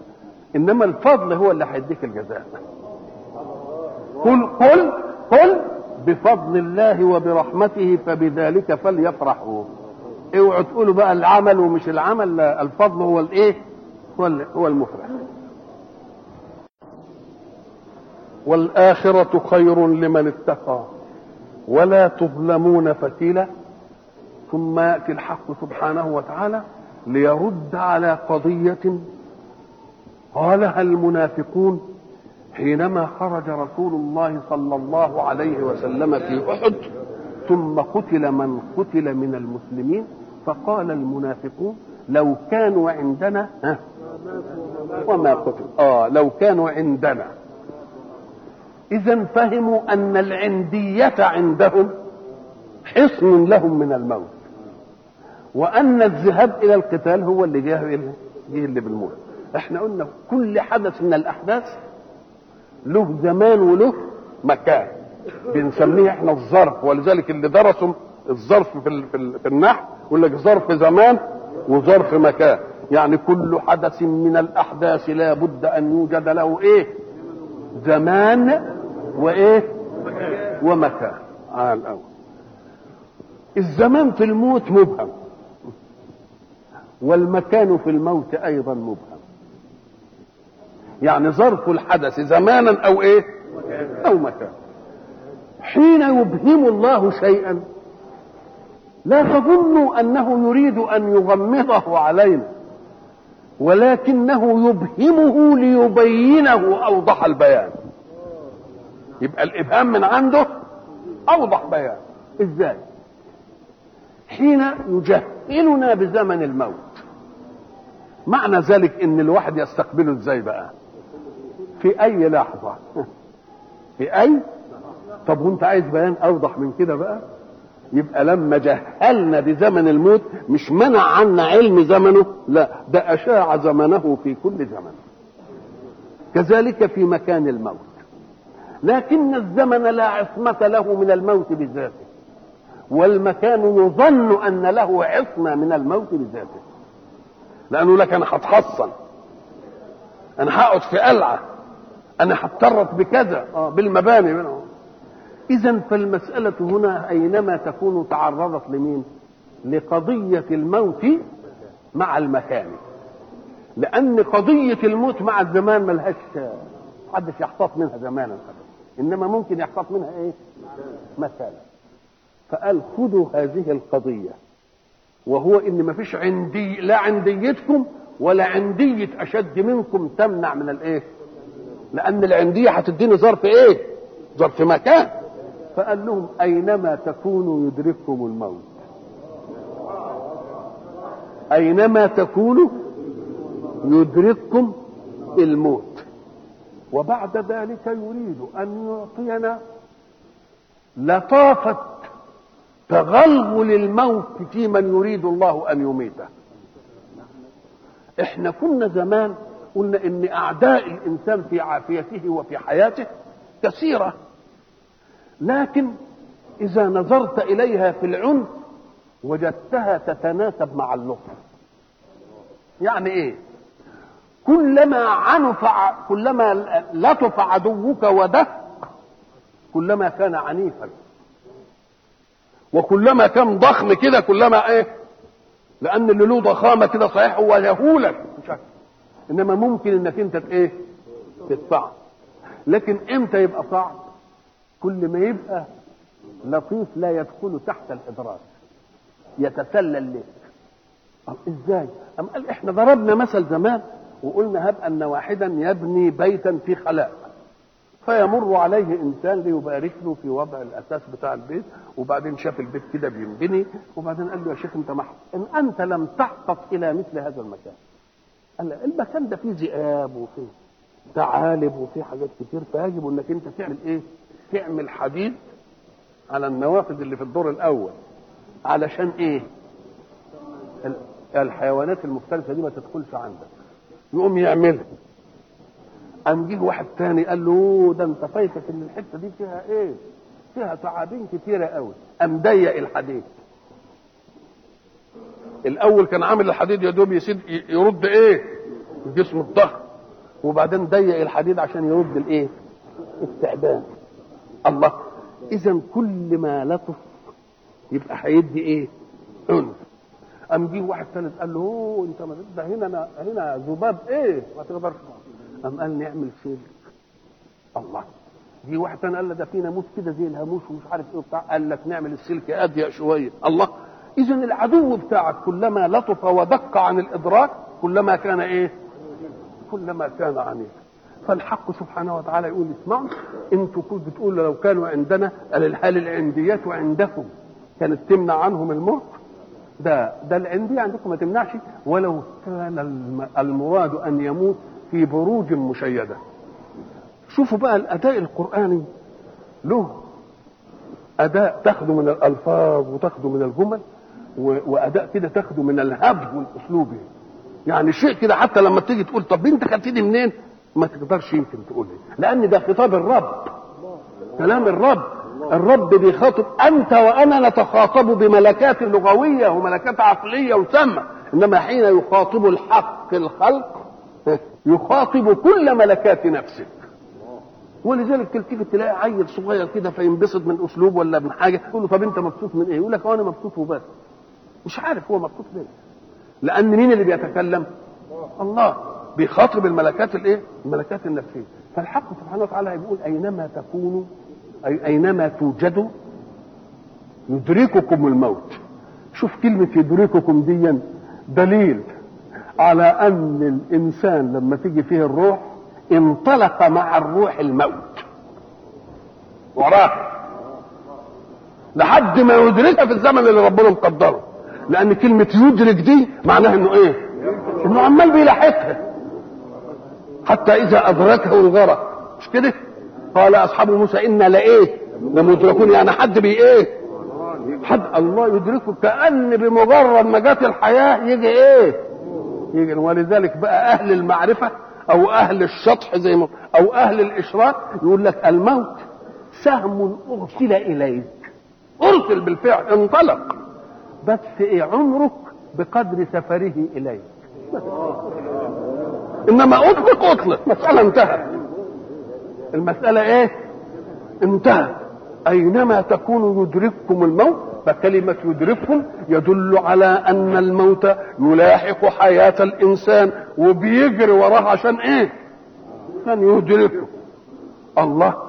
إذا صحيح لما يقولوا ده سهم أرسل يقول لك إيه السهم أرسل. بس العمر بتاعه إيه؟ عمرك على قدر سفر السهم إيه؟ على قدر سفر السهم إليه. طيب يدرككم الموت أدي معنى يدرككم الموت. طب ولو كنتم في إيه؟ طب ما هي البروج اولا؟ لما تيجي تشوف مادة كده تقوم تجد حروف أصلية. تاخد الحروف الأصلية دي وتشوف المعنى العام اللي بيشتغل فيه الب والراء والجيم دي الحروف الأصلية بتاعت المادة. لو نظرت إلى المادة اللغوية دي لوجدتها كلها تدل على الاتساع والظهور. يقول لك إيه؟ هذه امرأة فيها برج. برج يعني عينيها واخدة نص إيه؟ وشها. عينيها واسعة. لدرجة إنها تبقى إيه؟ تبقى واضحة كده. اسمها إيه؟ يبقى البرج اتساع وإيه؟ وظهور والأبراج عادة اللي كانوا يصنعوها كحصون وكقلاع بتبقى إيه؟ تبقى مرتفعة كده. طب كنتم في ولو كنتم في بروج مشيدة. مشيدة يعني إيه؟ أما لك الشيء قد يكون عالي وظاهر كده إنما هش أي حاجة كده تنفخه أم قال لك مشيدة يعني ملحوم باع لبنتها أو حجارتها بالإيه؟ بالجص. زي ما نعملها إحنا بالمسلح يعني. آه. ولو كنتم في بروج مشاهدة من الشيد وهو الإيه؟ من الجزء والشيء وهو الارتفاع. يبقى مرتفعة وإيه؟ ومتماسكة. طيب. طب ولو كنتم في بروج إحنا كنا زمان قلنا أنك إذا رأيت جمعا قوبل بجمع فاعمل القسم آحادا ساعة يدخل المدرس الفصل ويقول لطلابه أخرجوا اللي هم مين؟ الطلاب كتبكم معناها إيه؟ كل واحد يطلع كتابه يعني إذا ولو كنتم في بروج مشاهدة ولو كان كل واحد منكم في برج. هذه واحدة. أو لو كنت كلكم معتصمين ببرج بس البرج ده مش برج لوحده لا ده حواليه برج ثاني وبرج ثالث وبرج رابع يعني كم حاجة؟ يعني كل حصن محصن. الحصن نفسه إيه؟ محصن. يعني جاي حصن كده أدي برج. زي ما تجيب نقطة نقطة وتحطها في دايرة صغيرة. وبعدين تجيب دايرة إيه؟ أوسع منها. تبقى النقطة في إيه؟ عدة إيه؟ في عدة دول كذلك لو كنتم اجتمعتوا كده ويا بعض وتبقوا في إيه؟ مش في برج واحد لا في برج والبرج في برج والبرج الأخير في إيه؟ في برج. يعني حماية مضاعفة ولا لا؟ طب ودي تفيدنا إيه لما يكونوا جماعة؟ أي لا يمكن ان, أن, أن لو كان واحد يقول لك ده الموت اتسطر عليه لا برضه تبقوا ويا بعض كده ولا حدش منكم يقدر ينجز الثاني. يبقى دي تدي معنى ودي تدي إيه؟ في بروج مشيدة. الحق سبحانه وتعالى حينما يتكلم ساعة الجهاد عن الموت وعن الحياة لأن أي دين جاء ليخرج الناس من الظلمات إلى النور بيبقى جاي بنور طارئ على ظلمة. وما دام نور جاي وطارئ على ظلمة اللي عايشين في الظلمة دي إيه؟ ألف وإيه؟ آه ألف الظلام وألف الفوضى. ما استبنوش أي شيء. يقعدوا يعربدوا ببعض. يقعدوا يعربدوا في يوم لما يجي الإسلام أو الدين بنور اللي كانوا عايشين يعربدوا ببعض دي ويقاوم حقق متعتهم هيا يسروا من مجيء النور ولا يزعل؟ لازم يزعل. ليه؟ لأن النور وضح المرأة. كشفت المسائل كلها. يبقى إذا الحق سبحانه وتعالى لما يجيب الموت يقول لك أنا جايب الموت دي علشان أعمل بيه حاجتين اتنين. الحاجة الأولى أن من يؤمن يستحضر الموت لأن جزاءه لا يكون له منفذ إلا أن يموت ليلقى ربه يوم ينبسط لما المؤمن ينبسط يقول لك الحاجز بيني وبين الجزاء بتاع ربنا إيه؟ الموت يوم لما يسمع كلمة الموت يستشرف ولا لا؟ لأنه رايح لإيه؟ رايح للجزاء طب واللي بقى مش مؤمن بإله واللي واخد على راحته كده وبتاع. ساعة ما يسمع الموت يعمل إيه؟ يبقى إذا الكلمة دي بتدي رغب ورهب بتدي رغب فصاحب الإيمان. ساعة ما يسمع كلمة الموت يقول يا سلام ده أكني متاعب الدنيا أنا شايفها دي مش هتدوم ده أنا عايز أروح إيه؟ ولذلك يجب أن يستحضر المؤمنون بالله تلك القضية. حين يستحضرون هذه القضية يهون عليهم كل مصاب في عزيز. لأن ما دام أنت إن كان مؤمن ما هو العزيز اللي راح منك ده يا مؤمن يا مش مؤمن. إن كان مؤمن تقوم تفرح إن هو إيه؟ عجل الله به إلى أن يرى تقوم أنت بقى إن كنت هتزعل تبقى زعلان على روحك بقى. مش زعلان عليه. طب وكان مش مؤمن تقول طب ما ارتحنا منه. الله. اذا الموت معناه إيه؟ أنه راحه الذي آمن والذي عمل صالحا يستشرف إيه؟ إليه. والتاني خاف منه. تبقى حققت رغب وحققت إيه؟ الواحد الذي يستقبل في عزيز. نقول له العزيز ده كان كويس ولا وحش؟ إن كان وحش يبقى ربنا ريحك وريح الناس من شره. وان كان كويس انبسط لأنه رايح لجزائه. يبقى إحنا بقى لما نبقى نزعل على ميت نبقى حمقى ولا مش حمقى؟ يبقى حمقى. أينما تكونوا يدرككم الموت ولو كنتم في بروج مشيدة وإن تصبهم حسنة يقولوا هذه من عند الله. وإن تصبهم سيئة يقولوا هذه من عندك. الكلام ده أليق بمن؟ اللي بيقول هذه من عند الله يبقى برضه الله والقمة دي لها في ذهنه إيه؟ تصور. يبقى الخلاف في مين بقى؟ الخلاف في الرسول. الخلاف؟ يوم الحاجة اللي فيها خير قال يعني إيه؟ اللي عايزين يعملوا انعزال بين محمد وربه. لا ده من يطع الرسول فقد أطاع الله. إن كنتم تحبون الله فاتبعوني. ما حدش يعمل إيه؟ مضادة كده يقول لك لا دي من عند الله يبقى من عند محمد. أنت عملت ليه الف... ال... ال... الحكاية الانفصال ده بينهم وبين بعض؟ ده هم إيه؟ ولذلك يجي في الحدث الواحد يقول وما نقموا إلا أن أغناهم الله ورسوله. أغناهم الله. وقلنا في حلقة سابقة أن الحق سبحانه وتعالى لما يجي واحد يذنب ذنب ما يصطلحش على المذنب كده بمجرد يقول له أستغفر الله. ده يقول له لا انت لازم الأول تروح عند رسول الله وتستغفر ربنا وتقول له استغفر لي يا رسول الله. يعني ما فيش واحد هيصطلع على ربنا من وراء محمد ابدا. ابدا. آه مش ممكن. يبقى هتقولوا بقى الحسنة يعني عايزين يعني تعملوا شوية بلد هو هتملكهم إيه؟ قال بيقولوا ان كانت حسنة تبقى من عندك يا رب إنما تبقى من عند محمد الله أنتوا عزلتوا عن الحكاية ده هو هو إيه؟ نعم إن تصبهم حسنة يقولوا هذه من عند الله وإن تصبهم سيئة يقولوا هذه إيه؟ من عند إيه الحكاية؟ قال لك إن راحوا حرب وجنهم يقولوا يا سلام ده ربنا إيه؟ بسطنا وإن انهزموا يقولوا محمد هو اللي وقعنا الوقعة السوداء أكن لمحمد تصرف إيه؟ إيه؟ آه دون تصرف الله. وليه ربنا بيه؟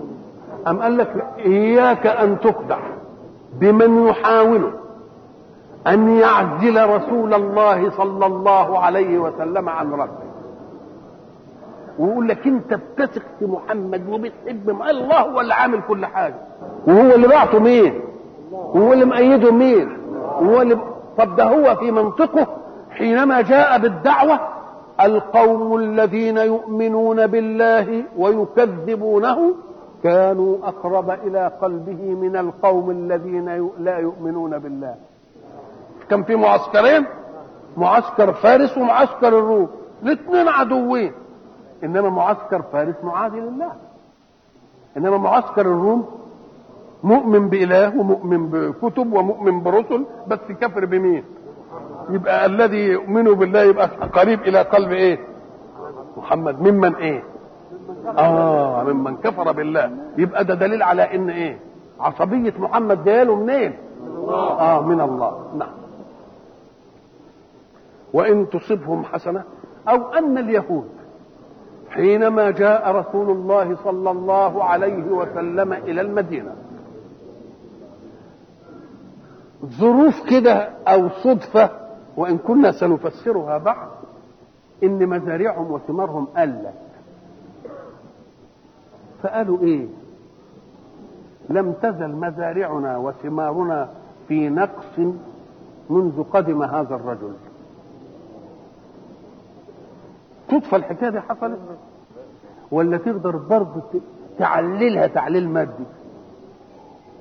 النبي عليه الصلاة والسلام لما جه المدينة وزي ما قلنا قديما كانوا يستفتحون به على الذين كفروا فلما جاءهم ما عرفوا كفروا به ثم سلب منهم السلطة الزمنية التي كانت لهم لأنهم هم كانوا أهل المال وكانوا بيعملوا بالربا زي ما يقولوا أهل الأسلحة يبيعوها ويثيروا العصبيات عشان يشتروا الإيه؟ الأسلحة. وأهل علم بالكتاب يقعدوا تجروا بالكلمتين اللي عندهم فكانت لهم الإيه؟ السياده من ثلاث جهات سيادة علمية وسيادة إيه؟ مالية وسيادة. آه كل دي موجودة عندهم. فلما جه الإسلام عمل إيه؟ ألف بين الأوس والخزرج فبارت إيه؟ الأسلحة والعملية. وكانوا برضو بياخدوا منهم فلوس بالربا بارت الإيه؟ الربا وبعدين هم كانوا بيجيبوا كتاب ومحرف.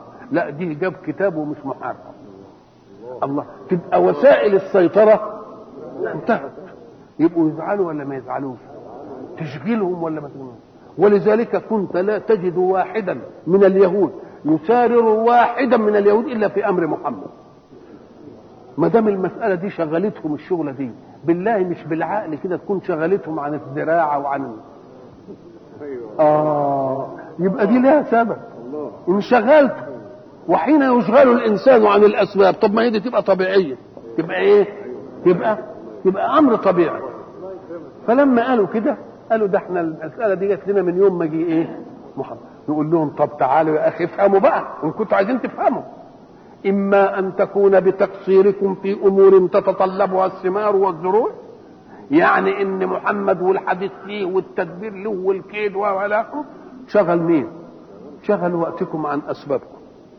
أو أنتوا برضه في الأسباب زي ما كنتم تبقى دي جاية إيه؟ تبقى جاية سماوية. طب ليه ما تلفتكوش بقى لأن دي محمد بقى يعني هو اللي ربنا بده يكرمه بإنه يعمل فيكم كده اللي أنتوا كنتوا بتستعزوا بيه يعمل في حاجتين اثنين دي اسم نقص بالإيجاب ونقص بالسلب. الناس اللي كانوا بياخدوا منكم بالربا ما عادوش بياخدوا. يشتروا أسلحة ما عادوش بيشتروا. طب والزروع والثمار اللي بقى يا بقى. طب هتنقص يبقى المسألة نقص من إيه؟ بنقص من الأموال والإيه. آه يبقى اذا طب ما سواء كانت ديا ولا إيه؟ ولا دي. هنا وإن تصبهم حسنة يقولوا هذه من عند الله وإن تصبهم سيئة يقولون هذه من عند يقولوا هذه من عندك. قل ردا عليهم. كل أي إيه؟ الحسنة والسيئة. ما هي الحسنة اولا؟ وما هي السيئة؟ علشان نبقى نتكلم على الحسنة الظفر والغنيمة والسيئة الهزيمة والقتل ادي حاجة. الحسنة السراء والمقابل لها الضراء البؤس والرخاء الخفض والجد هات كل حاجة وإيه؟ ومقابلها. نقول له يجب أن تعرف الحسنة معرفة دقيقة. الحسنة في عرف الله وفي عرف الشر هو ما يأمر به الله. والسيئة هي ما ينهى عنه الله. بدليل أن إنسانا أصيب في عزيز لديه ثم وقف موقفا إيمانيا دقيقا في استقبال هذه المصيبة. يقول هو مات مني زعلي أو تسخطي مش هيرده. فخليني أكسب به الجنة. يبقى ده كلام عاقل ولا لأ؟ كلام عاقل قوي وبالزيادة علي العزاء في الأجر عليه. أنا ما كنتش هاخد منه طيلة حياته مثل الأجر الذي آخذ منه حين صبري على المصيبة علي. ولذلك الرسول نبهنا قال إياك أن تظن أن الحسنة هي ما تستطيبه نفسك والسيئة هي ما تشمئز منه نفسك. لا المصاب في عرف الشرع من حرم الثواب. المصاب من حرم الثواب. يبقى اذا هذه القضية من عندك من عند الله وبعدين ربنا بيقول قل كل يبقى معناها الحسنة والإيه؟ الحسنة والسيئة من عند مين؟ هو ربنا هيعمل سيئة. آه. السيئة في نظركم. سيئة في نظركم. والحسنة في نظركم. كل دي من عند مين؟ لكن إذا نسبنا الفعل إلى الله فكل ما يصدر عنه حسن. كل ما يصدر عنه حسن. ولذلك تيجي تبص تلاقي أن الذي يتعب بالمقاييس الصح يعني لو عملت كمبيوتر كده عشان تقييم المسائل تقوم تقول لك اللي يتعب اللي انت تجيبه بايدك يعني تلميذ أهمل في المذاكرة وفي حضور الدرس. وبعدين يسقط. دي سيئة ولا مش سيئة؟ في عرفك أنت سيئة. لكن في عرف الحق عموما حسنة. لأن لو اللي زي ده ينجح السنة الجاية ما تلاقيش ولا واحد يذاكر. ينطمس العلم ولا ما ينطمسش؟ يبقى حينما قال لا اللي ما يذاكرش يسقط يبقى معناه إحياء للحسنة في آلاف غيره. ويبقى هو نموذج واقعي وتطبيقي. يبقى خاضع لسنة الكون. ما زرعش أرضه. أو لعب نهار الحرث أو البذر أو أهمل الري. وبعدين جه يوم الحصاد ما لقاش حاجة. دي سيئة بالنسبة لمين؟ إنما بالنسبة لقضية الحق الكوني في ذاتها. حسنة. ليه؟ لأنه يخوف كل واحد إنه يهمل سبب من الأسباب. تبقى انت بتفسرها بانها إيه؟ سيئة؟ لأن مسها لك. انما لو قست مسها لك بالسوء بما عملته انت تجد ده سنة الله ولم تجد لسنة الله تبديلا يبقى إذا الحق سبحانه وتعالى يبقى حين يضع سننا في كونه ان الذي يأخذ بالأسباب يعطيه الله اللي ما ياخذش بالأسباب يحرمه ربنا. دي قضية ولا مش قضية؟ ساعة تأتي مثل هذه المسألة. الكويس خد نجح واللي مش كويس سقط. الاثنين من عند الله تقنينا كونيا ولا لأ؟ الاثنين من عند مين؟ إن نظرت إليها تجدها من عند الله تقنينا إيه؟ تقنينا. اذا لما أقول لك حسنة وسيئة وبعدين أقول لك كل من عند ربنا أي لأنه حين قنن أن تصيب السيئة واحد أهمل الأسباب في الكون يبقى ده من عمل مين؟ من عمل الحق سبحانه وتعالى. وإن تصبهم حسنة يقولوا هذه من عند الله وإن تصبهم سيئة يقولوا هذه من عندك. قل كل من عند الله. الحق سبحانه وتعالى حينما يعرض أقوال طرف فإن كان مقرا بما فيه يتركه من غير تعليق عليه. وإن كانت قضية باطلة يكر عليها بالحجة.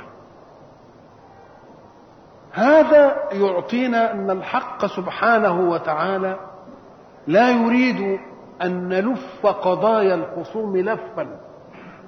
بحيث لا نعرفها ولكنه يعرض قضية الخصوم عرضا ثم يكر عليها بالنقد ليربي كما قلنا المناعة الإيمانية حتى لا تفاجئ قضية كفرية عقيدة إيمانية.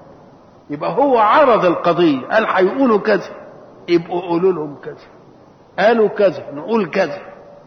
لما قال اتخذ لما قالوا إن ربنا اتخذ ولد قال إيه؟ كبرت كلمة تخرج من أفواههم إن يقولون إلا إيه؟ يبقى هو بيعرض قضايا الخصوم. لأن الذي يحاول أن يلف قضية الخصوم يبقى مشفق منها. إنما اللي بيعرضها كده يبقى فاهم أنه ليبطلها يكفي أن ينبه العقل السامع إليها. ويقول له نقطة الضعف دي كذا ونقطة الضعف دي كذا ونقطة الضعف دي كذا. فحينما قالوا إن تصبهم حسنة يقولوا هذه من عند الله. والله دي كويسة منهم. وإن تصبهم سيئة يقولوا هذه من عندك يبقى عملوا كما قلنا إيه؟ مضارة أو منازعة بين الله وبين إيه؟ فالحق سبحانه وتعالى قال قل لهم يا محمد. وشوف بقى جعل جعل الوكيل عنه في البلاغ هو محمد اللي هم الوكيل عنه في البلاغ قال له قول لهم انت. وكان من الممكن أن يسوق القضية بدون قل إنما حتى في هذه وسطه في أن يقول. نعم. قل كل من عند الله. كل يعني من الإيه؟ من الحسنة ومن السيئة. إحنا قلنا الحسنة ما تستطيبها النفس والسيئة ما تنفر منها النفس. الله سبحانه وتعالى يريد أن يبين لنا إن قضايا الوجود ودي القضية اللي وقع فيها خلاف طويل بين العلماء في أفعال العباد. العبد هو اللي بيعمل فعل نفسه ولا ما بيعملوش ولا ربنا هو اللي بيعمله فإذا كان العبد فإذا كان العبد اللي بيعمله يبقى عدالة أن يعذب عليه وإن كان ربنا هو اللي بيعمل كل الأفعال يبقى بيعذبه ليه؟ وشغلانة متاهة طويلة. نقول له اولا يجب أن تفهم أن الحق حينما خلق الكون جعل فيه سننا. ومن عجيب الأمر أن السنن تنتظم المؤمن والكافر. مما يدل على أنه لا أحد في كون الله أولى بربوبية الله من الآخر. حتى الذين لا يؤمنون بالله أدخلهم في الإيه؟ فقال للاسباب اللي خلقها استجيبي لمن يخدمك وأعطيه المسببات. لا تلتفتي إلى انه مؤمن ولا إيه؟ ولا كافر ليه لأنني اللي خلقه جايبه في الكون. وما دام أنا اللي خلقه جايبه في الكون يبقى لازم أتكفل بكل ما يقيم إيه؟ مقيم حياته. وبعدين هعرض منهجي. أقول أنا أحب ده وأنا أكره ده. يبقى اللي يؤمن بيه يبقى له وصف تاني. هيبقى إيه؟ عبد إله. يبقى الله مناطه التكليف. الرب مناطه إيه؟ الخلق والرزق وقيومية الاختيار يبقى دي للكل ولا لا؟ هذه السنن والنواميس الكونية بتخدم كده. بدليل إن بعض السنن كانت مثلا تحب تتمرد. تتمرد إيه؟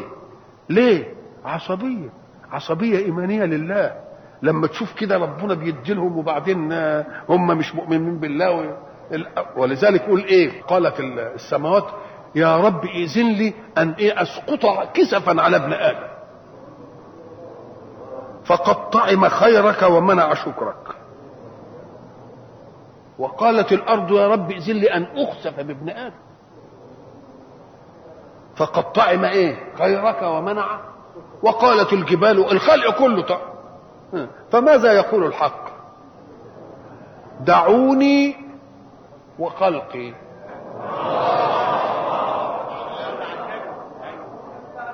لو خلقتموهم لرحمتموهم. إن تابوا إلي فأنا حبيبهم وإن لم يتوبوا فأنا طبيبهم. يعني يعني يعني نفس الجنود الله إيه متأبية ان إزاي ده يعمل العملية دي؟ يقول لهم بس أنتوا لو خلقتوه كنتوا إيه؟ لأنك أنت خلقي وأنا اللي استدعيته للوجود. فصنع الحق للكون نواميس هذه النواميس تؤدي في عمومها للمؤمن والكافر. ثم أنزل تكليفا بواسطة الرسل. قال أنا أحب كذا وأكره كذا. فالذي يحبني يعمل بإيه؟ بتكاليفه اذا اذا مناط الربوبية غير مناط الألوهية. مناط الربوبية خلق من عدم وإمداد من عود. مناط الألوهية طاعة والطاعة تقتضي امرا ونهيا. فكل ما كان من مدلول الأمر والنهي اللي هو التكليف دي مطلوبات الألوهية. كل ما كان من مطلوبات السنن الكونية دي للربوبية. للإيه؟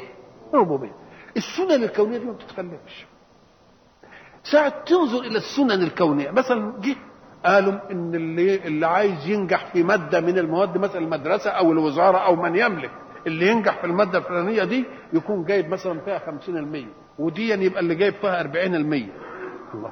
يبقى لما يجوا ينجحوا واحد يبقى الواحد هو اللي نجح نفسه ولا القانون هو اللي اداله؟ القانون اداله. إنما هل القانون جه ساعة ما بيكتب وقال له اكتب كتابة تديك 50 أو تديك 40 الله برضه يبقى له إيه؟ يبقى له عمل. إنما هل العمل خرج عن نطاق ما ما قدر؟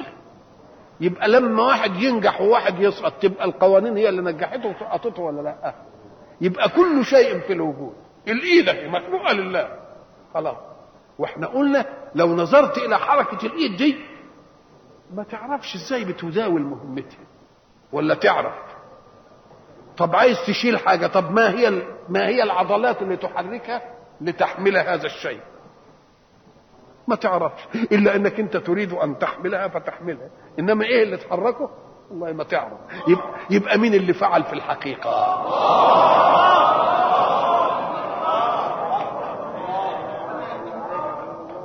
يبقى سواء عملت بها خير ولا عملت بها شر يبقى الفاعل الحقيقي لكل فعل هو الله. ولكنك فقط وجهت الطاقة اللي هي الإيد دي الصالحة للسلام على واحد ولضرب واحد ألم صالحة الاثنين. انت وجهتها هنا أو هنا فلما توجهها هنا هتاخد إيه؟ ثواب وتوجه هنا تاخد إيه؟ عقاب يبقى أنت ليك شغلة في العمل في ذاته؟ لا أنت في توجيه بس الطاقة. يبقى إن كان فيه ثواب ولا عقوبة يبقى لمين؟ للفعل أم لتوجيه الطاقة؟ لتوجيه الطاقه السكينة. تذبح بها الفرخة كده؟ تبقى على الأول وتيجي تطعم بها واحد لا فدي عصيت ولا فدي عصيت. القانون اللي ربنا خلقه للمدة المحددة إنها لما تعمل بها كده تذبح. لكن هل أنت اللي ذبحت؟ أنت وجهت الشيء الذي خلقه الله صالحا لأن يذبح للذبح. فيما حرم أو فيما يبقى أنت بتفعل؟ لا يبقى اللي مين اللي فعل؟ كله. يبقى ما فيش حد بيعمل حاجة أبدا. وما دام الفعل في إطار نطاق أوامر المكلف صاحب السنن يبقى هو اللي بيعمل كل حاجة. يبقى لو نظرت إلى الحق يبقى كله من عند مين؟ بس أنت لك إيه توجيه الطاقة؟ الولد اللي بيذاكر ما خلقش عقله. كده ولا لا؟ ولا خلق عينيه اللي بتشوف. إنما عقله صالح يفكر في كويس ويفكر في وحش. وعينيه صالح إن هو يبص في مجله هزليه ويبص في كتاب. مش كده صالحه لدي ولا لدي إذا فهو ساعتها يفعل هذا أو يفعل هذا. هل فعلها من وراء ربه؟ أنت ما عملتش حاجة ابدا.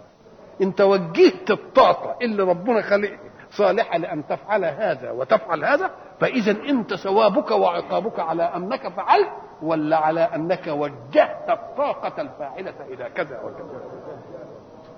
عال قوي يبقى لما ربنا يقول كل من عند الله نقول له صح اللي خاب في زرعة ولا سمدهاش ولا ما رواهاش وبتاع وحاجات يقول له أصابك الجد ده من إنما المطر امتنع. ما فيش ما فيش عمل منك. تبقى هي دي اللي فيها الكلام بقى. يبقى إذا النواميس الكونية صنعها الله اللي يفعل كذا يحصل منه كذا واللي يفعل كذا يحصل منه كذا. فإذا أن أصابتك سيئة في إطار هذه تبقى من عندك أنت. تبقى من عندك أنت. عندك. وافرض إنه مش فرد افرض إنه جماعة. نقول له طب إيه زي إيه مثلا؟ نمسك الفرد الأول اللي بيروح يلعب قمار ده. اللي بيلعب قمار وبعدين جاله خراب ودمار. يبقى من نفسه ولا لأ؟ ده في أوامر إنه ما يعملش. هو إيه؟ هو عمل على الأول. طيب أمة مثلا زي ما بنقول كده واشتكت من إيه؟ من ضيق الأرض الزراعية وضيق الرزق وضيق مش عارف إيه، نقول له برضه أصابتكم حاجة زي دي؟ برضه من أنتم السبب. ليه؟ أم قال لك أنت؟ لأن كان المفروض أن القائمين على الأمر إيه؟ ينمون المورد بنسبة نماء الساكن. إنما إحنا اللي تعبنا إيه؟ إننا متحملين غفلة أجيال. فجت اتجمعت على دماغنا. إنما لو أن الأجيال اللي فاتت كل جيل جه وجه. أنا بن- بنلاقي أرض نصلحها ولا ما بنلاقيش؟ بنلاقي مياه جوفية ولا ما بنلاقيش؟ الله اذا المسألة كانت كسل من مين؟ كانت كسل من الأول. يبقى إيه اللي يصيبنا ويعملنا يبقى من مين؟ من لأن ما دام فيه مياه جوفية هي يبقى معناها إن عندنا مخزون ولا مش مخزون؟ هو ضروري ينزل لك ال- المطر طب ما هو سلكه ينابيع في ال- في الأرض. وإنا على ذهاب به لقادرون. ولكننا برضه خليناه إيه؟ طب ده إحنا عملنا الحكاية دي مسارب في الأرض علشان البلاد اللي حرارتها شديدة ما نجعلش مسطحات الماء العذبة دي كده تتبخر فدرناها لكم في الأرض. بدليل إن الملح واضح. الملح إيه؟ واضح. علشان أنا عايز الرقعة بتاعت الملح تبقى إيه؟ واسعة. لأنها كل ما كانت واسعة كل ما البخر بتاعها اللي بي... اللي بيقطر لك المية العذبة اللي هتشربها وتروي منها زرعك تبقى واسعة. كل ما تزود مسطح المية يبقى البخر إيه؟ يبقى البخر شديد. هات مثلا كوباية مية وانطرها في أوضة. 25 خمسة في خمسة تبقى 25 متر. كوباية الماء بخها كده في إيه؟ في أوضة. وبعد ذلك سيبها يوم واحد. تقوم تيجي تلاقيها إيه؟ نشف طب خلي الكوباية دي ده بنفسها كده. إيه اللي هيطلع منها؟ آه مش زي ما هي بالضبط. وطلع منها حاجة بس دون المقاييس اللي نعرف نقيسها بيها. إذا كل ما المسطح يزيد كل ما البخر فيبقى ثلاث ارباع اليابسه ميه عشان إيه؟ لأن الميه دي حياة كل حاجة. نقوم يعملها كده في مية ملحة عشان ما تأسنش ولا تغيرش وبعد ذلك تبقى واسعة عشان إيه؟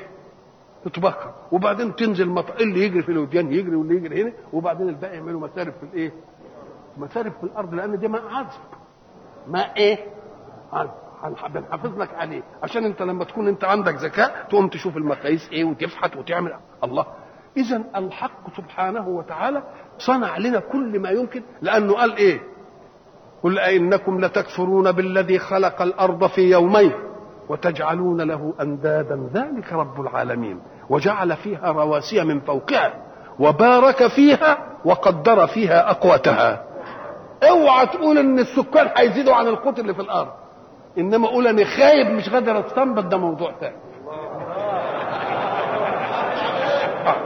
قول أنا خ... لأن بعد ما يقول ربنا وقدر فيها أقواتها هب أننا هنضرب مثل هو لله المثل الأعلى. رجل موظف وجه الفلوس بتاعته أول الشهر فجاب تموين الشهر كله وحطه في المطبخ. ولا في الكرار وبعدين جه الظهر ما لقاش الست طبخت. يبقى إيه اللي يحصل بقى؟ مش هو جاب؟ أهو ربنا جاب في القرار بتاع الدنيا ده وحط كده. اطبخوا أنتوا بقى. ما تطبخش وبعدين تقول آه ولذلك شوف الحق سبحانه وتعالى بيقول لك النواميس بتاعتي إذا إذا ما است... ما, ما, ما نفذتش تكاليفي وأوامري هتتعب. يبقى ليك معيشة ضنك. معيشة واللي ضرب الله مثلا قرية كانت آمنة مطمئنة. شوف أمن وإيه؟ يأتيها رزقها رغدا من كل مكان. خلاص؟ فكفرت بأنعم الله. طبعا فيه معنى عام كفرت بأنعم الله لم تشكرها. معنى يقال إنما تاخد أنت لما تيجي بقى بدقة عشان تشوف قانون الأسباب والمسببات وربط السنن الكونية بالكون والمكون والمكون له ثم تجد حاجات عجيبة. كفرت بأنعم الله. ما القرية كان إيه؟ آمنة؟ مطمئنة. يأتيها رزقها رغدا من كل مكان. الله. يبقى القرية يعني مكان الايه؟ السكن. مش بس مكان السكن هو اللي فيه ده يأتيها رزقها رغدا من كل مكان فكأن كل مكين في بقعة له بقع خالية من مكين تخدمه ما هو يأتيها رزقها رغدا من كل مكان تبقى دي القرية اهي. مش كده؟ ويجي لها رزقها من إيه من كل مكان. يبقى فيه حتة فيها سكان وبعدين بيخدمها إيه؟ دايرة ما فيهاش سكان بس عشان تخدم الشوية اللي قاعدين دول. يأتيها رزقها رغدا من إيه؟ من كل مكان. طيب فكفرت بأنعم الله. طب إحنا ناخد كفرت بأنعم الله. ما هو الكفر؟ الكفر هو الستر. مش كده؟ طب إيه كفر بالله أي ستر وجوده. مش كده؟ فكفرت بنعمة الله يعني إيه؟ آه يبقى سترت نعمة الله. الله كأن نعمة الله موجودة.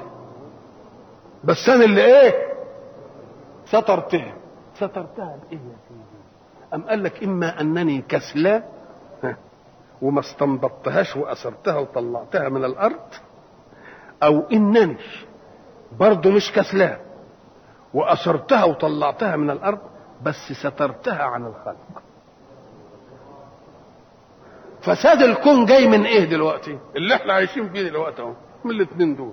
يا أمم متخلفة لأنها كسلانة ما استنبطتش الأشياء من يا أمم عندها ثراء وعندها خير وبترميه في البحر علشان ما يجينيش يبقى اذا الفساد في الكون اللي ناشئ الإيه؟ الآن إيه؟ ناشئ من اثنين يا ناس كسلانين ما بيستنبطوش ما في الأرض يبقى كفرت بنعمة الله جع- جعلتها إيه؟ مستورة. أو ناس استنبطوها لنفسهم وظنوا بها على من لم من لم يجد. يبقى الخراب جاي لنا إيه. يبقى العالم كله هو دي القرية. ضرب الله مثلا إيه؟ قرية كانت آمنة مطمئنة يأتيها رزقها رغدا من كل مكان فكفرت بأنعم الله. فأذاقها الله. شوف شوف الكلام. لباس الجوع والخوف. لباس الإيه؟ الجوع شوف بقى بالله يقال أذاقها لباس الجوع ولا أذاقها طعم الجوع؟ اللي بيذاق هو إيه؟ ده الطعم. بس أصل الطعم هيبقى له حتة واحدة هنا. إنما اللباس هتعم كل الجسم. شوف شوف الدقة في الأداء. يبقى يجي الإيه؟ المسألة إيه؟ تعم. مش تعم الناحية اللي بتذوق بس فاذاقه الله لباس الإيه؟ يبقى يدي الإذاقة ويدي الذائق مين؟ مش الفم بس. بل كل الجسم ليه؟ قال لك لأن الفم إنما يتناول لصالح بقية الجسم. مش كده؟ فلما بقية الجسم ما يروحلوش دم ولا يروحلوش مادة حياة يبقى هيذوق ولا ما يذوقش يبقى ما يبقى يذوق يبقى إذا الحق سبحانه وتعالى بيقول إن الكون ده معمول بنظام دقيق. علشان السنن الكونية تمشي. السنن الكونية دي لما تمشي إن شاء الله تجيني بعدين. حتى إن بعض المفسرين والمتكلمين بعمق يقول لك الأمراض الوراثية اللي بتيجي موروثة من من أجيال سابقة كان سببها إيه؟ تقصير آباء واجتراءهم على أشياء مخالفة لمنهج السماء. إذا شرع الله سنة كونية للفرد ثم خالفها تبقى تصيبه إيه؟ نتيجتها السيئة تبقى هو اللي عاملها ولا مش عاملها؟ طب أمة وجماعة برضه تبقى إيه؟ أمال تبقى المسائل إيه؟ قال لك المسائل اللي يقف فيها العقل فقط هي المصائب التي تصيب الناس بغير عملهم المصائب اللي تصيب الناس بغير إيه هي دي اللي كان يجب ان الفلسفة تقف فيه الدين يقول لنا إيه الحكاية دي إنما شيء له مقدمات من أسباب وأنا ما عملتهاش فأصابتني خلاص. يبقى أنا اللي عملته في نفسي ولا لا؟ إنما الأشياء اللي تيجي قدرية.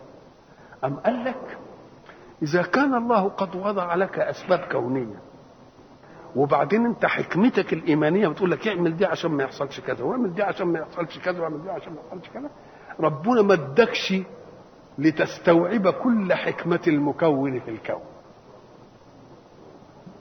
ليه ليلفتك دائما على أن طلاقة القدرة بتاعته لسه موجودة. ويحصل شيء أنت تظن تقول وده سببه إيه ده؟ ودي ليه؟ ودي زلزال مثلا؟ طب دي حد عمله؟ آه، بركان وثار. مثلا سلو جه جارف ومطر جه مش عارف إيه. أعاصير جاءت على باخرة ومش عارف عملت فيها. مثلا دي حاجات للإنسان فيها سبب.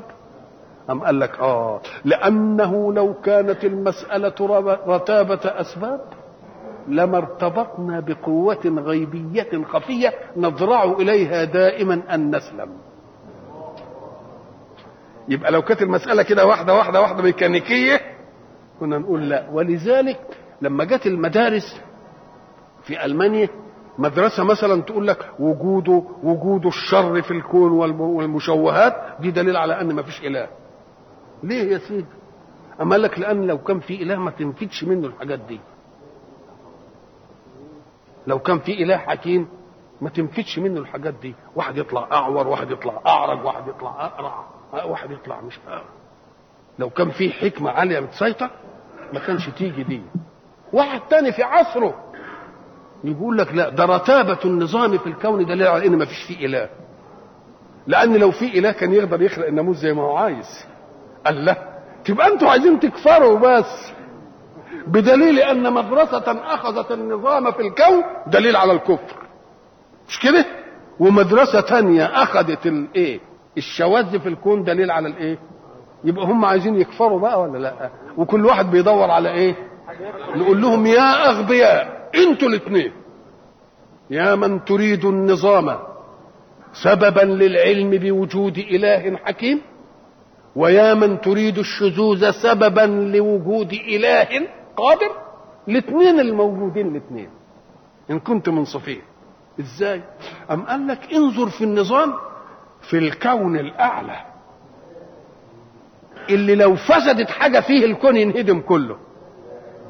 آه الشمس والمطر والأرض والدورة والكواكب والنجوم. نظام ولا مش نظام؟ بالله لو اختلت شوية كده يصطدموا ببعض ولا لا يضيعوا بعض يبقى يا من تريد النظام دليلا على حكمة مكون النظام موجود. خلاص؟ ويا من تريد الشذوذ دليل على أن فيه إله بيسيطر على ميكانية الكون ويقول لا دي يبقى كذا وده يبقى كذا برضه موجود. بس الشذوذ بيجي في الأفراد. لأن إن شذ فرد فلن يفسد القضية العامة. يجي فرد تاني فيه إيه؟ يعني واحد يجي اعور إنما هيجي كام واحد مفتحين إنما لما يجي الشذوذ في النظام الكلي في حركة الأفلاك يعمل يحصل إيه؟ تتربع كلها اذا من أراد أن النظام سائد يدل على الحكمة نقول له انظر إلى الفلك الأعلى. ويا من تريد الشذوذ دليل على أن في هناك قوة فوق الميكانيكية برضه هذا موجود. بس الشذوذ موجود في مين؟ الأفراد. اللي إن وجد في فرد ما يعطبش بقية الإيه؟ بقية الإيه؟ الأفراد. يا اللي تريد هذه تريد هذه. طب أمال يقول لك وإيه لازمتها بقى؟ إحنا قلنا بقى سابقا أن رتابة النعمة قد تلهي الإنسان عن المعنعم يعني إحنا قلنا إحنا الواحد منا يفضل عايش مدة طويلة وما دام سنانه سليمة ما يفتكرش حكاية سنانه دي. إن دير سنقع عليه مرة يفتكر إن له دير. إن عينه وجعته يفتكر إن له إيه؟ عين إن جنبه نغز عليه يمكن عمره ما خد باله من حكاية جنبه دي. ها ويقعد يقول لك لا هنا يا الله الله إيه خدت من آه. اذا دي مسألة ملفتة عشان تخرج الإنسان من رتابة النعمة عليه ليتذكر المنعم بالنعمة. انت يمكن ما تلت... زي ما قلنا ما تلتفتش لعينيك. فإذا رأيت آه واحد الله بصير مثلا الله سبحانه وتعالى أكرمه بأنه خد مثلا عينيه تقوم تقول الحمد لله الحمد لله. وت... وتم... وت... وتمسك عينيك مخافة أن تذهب. واحد مثلا بتشوفه بيعرو كده تقول الحمد لله اللي مش عارف. الله اذا دي معمولة وسائل إيه؟ وسائل إيضاح في الكون علشان الناس ما تغفلش عن إيه؟ عن النعم عن المنعم بالإيه؟ بالنعمة. اذا فإذا ما نظرت إلى الأشياء التي تصيب الإنسان فردا أو تصيب الأمة كمجموع تجدها بما قدمت يدها ولا لا؟ لأنها صنعت شيئا يخالف التوجيه. فإن كان هناك شيء خارج عن التوجيه نقوم نقول له بقى دي حكمة المكون علشان يعدل قضية ثانية عشان يعدل إيه؟ وعشان يلفتنا. ولذلك الشواذ في الخلقة قلة ولا كثره قلة. يعملوا إيه؟ وبعد ذلك يعوض الله. من أصيب بشذوذ في شيء بدوام ملكة في شيء آخر. عشان يبقى مش يعني ياخد منه بس كده لا يديله. ولذلك يقول لك إن إن عميت جنينا والذكاء من العمى. فجئت عجيب الظن للعلم موئلة وغاب ضياء العين للعقل رافدا. لعلم إذا ما ضيع الناس حصله بنشوف واحد مثلا وبعدين حاول علم كله. وأنا قلت ضربت مثل مرة قلت حتى بتهوفن. اللي هو عامل الإيه؟ الموسيقى اللي بتطرب الدنيا اصام شوف الحكمة. لازم يديله إيه؟ ولذلك إحنا بنسمع كده في لغة العامة كل ذي عاهه إيه؟ بيبقى جبار في ناحية. يعني ربنا مديله إيه؟ عمل وسيلة إيضاح ليلفت الناس إلى نعم الله سبحانه وتعالى. وبعدين قال له ما تزعلش أنا هعوضك برضه حاجة يلتفت فيها إيه؟ يلتفت الناس إليك إيه؟ إليك فيها. يبقى اذا المصائب التي تحدث وليس للإنسان دخل هي دي ملحظ اللي يجب إننا إيه؟ نبحثها. نقول لك دي مكونات الحكمة مكونات الحكمة عشان الإنسان يلتفت دائما إلى أن الكون ده مش منساب كده. لأن ما هو بعض الفلاسفة قال لك الله صحيح خلق الكون وخلق كل شيء بس خلق القانون والنواميس وقال لها اشتغلي بقى. قال يعني كأن ربنا زاول سلطانه في ملكه مرة واحدة. راح مقوم النواميس وقال لها بقى عن إذنك شوف أنت الحكاية دي. فلما يجي شيء يخرق الناموس يدل على أنه موجود ولا لأ؟ لا تزال يد الله في إيه؟ لا تزال يد الله في الإيه؟ في الكون. فإذا حصلت حاجة تقوم لازم تلتمس لها حكمة. حكمة إيه هي الحكمة؟ شذوذ يلفت إلى أن فوق الكون وفوق ميكانيكية العالم وقوانينها قوة أخرى. تقول لها تعطلي. ولذلك معجزات الرسل كانت من هذا النوع ولا لا؟ إحنا قلنا زمان طبيعة النار إيه؟ مش بتحرق. طيب أكان مراد الحق سبحانه أن ينجي إبراهيم من النار؟ لو كان المراد أن ينجيه أن ينجي إبراهيم من النار ما كانش مكن خصومه إنهم يمسكوه؟ مش كده ولا لا؟ طيب مسكوه. وجابوا النار واججوه كان برضه ممكن يجيب غمامة كده هي ملهمش قدرة عليه وتمطر مطر تروح مطفية إيه؟ لو كان الحق المراد إيه؟ إن إبراهيم ينجم لا ده الله يريد النار نارا متأجدة ويقدر على إبراهيم ويمسك إبراهيم والنار ما تنطفيش وياخدوه ويرموه في النار. علشان هو يقول أنا أزاول سلطاني في الناموس. أنا أنا خالق الناموس وأعطل الناموس متى شئت. يا نار كوني بردا وسلاما على إبراهيم. إنما لو ما لو لو حصلت الأولانية يقول لك يا سلام لو مسكناه يا سلام لو المطر ما نزلش وطفى النار كان زمانه انحرق. لا يا اخويا امسكوه والنار تتأجج وخدوه وارموه فيه وبعدين إيه؟ آه ده عشان يفلس الخصم ما يخليش يبقى له إيه؟ يبقى لا تزال يد الله في تبقى لما تحصل حاجة الإنسان ملوش فيها سبب. نقوم نقول له لا دعها لحكمة الإيه؟ لحكمة الخالق لأنه يريد أن يلفت خلقه إلى أن وراء لأن ميكانيكية الكون دي حاجة تحير حاجة مضبوطة الضبطة دي. تقوم تقول له لا هي مضبوطة الضبطة دي ولا فلتتش من ربنا. برضه يقدر إيه؟ يعطل. ولذلك يجي مرة يروح عامل لك إيه؟ شوية ريح.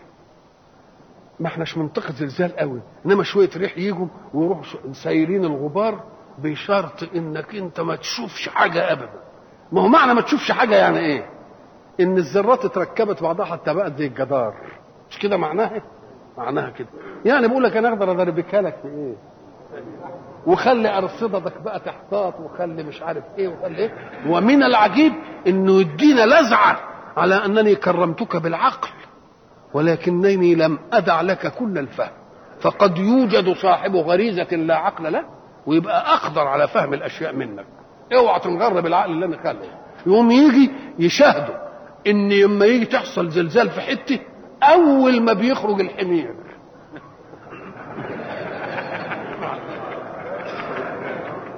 الحمير هي اللي تخرج والعقلين هم اللي يندفعوا ده دليل على إيه؟ قال لك يعني ما تنغرش أنا أقدر اعمل غريزه كده في آه عشان الإنسان ما ينغرش بإيه؟ بنعمه عشان كلا إن الإنسان لا يطغى أن رآه إيه؟ آه. فإذا ما رأيت حدثا في الكون وإنت ما انتش ليك دخل فيه ولا الأمم لها دخل فيه اعلم أن لله فيه إيه؟ حكمة عشان يلفت مين؟ يلفت إلى المكون الأعلى عشان ميكانيكية الكون دي ما تقولكش ده ميكانيكي تقول لا ده مش ميكانيكي ده لو ميكانيكي ما كانش ولذلك العقل الإلكتروني يقول لك ما يغلطش. ما يخافش إنه ما يغلطش. لأن زي ما تملاه هيقول. مش كده ولا إيه؟ يبقى ملوش ملوش خيار في حاجة. إنما العقل البشري يقول لك لا دكن دي ما تقولهاش. أدي العقل. شوف القوة بقى. العقل البشري يقول لك هتتكلم لا دي دريه إنما الإلكتروني يقدر يقدرش ابدا آه. يقول لك مثلا الورد الصناعي ده اللي مال الدنيا وما يدبلش والواحد يقول لك إيه؟ ده عيبه في إنه بيدبل دوكا. ده الذبول ده حيوية. إنما عدم الذبول جمود. أنتوا فين؟ أنتوا لازم تفهموا المسائل. فاذا الحق سبحانه وتعالى ساعة يجري شيئا في كونه. لا دخل للفرد فيه بل وقع عليه ولا دخل للأمة فيه فإنه يريد أن يلفت إلى إيه؟ إلى بقاء القيومية العليا والقدرة الإلهية في الكون حتى لا نغتر بميكانيكية الإيه؟ الكون. ولذلك القرآن يعرض لنا بصيص من هذه المسائل.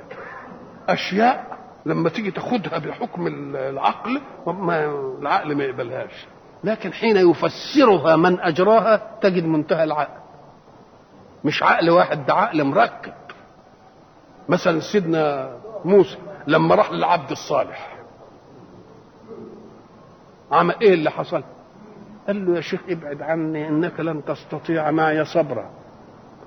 وبيلتمس له العذر ويقول له وكيف تصبر على ما لم تحط به؟ بيلتمس له العذر ولا لا؟ يقول له أنت معذور. وبيكلم مين؟ بيكلم من من أولي العزم. يقول له لا ستجدوني إن شاء الله صابرا ولا أعصي لك أمرا لأنه موجه. فيجي يروح خارق السفينة.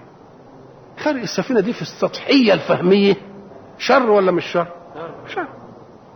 يقوم برضه رغم إن قال له لن أعصي لك أمرا وستجدوني إن شاء الله صابرا لما حصلت بالفعل برضه ما طقهاش. قال له أخرقتها لتغرق أهلها لقد جئت شيئا إيه؟ امرة الأولانية امرة شيء عجيب دي. خلقتها عشان تغرق أهلها. ده طبعا شر. في ظاهر الأمر. لكن لما ندرك بقى الحكمة نجدها عين الخير ولا لا لأن إن ما خرقهاش وفيه ملك عمال بياخد السفن الكويسة اللي يستلطفها كده يلاقي حاجة حلوة كده ينقرها مثلا كلة حلوة ينقرها حاجة عربية حلوة ينقرها سفينة حلوة ينقرها الله طب قال لك ده ده لو شاء لو فضلت السفينة كده بت هياخدها الملك وكان وراءهم إيه؟ يأخذ كل سفينة غصبا يعني كل سفينة صالحة جميلة كده تعجبه يقول لك لا دي لي يعني. طيب. قال له بالله بقى لو ما خرقناهاش وخليناها سليمة كان ياخدها ولا ما ياخدهاش؟ ياخدها. يبقوا الأولاد دول من غير سفينة.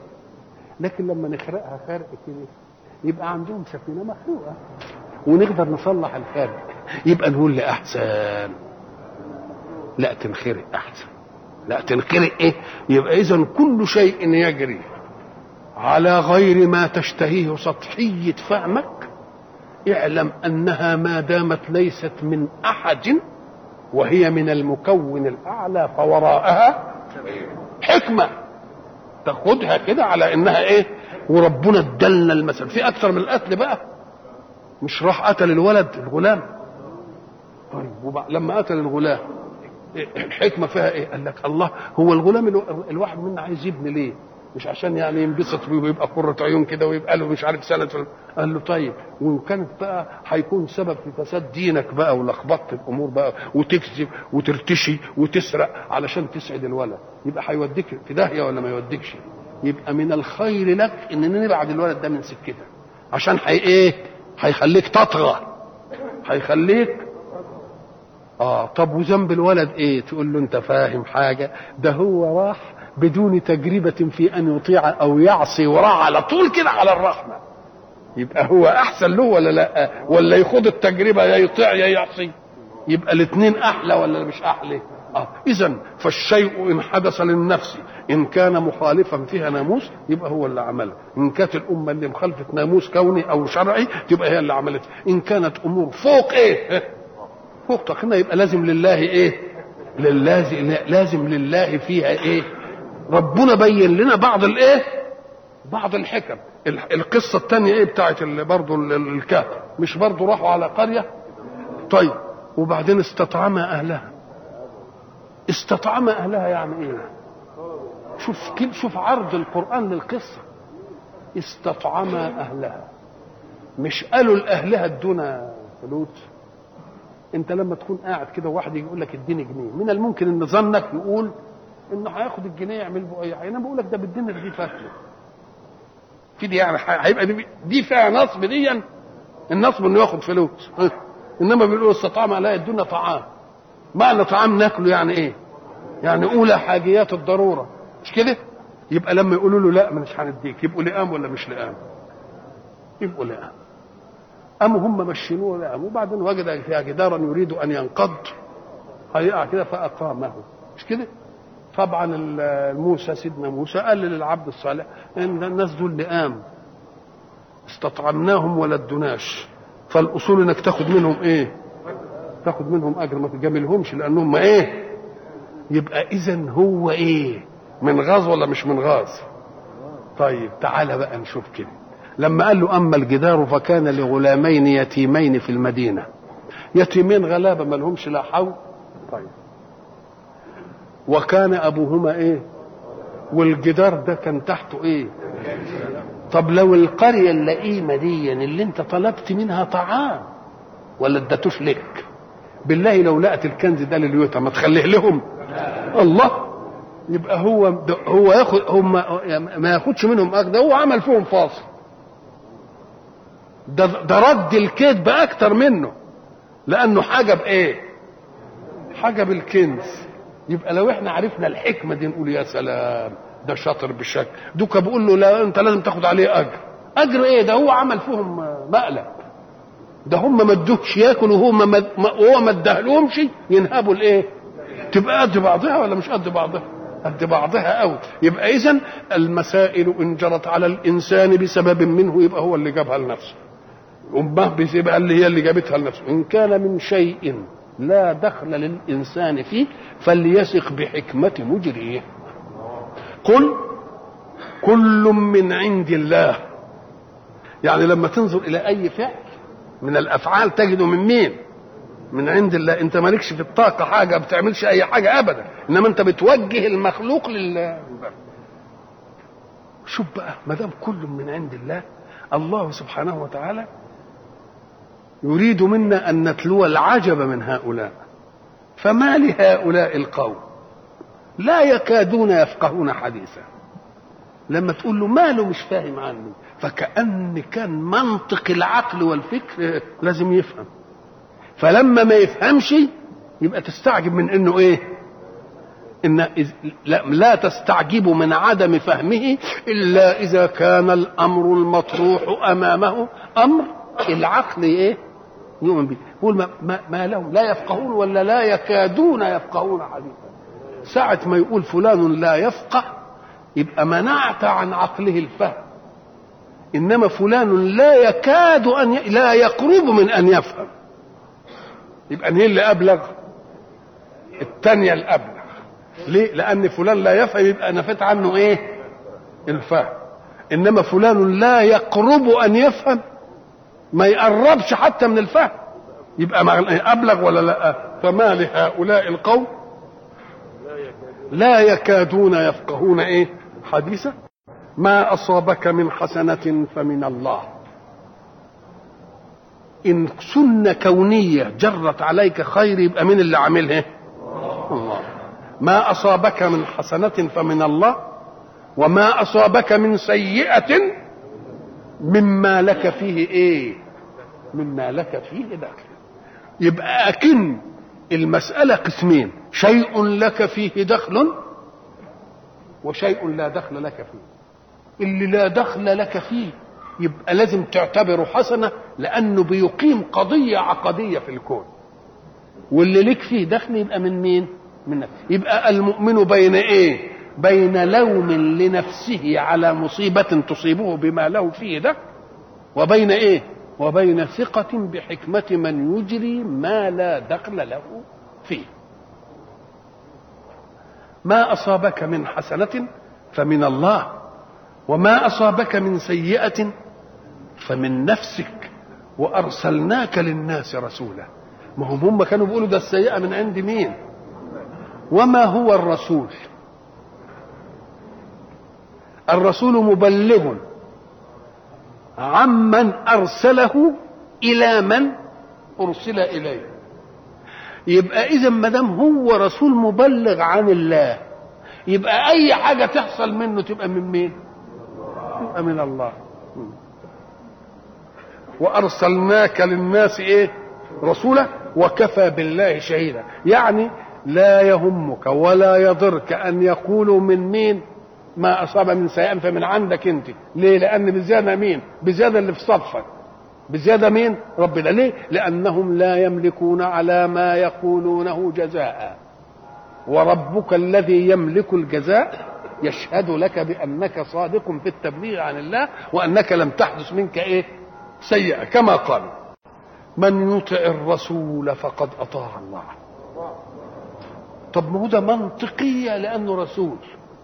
منطقية مع أنه من رسول ما دام هو رسول يبقى اللي بيطيع يبقى الطاعة إيه لله وللرسول لأن ما دام رسولا تبقى تفهم من رسول أنه يبلغ من مرسل إلى مرسل إليه. وما دام بيبلغ من مرسل إلى مرسل إليه يبقى ملوش إيه؟ ولذلك في المسائل الذاتية اللي كان يعملها سيدنا رسول الله كبشر وبعد ذلك يطرح قضية كده كبشر من عنده. يوم لما تطلع من الصح الله بيدي لنا مثال من أمانته. يقول لكم يقول لهم لا دي بلا ده أنتم أبصروا بشؤون دنياكم. المسائل التجريبية اللي خاضعة للمعمل دي وخاضعة للتجربة اللي السماء ملهاش دخل فيها اللي خاضعة لنواميس الكون ورسولنا دي ملهاش فيها. يوم هو اللي إيه؟ اللي يقولها. ومن العجيب أنه حين يتصرف في شيء لم يكن لله فيه حكم مسبق وبعدين ربنا يعدل له بينه وبين نفسه قال هو اللي يقوله. يقول ربنا عدل لي وقال لي كذا وكذا وكذا وكذا. ليه؟ عشان يشهد واقعه أنه صادق في البلاغ عن الله ولو كان على نفسه. من يطع الرسول فقد أطاع الله. من يطع الرسول فقد أطاع الله. وجاءت هذه الآية الكريمة بعد قول الحق سبحانه وأرسلناك للناس رسولا وكفى بالله شهيدا. والرسول كما نعلم هو من بلغ عن الله شرعه الذي يريد أن يحكم به حركة حياة الخليفة في الأرض وهو الإنسان. وإذا ما نظرنا إلى المادة وجدنا الحق سبحانه وتعالى يقول في آية وما أرسلنا من رسول ولا نبي إلا إذا تمنى. اذا فالرسول قد يكون رسولا بالمعنى المفهوم لنا وقد يكون نبيا. فكلاهما مرسل من الله. ولكن الفارق أن الرسول يجيء بشرع يؤمر به ويؤمر هو بتبليغه للناس ليعملوا به. ولكن النبي إنما يرسله الله ليؤكد سلوكا نموذجيا للدين الذي سبقه. فهو مرسول أسوة سلوكية. ولكن الرسول على إطلاقه الاصطلاحي يأتي بمنهج جديد قد يختلف في الفروع عن المنهج الذي سبقه. إنما كلاهما رسول. هذا يجيء بالمنهج والسلوك يطبقه والنبي يجيء بالسلوك فقط يطبقه ليصبح نموذجا لمنهج سبقه به رسول. وإذا كان الحق سبحانه وتعالى قد أرسل الرسل وجعل خاتم الرسل سيدنا محمد فمعنى ذلك أن رسالته صلى الله عليه وسلم ستكون رسالة لا استدراك للسماء عليها.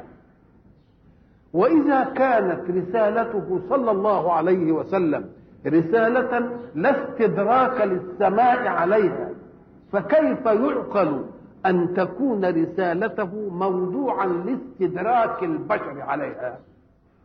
يبقى اذا ما دام الله قد ختم به الرسالة يبقى يقول أنا اليوم أكملت وأتممت ورضيت.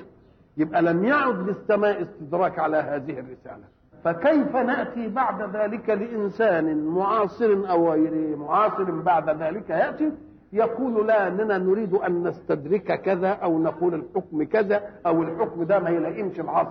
إذا كان الله لم يجعل للسماء استدراكا على الرسالة كيف يسوغ للبشر أن يكونوا مستدركين على الرسالة؟ الرسول حين يضاف يضاف مرة إلى الله ويضاف مرة إلى المرسل لهم. فمثلا نسمع رسول الله وإن رسولكم الذي أرسل إليكم. يبقى مرة يضاف إلى من أرسل ومرة يضاف إلى من أرسل إليه. ليه؟ لأنه واسطة التعلق بين المرسل والمرسل إليه. فإن أردت الإضافة بمعنى من الابتدائية تقول رسول الله أي رسول من الله. وإن أردت الغاية من الرسالة تقول رسول إلى الناس أو رسول للناس. إذا فالإضافة تأتي مرة بمعنى من وتأتي مرة بمعنى اللام وتأتي مرة بمعنى إلى. وأمر الرسالة أمر ضروري بالنسبة للبشر. لماذا؟ لأن الإنسان إذا ما استقرأ الوجود كله بفطرته وبعقله السليم من غير أن يجيء له رسول يهتدي بفطرته إلى أن ذلك الكون لا يمكن أن يكون إلا عن مكون. مكون له قدرة تناسب هذه الصنعة المحكمة البديعة. ولازم يكون قيوم لأنه بيمدنا دائما بالأشياء لكن أنا أعرف بالعقل ما. ما تريد هذه القدرة. نحن ننتهي فقط إلى أن وراء الكون قوة هذه القوة لها من القدرة والحكمة والعلم والإرادة وصفات الكمال ما يجعلها تجعل هذا الكون العجيب في الصنعة اللي هندسته دقيقة اللي له غاية طب أيمكن للعقل أن يضع اسما لهذه القوة؟ هو يفهم إنها قوة لازم تكون لها قدرة ولازم تبقى لها حكمة إنما اسمها إيه؟ ما نعرفش إذا فكان ولا بد أن يجيء رسول هذا الرسول يعطي للناس جواب ما شغلهم وهو من الايه من إيه القوة دي اللي خلق الكون ده وعامله دي هذه الصنعة العجيبة؟ يبقى العقل هنا واقف واقفة. يوم لما يجي الرسول يقول أنا أدلكم على هذه القوة؟ اسما ومطلوبا. يبقى كان يجب على الخلق أن يرهفوا آذانهم له لأنه سيحل لهم ذلك اللغز اللغز اللي شافوه بنفسهم مو ال- الذي سيؤمن والكافر والكل يؤمن بهذا. لأنه بيجد نفسه في كون هذا الكون تخدمه أجناس أقوى منه ولا تتخلف عن خدمته ابدا وأجناس لا تدخل تحت طاقته ولا تحت قدرته وتصنع له أشياء عقله لا يفهم كيف تعمل. يبقى كان واجب أن يقول إحنا ضربنا مثل قلنا لو أن انسانا وقعت به طائرة أو انقطع به طريق في صحراء وليس معه زاد ولا ماء. وبعد ذلك جلس فغلبه النوم فنام. ثم استيقظ. فوجد مائدة منصوبة فيها أطايب الطعام وفيها الشراب السائر بالله قولوا لي إذ قبل أن يتناول منها شيئا ألا يشتغل عقله بالفكر في من جاء بهذه؟ يبقى كان الواجب قبل ما ننتفع بالحاجة دي إننا نعمل إيه؟ إننا نلفت ذهننا مين الذي صنع هذه الصنعة؟ ومع ذلك تركنا الله فترة لحد ما نقعد نفكر عشان إذا ما جاء رسول يقوم يجي الرسول يقول لي القوة اللي بتبحث عنها بعقلك دي اسمها كذا ومطلوبها منك كذا وأنت كائن منها أولا وإليها تعود أخيرا. خلاصة المسألة. الله سبحانه وتعالى قبل أن يخلق الخلق أعد لهم مائدة الكون. مائدة الكون فيها الأجناس اللي بتخدمه. كما قلنا سلسلة الأجناس وخدمتها تخليك أنت تعب شغل عجيبة. اللي أقوى مني كيف يخدمني؟ الشمس التي لا تدخل تحت قدرتي والقمر الذي لا أستطيع أن أتناوله والريح الذي لا أملكه والأرض التي لا أستطيع أن أتفاهم. مع كيف تؤدي لي هذه الخدمات؟ لا بد أن يكون فيه أقوى مني ومنها هو الذي سخرها لخدمتي وهل رأيت شيئا من هذه الأشياء؟ نكص أو امتنع أن يؤدي لك الخدمة؟ ما حصلش لأنها مسخرة. فاذا إذا إذا جاء رسول من الله ليحل لي لغز هذه الحياة وموجدها كان يجب اننا إيه؟ نفتح ودننا له قوي ونسمعه لأنه هيحل اللغز اللي أنا عايز أعرفه. فإذا ما قال لي الذي خلق الكون لك هو الله والذي خلقك هو الله وهو صانعك وبعتني بكتالوج ليك علشان تؤدي مهمتك كما ينبغي. فافعل كذا ولا تفعل كذا وأنت صائر إليه ليحاسبك على ما إيه؟ ما فعل. خلاصة الأديان كلها. يبقى يبقى مجيء الرسول كان ضروري. وبعد ذلك يؤيده بمعجزة تثبت صدقه.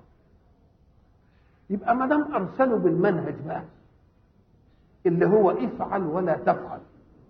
يبقى أرسلوا ليطاع ولا ليخالف؟ ليطاع. ربنا يقول في آية ثانية ما أرسلنا من إلا ليطاع بإذن الله. مش طاعة ذاتية له إنما الطاعة صادرة ممن؟ ورسول الله صلى الله عليه وسلم يتميز عن سائر الرسل بأنه كانت معجزته التي تؤيد صدقه في بلاغه عن الله هي عين كتاب منهجه في الأصول. كل الرسل كانت غير كده. الرسول يأتي بمعجزة ويأتي بكتاب منهج. إحنا قلنا برضو عصا موسى واليد البيضاء هذه معجزته. ولكن منهجه في إيه؟ في التوراة. اذا المعجزة منفصلة عن المنهج سيدنا عيسى معجزته إيه؟ مثلا يبرئ الأكمه والإيه؟ والأبرص. كده كويس إنما إنما كتاب منهجه إيه؟ الإنجيل. إلا سيدنا رسول الله. فإن معجزته وهي القرآن هي عين منهجه. ودي ليه بقى؟ قال لك لأن الله أراد للدين القدر أن لا تنفصل المعجزة عن المنهج. معجزات الرسل اللي شافها يؤمن بها واللي ما شافهاش. يسمع خبر عنها. إن كان واثق ممن أخبر يصدقه. وما كانش واثق لأنها مش مش مش قدامك دلوقتي. لولا أن الله أخبرنا بهذه المعجزات من الممكن كنا نقف فيها ولا ما نقفش؟ لكن معجزته صلى الله عليه وسلم باقية بقاء منهجه. تقول في آخر عمر الدنيا محمد رسول الله وتلك معجزته. إنما ما فيش واحد يجي يقول عيسى رسول الله وتلك لأنها إيه؟ حصلت زي عود الكبريت ولع مرة واحدة وانتهت. إنما القرآن باق بقاء الرسالة. نعم. الرسول صلى الله عليه وسلم حين يأتي بالبلاغ عن الله يبقى ربنا قال أنا أرسلت الرسول ليطاع. أكان المنطق أن يقول القرآن من يطع الله فقد أطاع الرسول؟ ولا المنطق أن يقول من أطاع الرسول فقد أطاع الله؟ لأن الدائرة البعيدة هي آه هو جايب عن الله. يبقى المباشر لنا مين؟ من الآمر المباشر؟ رسول الله. يبقى بيقول لنا يا ناس إذا أمركم الرسول أمرا فأطيعوه لأن طاعته هي طاعة مين؟ طاعة الله. وإحنا قلنا إذا كان الله قد توارد في أمر مع رسوله يبقى بنطيع الاثنين في الأمر. مش كده؟ وإذا كان الله قد جاء بأمر إجمالي كالزكاة والحج وجاء الرسول ففصل يبقى بنطيع الله في الأمر الإجمالي ونطيع الرسول في مين؟ في التفصيل. طب وإذا كان الله لم يجد بحكم لا مجمل ولا مفصل. بواسطة التوكيل والتفويض الذي فوض الله فيه رسوله ما آتاكم الرسول فخذوه وما نهاكم عنه فانتهوا. يبقى اذا كما قلنا سابقا يبقى القرآن يقول أطيعوا الله ومره يقول أطيعوا الله وأطيعوا الرسول ومرة يقول أطيعوا الله والإيه؟ والرسول ومرة يقول أطيعوا مين؟ الرسول بس. لأن فيه أوامر الله فوض رسوله في أن يشرع فيها وهو الرسول الوحيد الذي أعطي أن يفوض في التشريع. كل الرسل بلغوا عن الله. ما فيش واحد بلغ من عنده حاجة ابدا. إلا مين؟ إلا سيدنا رسول الله. فإن الله سبحانه وتعالى قد فوضه بقوله ما آتاكم الرسول فخذوه وما نهاكم عنه. اذا فللرسول مهمة. هذه المهمة داخلة في إطار القرآن أيضا. لأن أنا لما أجي أقول للواحد آه الموظف اللي يغيب 15 يوم في قانون الدولة يفصلوه. يوم يجي واحد يقول لك يا أخي أدي الدستور وقريته ما فيش فيه ما فيش فيه الحكاية دي. يبقى الكلام ده غير دستوري. أقول له لا ما هو الدستور قايل هنا وتؤلف هيئة تنظم أعمال العاملين في هذه الإيه؟ يبقى بالتفويض في هيئة تيجي وتعمل نظام عشان يطبق على العاملين يبقى دي جاية من الدستور ولا لأ؟ يبقى كل حاجة جاية هنا داخلة في مين؟ داخلة في هذا التفويض اللي في نص الدستور للهيئات أو للجان الذي تضع التشريعات الفرعية. فكذلك إذا قيل لك هات دليلا من القرآن لأن صلاة المغرب ثلاثة ولأن الفجر اثنين ولأن الظهر أربعة ولأن العشاء مثلا أربعة. هات دليل من القرآن عليه. تقول له دليلي من القرآن ما آتاكم الرسول فخذوه وما نهاكم عنه فانتهوا. كل حاجة تيجي. واحد يقول لك إيه؟ هات لي الدليل من الإيه؟ من القرآن. والرسول صلى الله عليه وسلم عشان عشان يضمن سلامة المنهج من هذه التخريفات اللي يقولوها يقول يوشك رجل يتكئ على أريكته يحدث بالحديث عني. فيقول بيننا وبينكم كتاب الله. فما عرفنا فيه من حلال حللناه وما عرفنا فيه من حرام حرمنا. ألا وإنما حرم رسول الله كما حرم الله. علشان تعرفوا غباء القائلين بهذا نقول لهم قولكم هذا دليل على صدق الرسول. ليه؟ لأن بالله لو ما كانش يجي واحد زي الجماعة اللي في ليبيا وبعدين يقولوا ما فيش إلا القرآن والحديث ده مش عارف إيه والهوى ويقعدوا يعملوا لنا العملية دي. بالله كنا نقول إيه؟ للمحدثين الذين رووا حديث رسول الله يوشك رجل يتكئ على أريكته يقولون. لو لم يقولوا هذا كنا نقول الله النبي قال يوشك رجل يتكئ على أريكته ويحدث بالحديث عنه. ولا حدش قال حاجة ولا حد اتكلم. يبقى الكلام ده إيه؟ الكلام ده ملوش لازمة. يبقى هم دليل على مين؟ على صدق رسول الله صلى الله عليه وسلم. وما دام الله قد أرسله منه إلى خلقه يبقى مع هذه الرسالة الطاعة. وما هي الطاعة؟ الطاعة هي الاستجابة للطلب. الاستجابة للطلب. الاستجابة للطلب دي أنواع الطلب زي ما بيقولوا الجماعة اللي بيشتغلوا في البلاغة والنحو كثيرة. مرة مثلا تتمنى شيء بس أنت بتطلب شيء مستحيل. ليت الكواكب تدنو لي فأنظمها. مش هتنزل الكواكب. ليت الشباب يعود يوما. هذا لون من الطلب يدل على إن دي شباب إيه؟ الطلب محبوب. إنما هل يقع؟ ولا يقع ولا إيه بس دللت به على أنه أمر إيه؟ مطلوب للنفس ومحبوب. ده نوع من الطلب. طيب لما بتستفهم عن شيء من عندك؟ بتطلب ولا ما بتطلبش؟ برضه بتطلب. طيب وإن طلبت شيئا ليفعل. أهو ده الأمر بقى. وإن طلبت شيئا ليجتنب يبقى ده النهي يبقى ده الايه يبقى الطاعة هي أن تجيب إيه؟ طالبا إلى ما طلب. تلك هي الطاعة. الطالب اللي طلب يا إما بأمر لتفعله أو بنهي لتجتنبه. يبقى عندنا إيه؟ أمر وإيه؟ الطاعة إجابة طالب إلى إلى طلبه إذا أطلقتها مع أي حد تيجي لكنها إذا أطلقت أطلقت اطلاقا عاما لا تنصرف إلا لطاعة العبد لربه. لكن بعد ذلك تقول الولد أطاع الولد أطاع أبوه الولد أطاع أستاذه الصنايعي أطاع معلمه مثلا. ده بالإضافات. إنما الإطلاق إذا إذا أطلقت كلمة الطاعة تنصرف إلى مين؟ طاعة العبد لمين؟ ودي أسلم أنواع الطاعات. ليه قال لك لأن أمر كل آمر أو نهي كل ناه قد يشك في أنه أمرك بكذا ليعود عليه بالفائدة أو نهاك عن كذا ليعود عليه بالإيه؟ بالفائدة لكن إذا كان الذي طلب منك في غنى عن عملك وعن وعن انتهائك يبقى دي مسألة ما فيهاش شبهة ولا لأ ولذلك بيقول ده بيدعيكم لإيه؟ بيدعيكم لمصلحتكم يبقى اللي يشكك في الإنسان في الطاعة إيه؟ المخافة أن يكون الطالب قد طلب أمرا يعود عليه بالمنفعة أو نهى عن أمر أيضا يعود النهي فيه إلى الإيه؟ المنفعة لكن إذا كان الطالب له كل صفات الكمال المطلق قبل أن توجد أنت يبقى وجودك وعملك وعدم عملك لا يعود عليه بشيء تبقى دي أسلم أنواع الإيه؟ أسلم أنواع الطاعات الرسول صلى الله عليه وسلم قال من أطاعني فقد أطاع الله.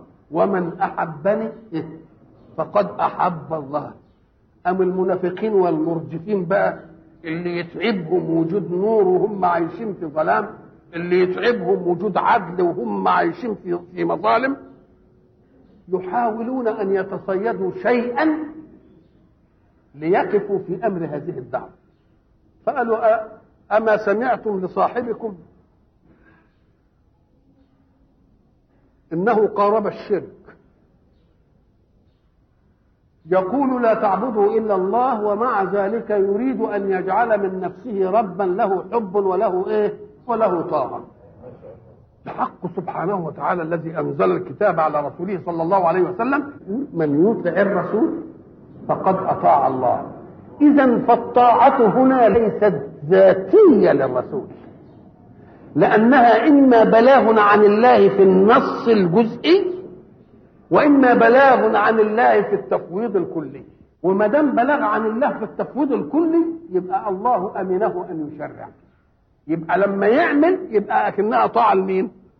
طاعة لله من يطع الرسول فقد أطاع الله مقابل الطاعة إيه؟ التولي والعصيان. التولي طيب. الناس ستنقسم مع الرسول قسمين. قسم يطيعه في افعل ولا تفعل. وما لم يرد فيه من التشريع افعل. ولا تفعل فهو داخل في حكم المباحات. إن شئت فعلته وإن شئت لم تفعل. فالذين يستجيبون للرسول أن يطيعونه تفعل ولا تفعل يبقوا دول أقبلوا على المنهج والذين لا يطيعونه يبقى تولوا تولوا يعني أعرضوا يعني صدوا انظروا إلى الحق سبحانه وتعالى كيف يحمي نفسية الرسول ومن تولى ما دام قال من يطع الرسول فقد أطاع الله يبقى اللي يتولى يعمل إيه؟ إيه المقابل إيه؟ يبقى مش هيطيع الرسول يبقى ما أطاعش مين؟ ما هي المقابل بقى. يبقى اللي يتولى يعمل إيه؟ مش هيطيع الرسول. يبقى ما أطاعش مين؟ ما أطاعش عال الأول. يقول الرسول يقول الحق سبحانه وتعالى لرسوله صلى الله عليه وسلم علشان يعطي له المسألة اللي شغلة نفسه من حبه لأمته. يقول إيه؟ ومن تولى فما أرسلناك عليهم حفيظا. فيه فرق بين أرسلناك لهم أو إليهم وأرسلناك عليهم. أرسلناك لهم لتبلغ فقط إنما عليهم لتحملهم على كذا. شوف الفرق بين الاثنين. يعني يجب أن يتنبه إلى أنك يا محمد أنا أرسلتك للناس لا على الناس. طب إيه الفرق؟ أرسلتك للناس أي لتبلغهم؟ فمن شاء فالايه يطع. ومن شاء فليعصي وحر انت هتتعب نفسك وتظن اننا ارسلناك عليهم يعني ترغبهم على ان يؤمنوا. فتكلف نفسك أمر إيه؟ ما كلفك الله به. ليس عليك هداهم ولكن الله يهدي من يشاء. انما انت مذكر لست عليهم بمسيطر. لست عليهم بمسيطر. وفي آية ثانية يقول وما أنت عليهم بجبار. جبار يعني تجبرهم انهم يعملوا الطاعة. لا. يبقى إذا الجاي الملحظ منين؟ من الجار الذي يدخل على المادة. أرسلناك إليهم أرسلناك لهم يعني ولم نرسلك عليهم. ولهم تفيد البلاغ مع حرية المبلغ. وعليهم تفيد البلاغ مع قهر المبلغ على ما يبلغ. به نقول له دي تنافي إيه؟ تنافي التكليف وتنافي الطواعية وتنافي الإيه؟ وتنافي الاختيار. ما أرسلناك عليهم حفيظا. الحفيظ هي هو الحافظ. بس الحافظ دي مبالغة. تقول هذا حافظ مال فلان وهذا حافظ مال الناس جميعا. يعني عنده مبالغة في الإيه؟ بلغ عنده مبالغة في الحفظ. ليه قال لك لأنه لما بيكون حافظ لده وحافظ لده وحافظ لده وحافظ لده يبقى تكرر الحدث منه ولا لا؟ يبقى المبالغة جاية في تكرير الإيه؟ في تكرير الحدث. إحنا لم نرسلك عليهم حفيظا. دي دي لمصلحه مين؟ لمصلحته صلى الله عليه وسلم. لأنه بين لنا شغل رسول الله بأمته. أمة الدعوة وانه يحب أن يكونوا جميعا مؤمنين ملتزمين مطيعين ولذلك يقول فلعلك باخع نفسك مش كده؟ آه إنهم ما يؤمنوش يقول له لا انت تريح نفسك وعليك البلاغ فقط يبقى بيخفف مهمته ولا بيصعبها؟ طيب بيخففها ليه؟ لأن رسول الله ظن أن إن إن الحساب بتاعه هيبقى على إنه إيه؟ كل الناس تؤمن به، يقول له لا أنت دخلت نفسك في أمر صعب عليك، ولذلك أغلب عتابات الله لرسوله صلى الله عليه وسلم لا لأنه خالق ولكن لأنه حمل نفسه فوق ما تفرضه عليه الرسالة. زي اللي بيسيروا قصة ابن أم مكتوم يقول لك النبي غلط وربنا قاعد يقرعه ويوبخ ويقول نقول له يا أخي الرسول جاي له الصناديد العتاة الكافرين وابن أم مكتوم جاي مؤمن وعايز يستفهم. إن هو اللي سهل بقى أن يتعرض لابن أم مكتوم ولا يتعرض للصناديد اللي عمالين يخلفوه إن هو اللي أسهل. يتعرض لابن أم مكتوم. اما هو ترك السهل وراح لمين؟ الصعب. فبيقول له أنت تعبت نفسك ليه؟ ما عليك ألا يتزكى. وأنت إيه بس اللي تعب نفسك؟ يبقى اذا بيلومه لصالحه ولا علشان خالف؟ يلوم لصالحه. فكأن الحق سبحانه وتعالى حينما يقول رسوله صلى الله عليه وسلم ما ارسلناكش لهم عشان حفيظ. يبقى الحفيظ هو إيه؟ هو الذي يحافظ على من يبلغه أمر الله أن يكون سائرا على منهج الله. إن أراد ينحرف يعمل إيه؟ يحفظوه يعدله هذا الحفيظ. أنا ما أرسلتكش حفيظ عليهم. أنا أرسلتك تبلغه. وهم اللي احرار يدخلوا نفسهم في التكليف وهم إيه؟ ما يدخلوا. يبقى الحفيظ هو المهيمن هو المسيطر هو زي ما قال في الايات الأخرى المسيطر أو الجبار اللي اللي يحملهم. قال له أنا ما عملتكش ومن تولى فما أرسلناك عليهم حفيظا. طب ما دامت المسألة بقى ما أرسلنا إلا ليطاع بإذن الله من يطع الرسول فقد أطاع الله فقد أطاع الله والكلام في الطاعة والطاعة هي إجابة داع إلى إيه؟ إلى مطلوب. نقول له طيب بقى الطاعة بقى المقصودة لله. قال لك الطاعة هي أن تنفذ جوارحك ما تسمعه أذنك وما ينطق به لسانك. مش الطاعة نقول له خلاص يا رسول الله إحنا طائعين. وبعد ذلك تحاول أن تخدش هذه الطاعة إنك تجعلها طاعة لسان وليست طاعة جوارح. تبقى دي محسوبة أو غير محسوبة؟ مش محسوبة. قال له بقى بيقول ستتعرض لطائفة من أمة الدعوة يقولون لك حين تأمرهم بشيء أو تطلب منهم شيئا أمرا أو نهيا يقولون إيه؟ طاعة يعني أمرك مطاع. فإذا برزوا من عندك برزوا يقال برز يعني خرج للبراز والبراز هي الأرض الفضاء الواسعة. ولذلك يقول لك إيه؟ ابرز لي. يعني إيه؟ يعني اخرج من الكن ده ومن الدور ومن الحصون دي ويطلع ليا إيه؟ برز. كانوا العرب زمان ما يقضوش حاجتهم في بيوتهم. فإذا ما أرادوا قضاء حاجتهم ذهبوا إلى الإيه؟ إلى الغائط البعيد. ولذلك يقول لك تبرزوا. يعني إيه؟ يعني خرجوا. ساعة ما يشوفوهم خارجين كده يقول لك رايحين يقضوا إيه؟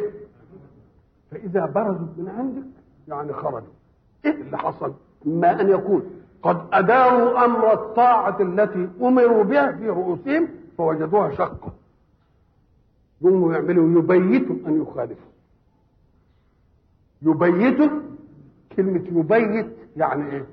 أولا إحنا نعرف كلمة بيت يعني إيه؟ البيت هو المأوى الذي إيه؟ يأوي الإنسان وأحسن أوقات الإيواء هي الليل. فسموا البيت الذي نسكنه إيه؟ مبيت يعني بنبات فيه عادة البيت مكان وحضورات ومستور. ولذلك يقول لك هذا الأمر بيت بليل. بيت بليل يعني إيه؟ يعني قعدوا يدبروه كده في إيه؟ في ليل. هل المراد بليل الا يبيت في النهار أيضا؟ أم قال لك لكن الشائع أن يبيت في إيه؟ لأن كل واحد في إيه؟ في مكانه ولما يبيتوا بليل كده يقعدوا مريقين وبعيد عن الأعين وإلى آخره يقوموا يدبروا الايه يبقى إذا تبييت بليل. يعني يعني طب وإن كان في ظلام؟ برضه تنفع. طب وإن كان سران برضه يبقى ينفع ولا ما ينفعش؟ يبقى الأصل في التبييت أن يكون إيه؟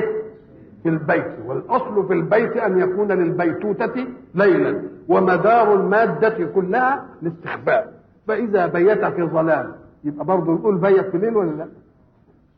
إذا بيت سرا نقول له برضه بيت في إيه؟ بليل ويقولون طاعة فإذا برزوا من عندك بيت طائفة منهم غير الذي تقول. كلمة تقول دي عايدة على مين؟ بيت طائفة منهم اللي هم قالوا طاعة. فإذا ما خرجوا بيتوا أمرا غير الذي تقول يعني تقوله الطائفة. آه يعني هي قالت إيه طاعة ولكن أمرها سيكون إيه؟ عصيان. أو طاعة غير التي تقولها يعني افعل ما يفعلوش. لا تفعل يفعلوا. ويقولون طاعة فإذا خرجوا من عندك بيت طائفة منهم غير الذي تقول. يعني قالت طائفة هي طاعة. فبيتوا غير ما تقول هذه الطائفة يبقى عصيان أو أنت تقول لهم افعلوا فيبيتون غير ما تقول أنت. يبقى افعلوا يبقى لا يفعلون. لا تفعلوا يبقى يفعلون. والله يكتب ما يبيتون. طيب. الكتب ده نتيجة العلم. اشمعنى جاب كلمة الكتب دي؟ أي أنه مسجل عليه بحيث يستطيع الكتاب أن يعرض عليهم فيقرؤونه. لأن لما بيبقاش مكتوب يصح إنهم يقولوا لا ما حصلش. إنما إيه؟ مسجل. والله يكتب ما يبيتون رسول الله صلى الله عليه وسلم يخاف من هذه الطائفة. لأنها طائفة ستثبط أمر الدعوة. فالحق يقول إنك لن تنصر بمن أرسلت اليهم وإنما تنصر بمن أرسلك. فإياك أن يخدش ذلك في عزيمتك نحو الدعوة. أنت تنصر بمن؟ بمن أرسلك. ولا تنصر بمن أرسلت إليه فإذا حدث من طائفة منهم هذا فأعرض عنهم أعرض عنهم. يعني لا تخاطبهم في أمر من هذه الأمور. ودعهم ودع الانتقام لي لأنني سأنصرك رغم مخالفتهم لك. فأعرض عنهم والإعراض عنهم يبقى ترك أمر المرسول إليهم. واتجه إلى أمر المرسل لأن المصلحة في كل الرسالات. إنما تكون عند من أرسل ولكن المرسل إليه قد تتعبه الدعوة الجديدة لأنها ستخرجه عن هوى نفسه ومستلزمات طيشه يبقى الذي أرسلك هو هو الضامن لك في أن تنجح دعوتك. فأعرض عنهم وتوكل على الله. وكفى بالله وكيلا. لماذا؟ قال لك لأن الذين يؤمنون بك محدود القدرة ومحدود الحيلة ومحدود العدة ولكن الذي أرسلك يستطيع أن يجعل من عدد خصومك ومن عدة خصومك جنودا لك وينصرك من حيث لا تحتسب. ولذلك حق سبحانه وتعالى بدأ قضية الإسلام والمعركة الإسلامية مع الكافرين في أن يجعل المؤمنين قلة. ليه؟ لأنه لو جعلهم كثرة لقالوا كثرة لو اجتمعت على ظلم لنجت. إنما لما تبقى قلة وتنجح يبقى دي فأل طيب بإنك أنت مش منصور بهؤلاء وإنما منصور بمن بمدد الله. أفلا يتدبرون القرآن؟ إذا سمعت كلمة أفلا اعلم أن الأسلوب بيقرع من لا يستعمل المادة اللي بعده. أفلا يتدبرون القرآن؟ يعني كان الواجب عليهم أن يتدبروا. ما هو التدبر؟ في شيء اسمه التدبر وفي شيء اسمه التفكر وفي شيء اسمه التذكر. وفي شيء اسمه العلم وفي شيء اسمه العقل. وردت كل هذه الأساليب في القرآن. أفلا يعلمون أفلا إيه؟ يعقلون. لا تتفك ألا فلا يتذكرون أفلا يتفكرون يتدبرون. يبقى كم حاجة؟ تدبر وتفكر وتذكر وتعقل وعلم. حين يأتي مخاطبك ليطلب منك أن تستحضر كل هذه. تدبر. معناه إنه إيه؟ أنه واثق. أنك لو أعملت عقلك اعمالا قويا لوصلت إلى الحقيقة المطلوبة. لكن اللي عايز يغشك ما ينبهش فيك وسائل التفتيش. زي زي التاجر تدخل عنده تشتري قماش يقوم يعرض قماشه كده. وعايز يثبت لك إن هو قماش جامد ما صناعي ولا بتاع يقوم مبله كده ويجي يقطعه ما بينبه فيها الحواس الناقدة. إذا نبه فيك الحواس الناقدة يبقى معناها إيه؟ أنه واثق من أن إعمال الحواس الناقدة في صالح مدعاه. ولو أنها مش في صالح مدعاه كان إيه؟ كان يكلفتها كده. إنما يقول لك بص كويس جرب اعمل مش عارف إيه. خدها وروح وريها لهم في البيت. اعمل اعرف. الله. يبقى معناها إيه؟ يبقى واثق من أنك لو استعملت الحواس الناقدة ستنتهي إلى المطلوب. يوم يقول افلا يتدبرون. إيه التدبر بقى؟ قال لك كل أمر يعرض على العقل له فيه عمل. تفكر فيه لينظر في دليل صدقه يبقى دي أول إيه؟ مرحلة. فإذا ما علمت دليل صدقه شوف النتيجة اللي تعود عليك لو ما عملتهاش. تتدبر يعني تنظر إلى أدبار الأشياء وأعقابها. يجي يقول لك الإله واحد. ابحث في الأدلة بفكرك. تفكر. فإذا ما انتهيت إليها آمنت بأن فيه إله واحد. اوعى تقول المسألة فانتازيه ليه؟ قال لك تشوف العاقبة هتكون إيه إن ما آمنتش بقى بالإله الواحد دي. هيكون جزاءك كذا وكذا وكذا. يبقى تدبرت يعني نظرت في إيه؟ في أدبار الأشياء العواقب اللي تحدث منها. دي مرحلة بعد إيه؟ بعد التفكر. قد يطرأ عليك بالغفلة نسيان. يوم يقول له أفتكر بقى اللي أنت فهمته. وافتكر اللي انت قريت عقبته يبقى يجي الأول إيه؟ التفكر وبعدين يجي التدبر. اما عملتش كده إيه اللي هيحصل؟ تقول لي تقول لابنك عشان تبقى كويس وتبقى مش مستقبلك عال وتبقى مهندس وتبقى طبيب. الواحد يقول الواد يتفكر زي فلان وزي علان وزي واحد يقعد يفكر ويقتنع.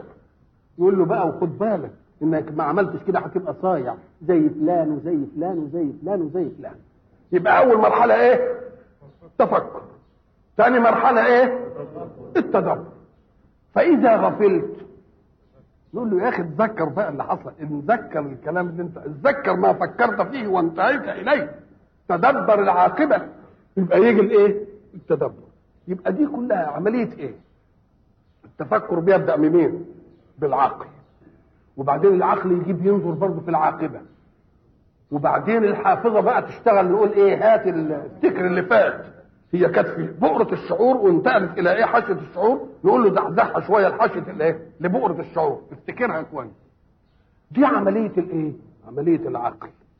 فإذا كنت قد تعقلت الأمر لذاتك يقال قد عقله فلان. فإن فهمت ما عقله غيرك تبقى علمت ما عقله فلان. علمت؟ يبقى العلم مش ضروري تكون انت انتهيت إليه بإيه؟ بعقلك. بل انت خدت حصيلة مين؟ حصيلة تعقل غيرك. ولذلك لما ربنا ينفع عن واحد العلم يبقى نفع عنه التعقل من باب أولى. لأن العلم يعلم تعقلات غيره. الفلاح أو الأمي بينتفع بالتلفزيون وبينتفع بالنور وبيعمل الزرار كده يطلع كده انتفع بمين؟ بعلم غيره إنما مين اللي تعقلها ومين اللي جابها؟ يبقى دايرة العلم إيه؟ أوسع لأنك تعرف تعقلك أنت وتعقل سواك فإذا نفي عن إنسان العلم يبقى نفي عنه التعقل من باب من باب اولى ولذلك ربنا لما يجي يعرضها يعرضها يقول إيه؟ إذا قيل لهم اتبعوا ما أنزل الله قالوا بل نتبع ما ألفينا عليه إيه؟ آباءنا. أولو كان آباؤهم لا يعقلون شيئا ولا يهتدون. وتيجي في آية ثانية في المعنى ده نفسه. لما يقول له اتبعوا ما أنزل يقول حسبنا ما وجدنا عليه آباءنا. إن هي اللي بليغ. اللي هي نتبع ما ألفينا عليه أبانا ولا حسبنا ما وجدنا عليه أبانا. ان هي اللي أكثر شوية.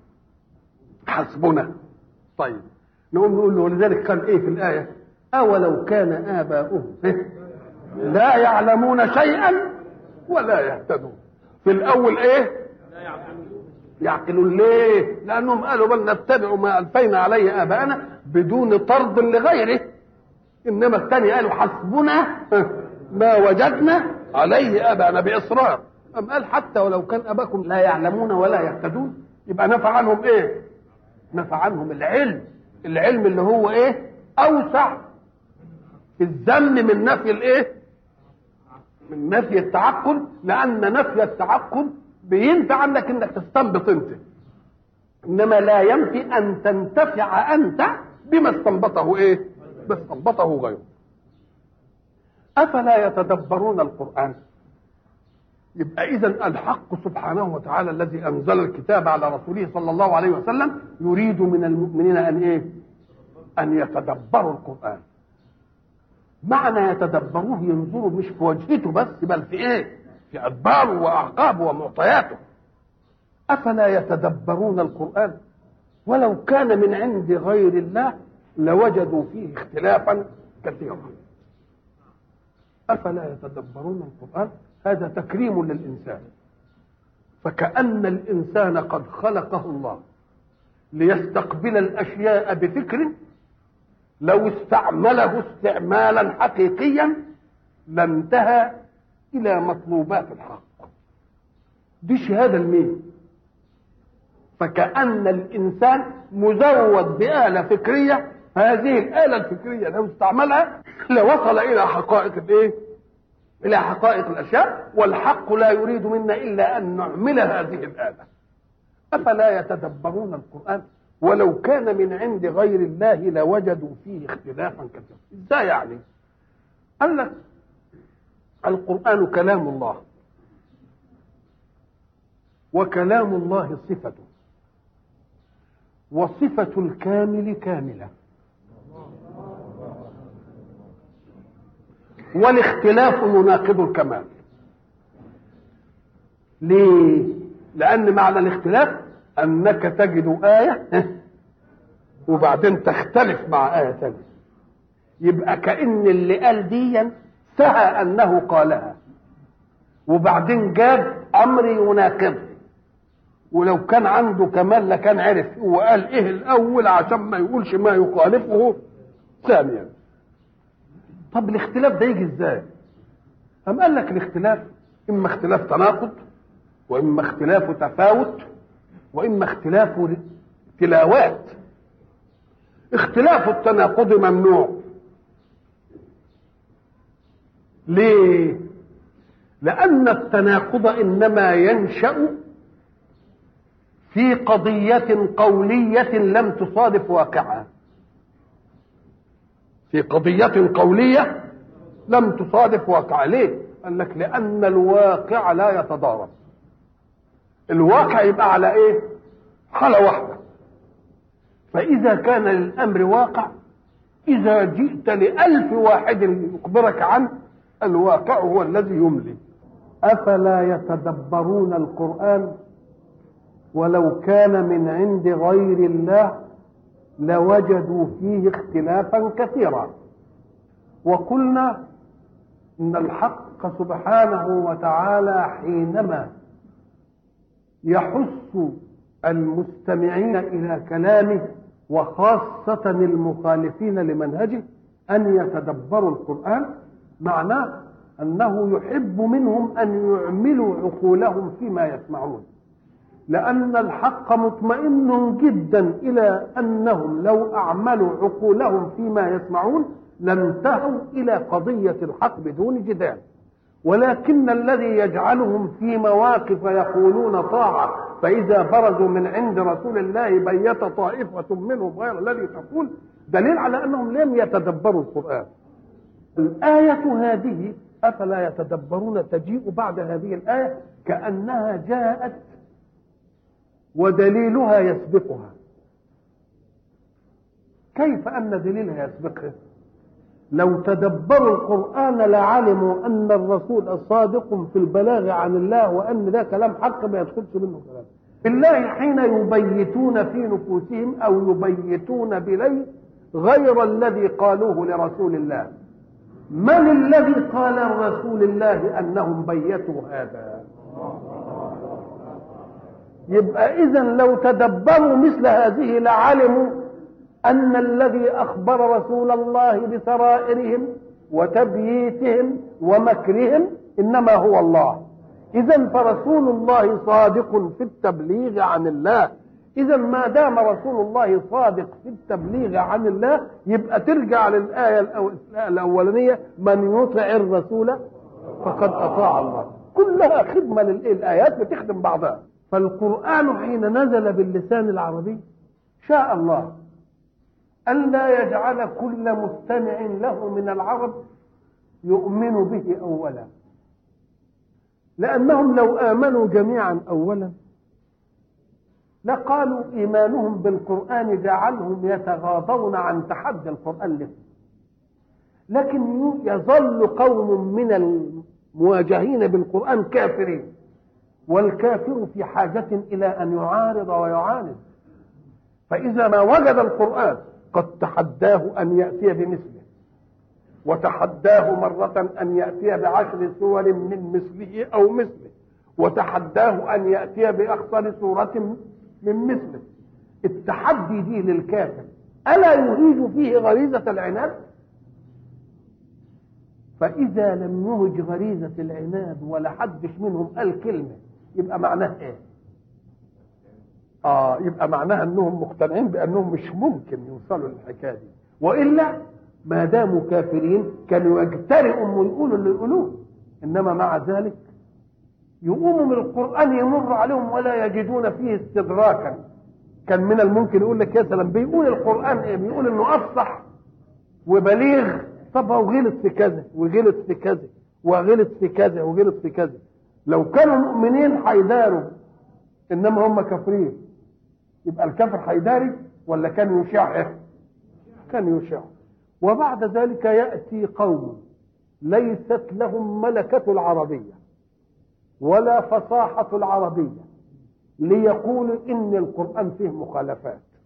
بقى أنتوا اللي ما عندكوش ملكة العربي اللي لغتكم لغة مصنوعة ملكوش ملكة فصاحة. تقوموا أنتوا تيجي تقولوا ده القرآن فيه مخالفات؟ طب كان ده يقولوا مين؟ كان يقولوا العرب اللي عندهم ملكة فصاحة ومعاصرين لنزول القرآن وهم كافرون بما جاء بمحمد. يبقى أنتم هم ما يقولوش وأنتوا اللي تيجوا إيه؟ أنتوا اللي تيجوا تقولوا ده دليل على أن عندكم نقص في إيه؟ في اللغة ما أنتوش عارفين. نقول له يا إخوان الاختلاف ده في إيه؟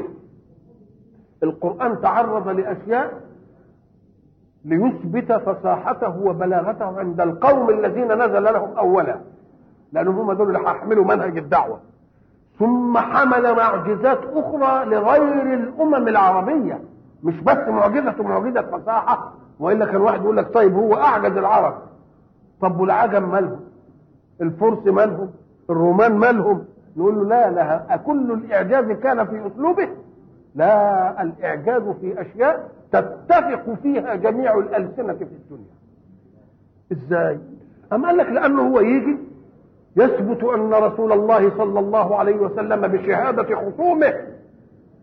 لم يبارح الجزيرة إلا مرة في رحلة لما راح في رحلة التجارة. ولم يثبت أنه جلس إلى معلم. وكلهم عارفين الحكاية دي فيه. حتى الغلطة اللي غلطوها ربنا جابها ضدهم قال قد نعلم أنهم يقولون إنما يعلمه بشر. بشر مين كان واحد قاعد هناك عند الجبل؟ قال لهم يا اغبياء لسان الذي يلحدون إليه أعجمي وهذا لسان عربي مبين. يعني إيه؟ يعني افتكروا كويس. نقوم نيجي إن هو لم يجلس إلى معلم ولا راح دحل ولا أي حاجة. وبعد ذلك جاء في القرآن الذي أنزله الله سبحانه وتعالى عليه ليثبت تحديا لا بالمنطق ولا باللغة ولا بالفصاحة ولا بالبيان بل بالأمر الشامل لكل العقول. الأمر الشامل لكل العقول اللي هو اللي هو كتاب الكون. كتاب الكون ده ووقائعه وأحداثه ده بيشترك فيه كل الناس. قال لك الكون ده عامل حجب. فالأمر الماضي حجبه الزمن الماضي. اللي كان عايش ايامها يعرفه واللي ما كانش عايش ايامها ما يعرفوش. يبقى أحداث الماضي حجبها الزمن الماضي. طب وأحداث المستقبل؟ حجزها المستقبل لأنها لسه ما وقعتش. طيب على الأول يبقى هناك حاجز زمان. هناك حاجز إيه؟ زمان. والمستقبل حادث إيه؟ زمان راخ طب والحاضر؟ لا ده الحاضر قدامنا. يقوم يجي إيه؟ يعمل له حاجز مكان. حاجز إيه؟ مكان. يقوم القرآن يجي في أساليبه يخرق كل هذه المسائل. ثم يتحدى ويقول إيه؟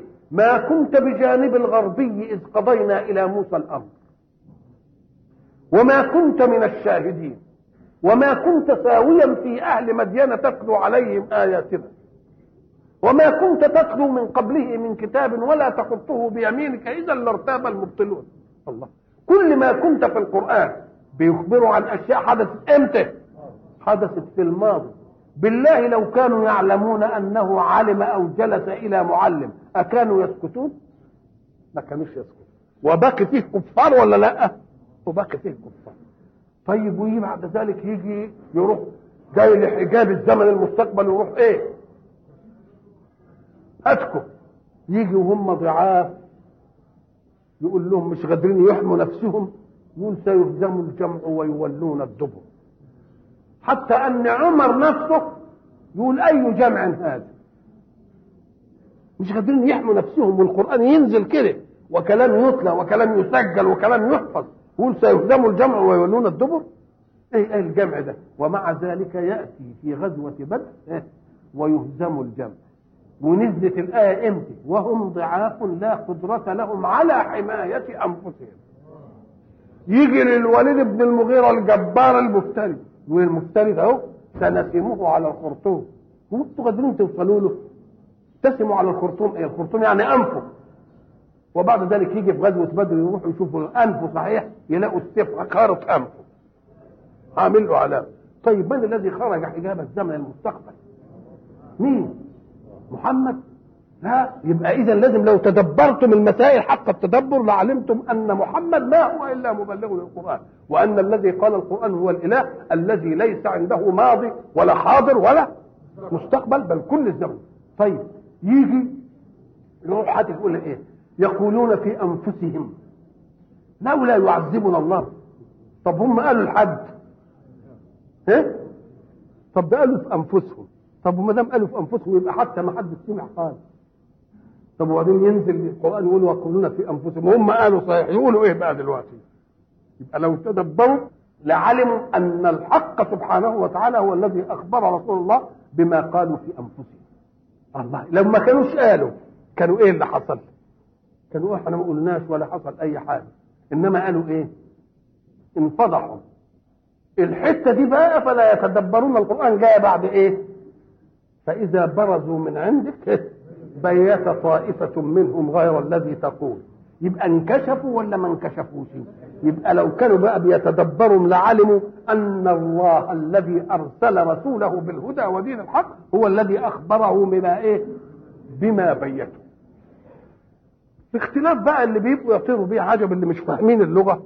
يقول لك يا أخي إحنا بنشوف العاقل يقول أن الحدث الواحد المنسوب إلى فاعل واحد لا ينفى مرة ويثبت مرة أخرى. حدث فعل واحد. والفاعل واحد. مرة ينفى ومرة يثبت. لا إن نفيته ما تثبتوش. وإن اثبته ما تنفيش. يقول له القرآن فيه كده. إيه يا أخويا يا سيدي اللي في القرآن؟ قال يقول له وما رميت إذ رميت. ما رميت؟ نفى مين؟ إذ رميت. أثبت الرمي هو يقول لك أهو جاب إيه؟ جاب الفعل وهو الرمي والفاعل وهو مين رسول الله صلى الله عليه وسلم. مش كده؟ يثبت مرة وينفيه مرة في الآية واحدة. ما رميت إذ إيه؟ إذ رميت. ولكن الله رمى. مش كده؟ نقول له يا أخي ما هو لأنك أنت ما عندكش ملكة العربية. قلت هذا الكلام. إنما اللي عنده ملكة العربية واصيل فيه وسليقة وطبيعة وسجيه سمعها ولم يقل مثل هذا الكلام. مما يدل على أنه فهم مؤداها ولماذا نبتعد لنقول من جاهلية؟ نحن الآن إذا ما جئت مثلا لولدك وقلت له ذاكر لأن الامتحان قد قرب. وأنا قاعد أهو اشوفك هتذاكر ولا مش هتذاكر فيأخذ الولد كتابه ويجلس إلى مكتبه وبعد ذلك يفتح الكتاب ويقلب الأوراق ويهز رأسه ها؟ وبعدين بعد مدة كده بعد ساعة تيجي تقول له تعالى أما أشوفك ذاكرت إيه؟ تقوم تمسك الكتاب وتسأله سؤالين في اللي إيه؟ تقول له ذاكرت وما ذاكرت. ذاكرت؟ آه. ذاكرت يعني فعلت شكلية المذاكرة. إنما موضوع المذاكرة يبقى ذاكرت وما إيه؟ ذاكرت أدي نفي إثبات للفعل. وما ذاكرت؟ يبقى نفي للفعل. يبقى إذا جاء فعل من فاعل واحد مثبت مرة ومنفي مرة من كلام البليغ فاعلم أن جهة الإثبات غير جهة النفي. ذاكرت دي إثبات يعني فعلت فعل إيه؟ المذاكرة وما ذاكرت أي ما كان لمذاكرتك حصيلة. أهي وما رميت إذ رميت. فكأن رسول الله صلى الله عليه وسلم لما جاء على المعركة أخذ حفنة من الحصى. هو عمل كده صحيح. وجاء ورمى بها الجيش. يبقى العملية الشكلية من الذي عملها؟ إنما لرسول الله قدرة أن يرسل الحصى إلى كل الجيش. مش عمليته دي بقى. يبقى ما رميت أي ما أوصلت بالرمية الواحدة كل الجيش. إذ رميت إذ أخذت الحصى ولكن الله رمى. انت لك شكلية الرمي إنما موضوعية الرمي لمين؟ لله سبحانه وتعالى. يجي مثلا تيجي في آية تانية يقول لك إيه؟ ولكن أكثر الناس لا يعلمون. نفى ولا ما نفاش؟ يعلمون ظاهرا من الحياة الدنيا. بقى لا يعلمون وبعدين يقول يعلمون بعدها على طول. تبقى لا يعلمون العلم إيه؟ العلم المفيد. وقال لا لا يعلمون ظاهرا من الحياة إيه يعلمون؟ يبقى لا يعلمون بواطن الأمور ولا ولا عواقبها. يبقى إذا جاء فعل فأثبت مرة ونفي مرة إيه؟ مرة أخرى يبقى لازم الجهة تبقى إيه؟ الجهة منفكة. يجي مثلا يقول إيه؟ فيومئذ لا يسأل عن ذنبه إنس ولا جان. أهو القرآن بيقول كده هم يقولوا كده. وبعدين مرة يقول لك إيه؟ وقفوهم إنهم مسؤولون. الله يبقى معناها إنهم إيه؟ هينسألوا والآية الثانية قالت إيه؟ ما يسألوش. كده ولا لا؟ نقوم نقول له طب خليك عندك ملكة العربية. السؤال يرد إلى أي شيء؟ ألا يسأل التلميذ أستاذه؟ ألا يسأل الأستاذ تلميذه؟ إذا فالسؤال قد يقع من العالم ليعلم ما عند المسؤول. مش ليعلم هو ما عند المسؤول ليعلم علمه هو بالمسألة دي إيه. لما يقول له ما حكم الفاعل؟ يبقى هو عايز يعرف منه القضية ولا عايز يعرف منه أهو يعرف القضية أم لا يعرفها. يبقى لما يجي التلميذ يسأل الأستاذ يبقى سؤال علم. لكن الأستاذ لما يسأل التلميذ يبقى سؤال إقرار. سؤال إيه؟ إقرار. الله. يبقى لما ربنا يقول وقفوهم إنهم مسؤولون إياكم أن يذهب ظنكم إلى أن الله يسأل لأنه لا يعلم وإنما يسأل ليقرركم لتكون حجة الإقرار أولى من حجة الاختيار. فإذا قال وقفوهم إنهم مسؤولون يبقى سؤال الإقرار. لا يسأل عن ذنبه إنس ولا جن يعني سؤال العلم. مش هنسأل عشان نعرف. إنما نسأل سؤال إيه؟ إقرار. إذا فإن رأيت شيئا نفي. وشيئا وأثبت في مرات أخرى فاعلم أن الجهة إيه؟ إن الجهة منفكة. يقول طيب يا أخي أنت بتقول لوجدوا فيه اختلافا كثيرا. ما إحنا نجد في الأسلوب اللي أنت بتقول عليه بليغ. القرآن في المعنى الواحد يجيب مرة كده ومرة كده. يبقى إن كانت البليغة الأولى تبقى الثانية مش بليغة. طب وإن كانت البليغة الثانية؟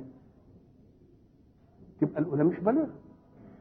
ما هي ما دام واحد واحد جم اثنين في معنى واحد أهو. وبعدين إن هي اللي هتبقى بليغه إن قلت الأولانية تبقى الثانية إيه؟ مش بليغه وإن قلت الثانية تبقى الأولى مش إيه؟ وهما الاثنين وصلوا. أقول له أنت توهلت إنهم في معنى واحد. إنما لو تدبرت الأمور لوجدت المعنيين مختلفين. لا يناسبه إلا هذا الأسلوب وهذا لا يناسبه إلا هذا. انت فرضت إنهم متفقين. إنما في الواقع إنهم مش متفقين. عرضنا إحنا مرة في, في إعجاز القرآن حينما كنا نتكلم عن إعجاز القرآن نقول مثلا إيه؟ ولا تقتلوا أولادكم من إملاق. مش كده؟ نحن نرزقه. آه ولا تقتلوا أولادكم من إملاق نحن نرزقكم. واياكم هو جاء في الآية الثانية قال يا أخي ده قايل نحن نرزقهم وإياكم. يبقى اللي بليغة إن كانت الأولى تبقى الثانية مش بليغة إن كانت الثانية تبقى الأولى مش بليغة يبقى مختلفين ولا مش مختلفين؟ مختلفين. نقول له آه أنت خدت لي عجز الآية بس. إنما خد عجز كل آية بصدرها. أنت ليه تسيب صدر الآية وتجيب لي عجز الآية؟ فهي عجز الآية مختلف. لأن هنا نحن نرزقكم وإياهم وهنا نحن نرزقهم إنما هل صدر الآية متحد؟ الكلام ده تقوله لو ان صدر الآية متحد. إنما صدر الآية إيه؟ مختلف. لأن ولا تقتلوا أولادكم من إملاق نحن نرزقكم واياهم فكأن الإملاق موجود ولا لا؟ لا تقتلوا أولادكم من فقر. يبقى الفقر حاصل ولا مش حاصل؟ حاصل. ما دام الفقر حاصل يبقى شغل المخاطب برزقه قبل أن يشغل برزقه ولا به؟ لأنه مش موجود عنده وخايف لما الولد يجي يفتقر. ده هو نفسه إيه؟ يبقى ما دام فقير هو يبقى مشغول برزقه قبل رزق مين؟ يبقى بيطمنوا على رزقه الأول وبعدين يطمنوا على رزق اللي حي نحن نرزقكم لأن الفقر والإملاق موجود. لكن في الآية الثانية ما قالش كده. هو قال لا تقتلوا أولادكم من إملاق نحن نرزقهم وإياكم. لا. ده قال لا تقتلوا أولادكم. خشية إملاق. أكن لما يخاف لا يفتقر يبقى هو الوقت مش فقير. ما دام مش فقير يبقى هو خايف لما يجي الولد يجيب له الإيه؟ يجيب له الفقر. لكن هو مش فقير. يبقى ما دام خشية إملاق يبقى الإملاق غير موجود. ولكنه يخاف الإملاق إن جاء الولد. يبقى اذا هو مشغوليته برزق نفسه نقول له لا ده عنده رزقه. ده هو خايف للواد يجي ويجيب له الفقر وياه أم قال لا ده هيجي برزقه. نحن نرزقكم وإياكم. يبقى أنت نظرت إلى أن إيه؟ إلى عجز الآية. إلى عجز إيه؟ الآية. ما نظرتش إلى كل إيه عجزها مع مع صدرها. لو نظرت إلى الآية عجزها مع صدرها ما كانتش تنفع الا كده. يجي برضه يقول لك ما هو في أساليب أنت بتقول القرآن كله بليغ وبعدين يجي يقول لك إيه؟ إن ذلك من عزم الأمور. في الصبر مثلا يقول لك في الصبر مثلا إن ذلك من عزم الأمور. وفي سورة ثانية يقول إن ذلك لا من عزم الأمور. بقول له برضه أنت عمال تلخبطني أنت ما أنتش فاهم. ال- ال- الآية الأولانية إيه؟ بيقول له واصبر على ما أصابك. إن ذلك من عزم الأمور. اصبر على ما أصابك إن ذلك من عزم الأمور في المصائب التي لا غريم لك فيها. شيء أصابني ماليش غريم فيه. يبقى دي إيه أصبر؟ لأن ما دام ماليش غريم. خلاص اعمل إيه؟ إنما لما يكون لي غريم. نفسي تتحرك بإيه؟ بإن أنا أنتقم منه. إنما ده دي ما فيهاش غريم. مات لي ولد. أنا ماليش غريم فيها دي. واخد بالك؟ إنما أن قتل لي ولد.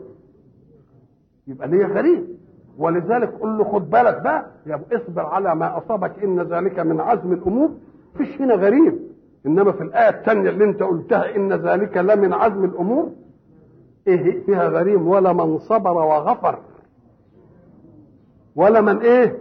ولا من صبر وغفر. إن ذلك لمن عزم الأمور. لأن تصبر على المصيبة وعلى إيه؟ وعلى اللي عملها الغريم ده لأن كل ما تشوفه يهيك تبقى دي عايزة تأكيد الصبر ولا مش عايزة تأكيد الإيه؟ عايزة تأكيد الصبر وتأكيده بقوة.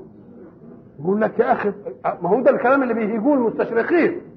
ويقعدوا بقى يقولوا لا أنتوا بس بتنظروا إلى القرآن بقداسة ولكن لو نظرتوا إليه بتفحص ومش عارف إيه تجدوا إن فيه مخالفات كثيره ومش عارف إيه من الكلام الفاضي ده. يقولوا طب قول لنا المخالفات. إحنا عملنا ردود على هذه. في حلقات متعددة نرد على كل اللي إيه برضه يجي يقول لك مثلا إيه؟ يقول لك يا أخي طب قضية خلق السماء والأرض.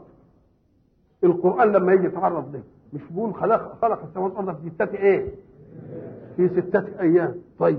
كل الآيات في ستة أيام ستة أيام ستة أيام. آيات الإجمال جميعها في ستة لكنك لو ذهبت إلى آيات التفصيل في قوله قل انكم لتكفرون بالذي خلق الأرض في يومين.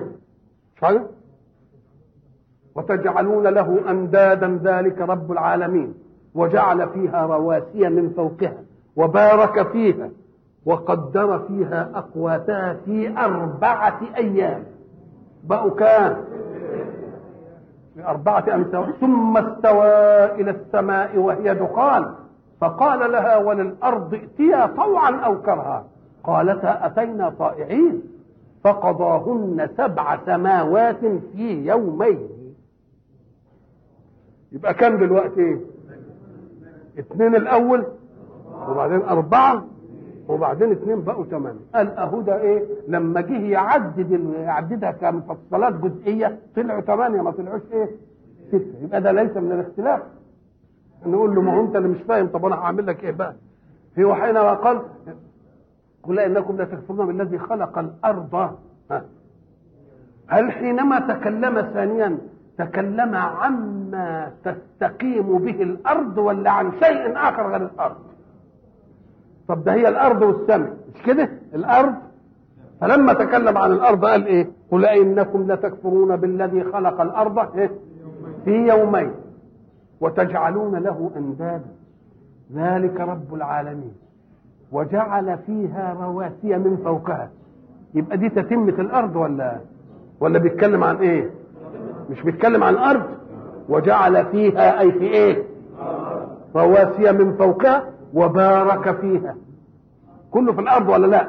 وقدر فيها أقواتها. كله في الأرض. اذا المرحلة الثانية مرحلة تتمه خلق الأرض. مش كده ولا لا؟ الأول خلق الإيه؟ الأرض كجر وبعدين خلق فيها إيه؟ جعل فيها الرواسي وجعل فيها الإيه؟ الاقوات وبارك فيها. في كام؟ في أربعة أيام. يبقى ما دام الكلام في التتمة يبقى الأربعة في التتمة. ما دام الكلام في التتمة يبقى الأربعة في الإيه؟ في التتمة. يبقى إيه؟ قل إنكم لتكفرون بالذي خلق الأرض في يومين وتجعلون له أندادا ذلك رب وجعل فيها رواسي من فوقها وبارك فيها وقدر فيها أقواتها. برضه زي ما دي تتمة للأرض يبقى الزمن تتمة للزمن يجي تتمة أربعة أيام أي كأن اليومين الأولين دخلا في الأرض لأن دي تتمة ودي إيه؟ ودي تتمة زي ما تقول أنا سرت من هنا للإسماعيلية في ساعة وإلى بورسعيد في ساعتين مش كده ولا لا؟ يبقى إلى بورسعيد في ساعتين يعني إيه؟ يعني من هنا ولا لا؟ دخلت فيها الساعة الأولانية ولا ما دخلتش؟ يبقى دخلت فيها الساعة الأولانية يبقى أنتم اللي ما أنتم فاهمين معطيات الإيه؟ معطيات القرآن. يبقى الحق سبحانه وتعالى بيقول أفلا يتدبرون القرآن؟ يعني إن حكمت ووجدت شيئا ظاهريا. في القرآن اعمل عقلك واعمل فكرك علشان تعرف إن التناقض في فهمك وليس التناقض في الإيه؟ في القرآن. ليه؟ لأنه من عند من؟ من عند من إذا قص واقعا قص واقعا على حقيقته. وعند من لا يغيب عنه لا حجاب الزمن الماضي ولا حجاب الزمن المستقبل ولا حجاب المكان ولا حجاب الإيه؟ ولا حجاب المكان. أفلا يتدبرون القرآن؟ ولو كان من عند غير الله كتاب طويل عريض مليان كذا صورة وكذا جزء. بالله هاتوا أي أديب من الأدباء. يجي علشان يعمل لي كمية دي ثم انظره في الفصاحة. هتجده قوي في الناحية دي. وضعيف في الناحية دي. وبعدين تجده اتلخبط وقال كلمتين هنا وبعدين جه بما يناقضهم هنا لما نمسك ديوان ابو العلاء المعري. بيقول إيه هناك؟ تحطمنا الأيام حتى كأننا زجاج ولكن لا يعاد لنا سبك يبقى بي- بينكر البعث ولا ما بينكرش؟ اهو برضه بعدين قال زعم المنجم والطبيب كلاهما لا تحشر الأجساد قلت إليكما إن صح قولكما فلست بخاسر أو صح قولي فالخسار عليكما. يبقى رجع في الكلام. يبقى إذا التناقض يأتي مع مين؟ إما مع صاحب الأغيار الذي كان له رأي اولا ثم عدلته التجربة والواقع إلى رأي آخر. لكن ربنا سبحانه وتعالى لا يتغير ومعلومه لا يتغير لأنه هو الإيه؟ هو الحق. يبقى يجي التناقض منين؟ التناقض يأتي من إيه؟ من إما. واحد بيكذب نقول الواقع ما حكموش. يا إما واحد هو في ذاته متغير. فرأى رايا إيه؟ ثم عدل عنه. يبقى متغير ولا مش متغير؟ ديا والحق سبحانه وتعالى. لا. يتغير و و و ويقول على الواقع الحق. أفلا يتدبرون القرآن؟ ولو كان من عند غير الله لوجدوا فيه اختلافا إيه كده نقول له طيب والواقع أيضا؟ الواقع أننا حين نجد قضية قرآنية تعرض كنص من نصوص القرآن أنزله الله على رسوله. هذه القضية القرآنية في كون له تغيرات. والتغيرات بعضها يكون من مؤمن بالقرآن وبعضها يكون من غير مؤمن بالقرآن. فهل رأيت قضية قرآنية؟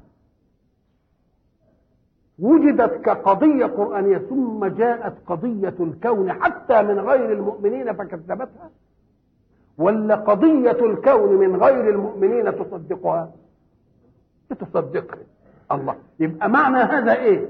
يجي, يجي مثلا لما يجي ال ال ال لما جم بعد الحرب العالمية الأولى واخترعوا أسطوانة تحطيم الجوهر للفرد والجزء الذي لا يتجزأ وأول حاجة في تفتيت الذرة. مثلا الذرة اتحطمت وربنا بيضرب المثل بالذرة وإنها أصغر حاجة من يعمل مثقال إيه؟ ذرة العلماء دول حطوا إيدهم على قلبهم ما دام اتفتتت الذرة يبقى وجد ما هو أصغر. نقول له ما أنت ما قريتش القرآن كله. أنت بس قريت من يعمل مثقال ذرة ومن يعمل مثقال ذرة لأن القرآن المعاصر كان أصغر شيء في الذرة عند العرب القديم. إنما يعلم الله أن العلم سيطمح ويرتقي ويجي يفتت الذرة. قال عالم الغيب فلا يعزب عن علمه مثقال ذرة في السماوات ولا في الأرض ولا أصغر من ذلك ولا أكبر. الله. يبقى لما تتدبر القرآن تقول إيه اللي قال له على إن هيجي أصغر ومش أصغر وإيه الحكاية دي؟ ده يبقى معناها إيه؟ إن ده من عند مين؟ من عند الله اللي المستقبل عنده زي الماضي. ما عندوش علم مستقبل وعلم حاضر وعلم إيه؟ ابدا. يوم تيجي تبص تلاقي نقول له لا ده تطمن أكثر من كده. ده انت لما قال ولا أصغر من ذلك وأصغر مرتبة ثانية من الصغر. لأن يبقى فيه صغير عن الذرة وأصغر من الصغير. يبقى لسه عندنا إيه؟ عندنا احتياطي كم مرحلة؟ عندنا احتياطي مرحلة ثانية فلو فتتوا المفتتة منها لوجدنا في القرآن له إيه؟ له رصيد. طيب تعالى للقضايا الاجتماعية مثلا. نقول لك نشوف القضية القرآنية يقولها القرآن ويقعد خصوم القرآن واللي مش فاهمين من المسلمين يجروا وراهم ويشنعوا ويقول لك لا دي ما تنفعش ما عادتش ملائمة للعصر. وبعد ذلك يأتي خصوم القرآن وأعداؤه لتفرض عليهم الظروف. أن لا يجدوا حلا لمشاكلهم إلا ما جاء به القرآن. أفلا يتدبرون الإيه؟ القرآن ولو كان من عند غير الله لوجدوا فيه اختلافا إيه؟ كثيرا. بعض الناس يقول لك طب ما هو في اختلاف في القراءات يقول لك مالك يوم الدين ومالك يوم الدين. المادة هي هي ولا لأ؟ بس في حاجات إيه؟ اسمها تربية الفايدة لأن كلمة مالك وكلمة ملك معناهم إيه؟ معناهم واحد. أفلا يتدبرون القرآن؟ ولو كان من عند غير الله إيه اللي لو كان من عند غير الله.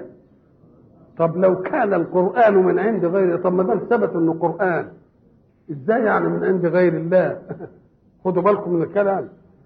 أفلا يتدبرون القرآن؟ ولو كان أي القرآن من عند غير الله بقى بقى غير الله كان هيجيب قرآن آه يبقى في الكمية والبتاع والحاجات اللي زي دي. إنما القرآن ما هيجيش إلا من مين؟ إلا من الله سبحانه وتعالى. ولو كان من عند غير الله لوجدوا فيه اختلافا إيه؟ اختلافا كثيرا. وإذا جاءهم أمر من الأمن أو الخوف الحق سبحانه وتعالى يربي الأمة الإيمانية على مسائل تضمن لهم سرية حركتهم وخاصة لأنهم قوم مقبلون على صراع عنيف ولهم خصوم أشداء. فبيربيهم على أن أمورهم تكون على الإيه؟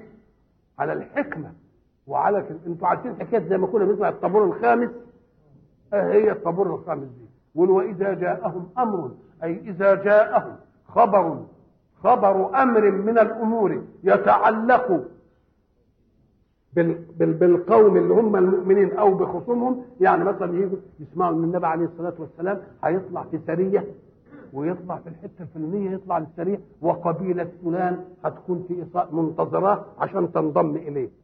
يقوم الضعاف والمنافقين لما يسمعوا خبر يعملوا إيه؟ يروحوا مذيعين. لما يذيعوه إيه اللي يحصل؟ خصومه يحتاطون يمكن يروحوا للقبيلة اللي كانت معاداه دي تيجي وياه ها؟ ويحصروها ما يخلوهاش تطلع. يجوا يقولوا مثلا ده النبي عليه الصلاة والسلام مثلا هيطلع وبعد ذلك يعمل كذا ويبيت كذا ويعمل كذا. يقوموا برضه يذيعوا هذا الخبر.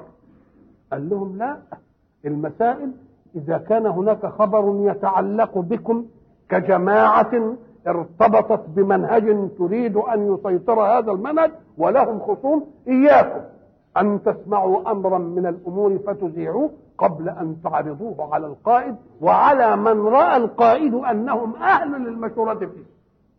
يبقى وإذا جاءهم أمر من الأمن يعني إن كانت حاجة في صالحهم أو من الخوف من عدوهم أذاعوا به. كلمة أذاعة غير اذاع به إيه؟ أذاعه يبقى قاله إنما أذاع بسببه يبقى دليل على أنه ماشي ماشي يقول يبقى أذاع الخبر يعني غير غير إيه؟ أذاع بالخبر. يعني كأن الخبر بذاته هو الذي إيه؟ لأن في حاجة الواحد يقولها مرة وتنتهي الايه وتنتهي المسألة. فكأن الإذاعة مصاحبة بإيه؟ بالخبر. والإذاعة طبعا إحنا الإفشاء ال ال الإظهار الإعلان الإعلام. كل الوسائل اللي هي إيه؟ اللي تنقل الخبر من طي محدود إلى طي غير محدود. أو من آذان تحترمه إلى آذان تتقحمه. يبقى وإذا جاءهم أمر من الأمن أي من جهتهم أو من الخوف من عدوهم أذاعوا به. شوف بقى ولو ردوه. إلى الرسول؟ يقول ها؟ ولو ردوه إلى إيه؟ إلى الرسول. وإلى أولي الأمر منهم لعلمه الذين يستنبطونه منهم. يقول له دي ينقال وده ما ينقالش ليستنبط يعني إيه استنباط دي كلمة النبط نفسها إذا حفروا بئرا أول شيء يجي من البئر من الماء يسموه الإيه؟ النبط اسمه إيه؟ واستنبط يعني طلب الإيه؟ طلب الماء فدي نقلت من المحسات في الماء إلى المعنويات في الأخبار ولذلك نستنبط الشيء الفلاني من الشيء الفلاني. لما تدي الولد مثلا تمرين الإيه؟ الهندسة وتعطي له معطيات. وبعدين المعطيات دي ياخدها ويقول بما أن كذا يساوي كذا يبقى ينشأ منه إن كذا يبقى يستنبط من موجود معدوما. يستنبط من موجود معدوم.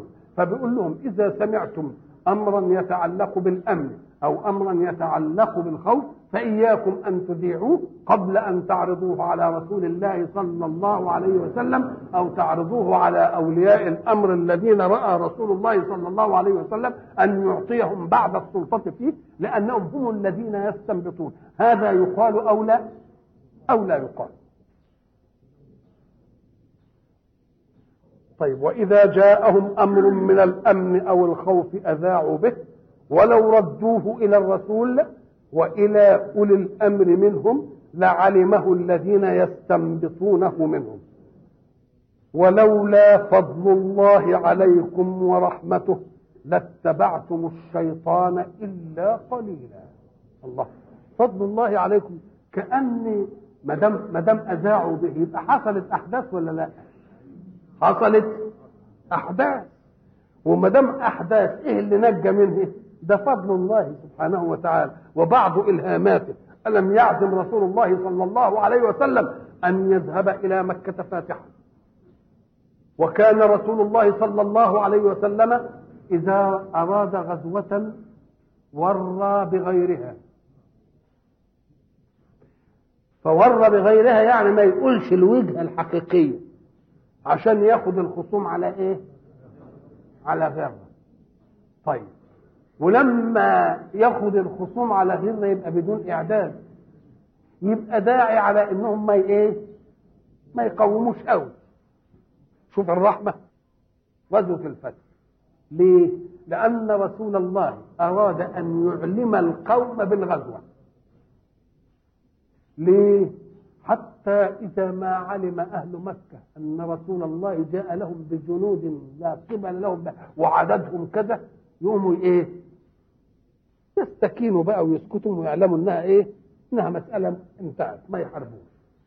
فواحد اسمه ابن أبي بلتعة سمع بالحكاية دي ها؟ حاطب بن أبي بلتعة وسمع الحكاية دي وراح كاتب كتاب لمين؟ لقريش في مكة فلما ذهب الكتاب خدته امرأة وركبت بعيرها ومشيت فرسول الله صلى الله عليه وسلم جاء بصحابة علي اللي معاه وقال لهم إن في هناك مأخاخ ضعينة معها كتاب إلى قريش يخبره بقدومنا إلى مكة لله الله فراحهم قامت الضعينة أنكرت قام سيدنا الإمام علي عمل إيه؟ راح لويها ومطلع الايه من عقاصها يعني من الشعر الكتاب. فإذا هو كتاب من مين؟ من حاطب بن أبي بلتعه إلى موسى فرسول الله صلى الله عليه وسلم استحضر حاطبا وقال له أهذا كتابك؟ قال نعم يا رسول الله. قال وما دعاك إلى هذا؟ قال والله يا رسول الله لقد علمت أن الله ناصرك وأن كتابي لن يقدم ولن يؤخر. وأنا رجل لصق يعني ماليش عصبية فأحببت أن أتقدم إلى قريش بيد من الأيدي تكون لي عنده. قال قد صدقت. إذا الحق سبحانه وتعالى يريد أن يبني القضايا الإيمانية وخاصة فيما يتعلق بأمر المؤمنين مع أعدائهم على إيه؟ ومش كل واحد يبقى يعني فاشة يسمع أي كلمة يقولها يقول له لا رد الكلام ده إلى مين؟ إلى رسول الله صلى الله عليه وسلم وإلى أولي الأمر لأنهم هم الذين يستنبطون ما يناسب ظرفهم. من الأشياء ربما قالوا لكم قولوها ربما قالوا لكم لا قولوا غيرها.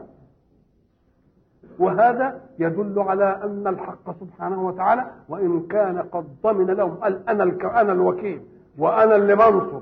وعليهم مكوش كلهم إلا أنه يريد أن يأخذ المؤمنون به وبكفايتهم به على إنه هو الناصر برضه يأخذ بالإيه؟ بالأسباب. ولولا فضل الله عليكم ورحمته لاتبعتم الشيطان إلا قليلا يدل على أن هذه المسألة حدثت منهم ولكن فضل الله هو الذي إيه؟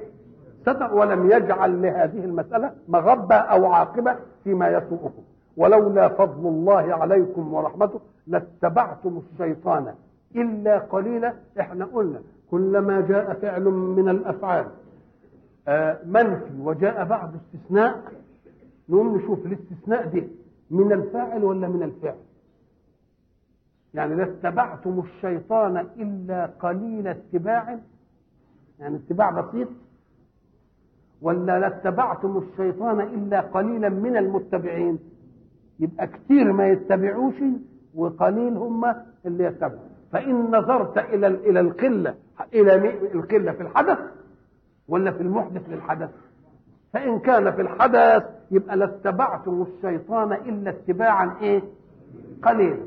وإن أردت في المحدث لاتبعتم الشيطان إلا قليلا منكم لا يتبعون الإيه؟ لا يتبعون الشيطان. ولولا فضل الله عليكم ورحمته لاتبعتم الشيطان إلا قليلا.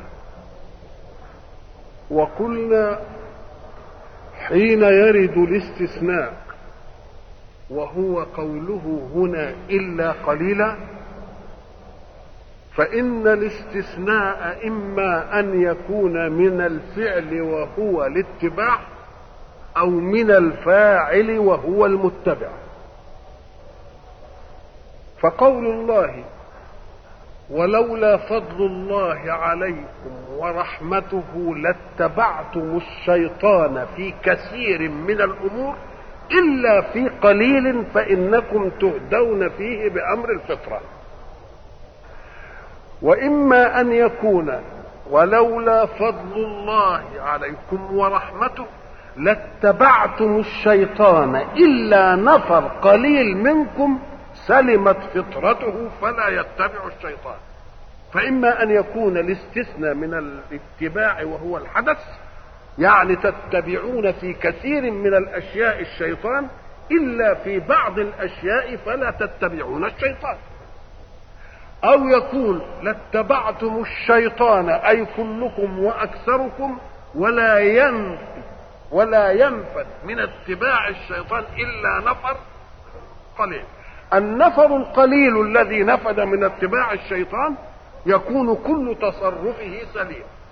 وأما إذا كان الأمر في الاتباع فيكون كل الناس يتبعون الشيطان في كثير من أمورهم إلا في قليل يهتدون اليه بأمر الفطرة.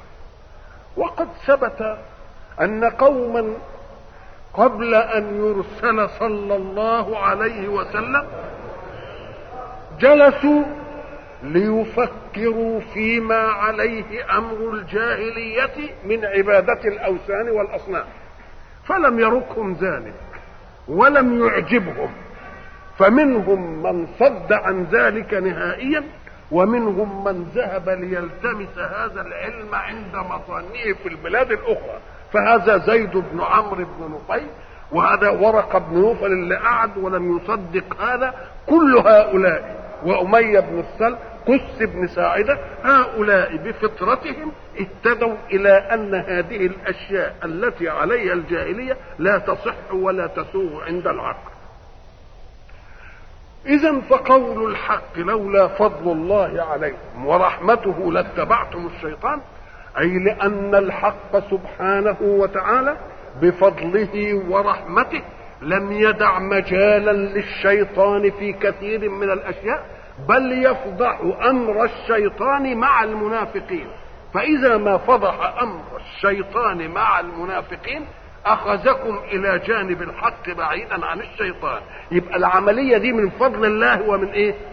ومن رحمته. وبعد ذلك يقول الحق سبحانه مخاطبا سيدنا رسول الله صلى الله عليه وسلم فقاتل في سبيل الله. لا تكلف إلا نفسك. وحرض المؤمنين على القتال. حين ترى جملة فيها الفاء فقاتل فقاتل في سبيل الله لا تكلف إلا نفسك ولا تكلف إلا نفسك وحرض المؤمنين.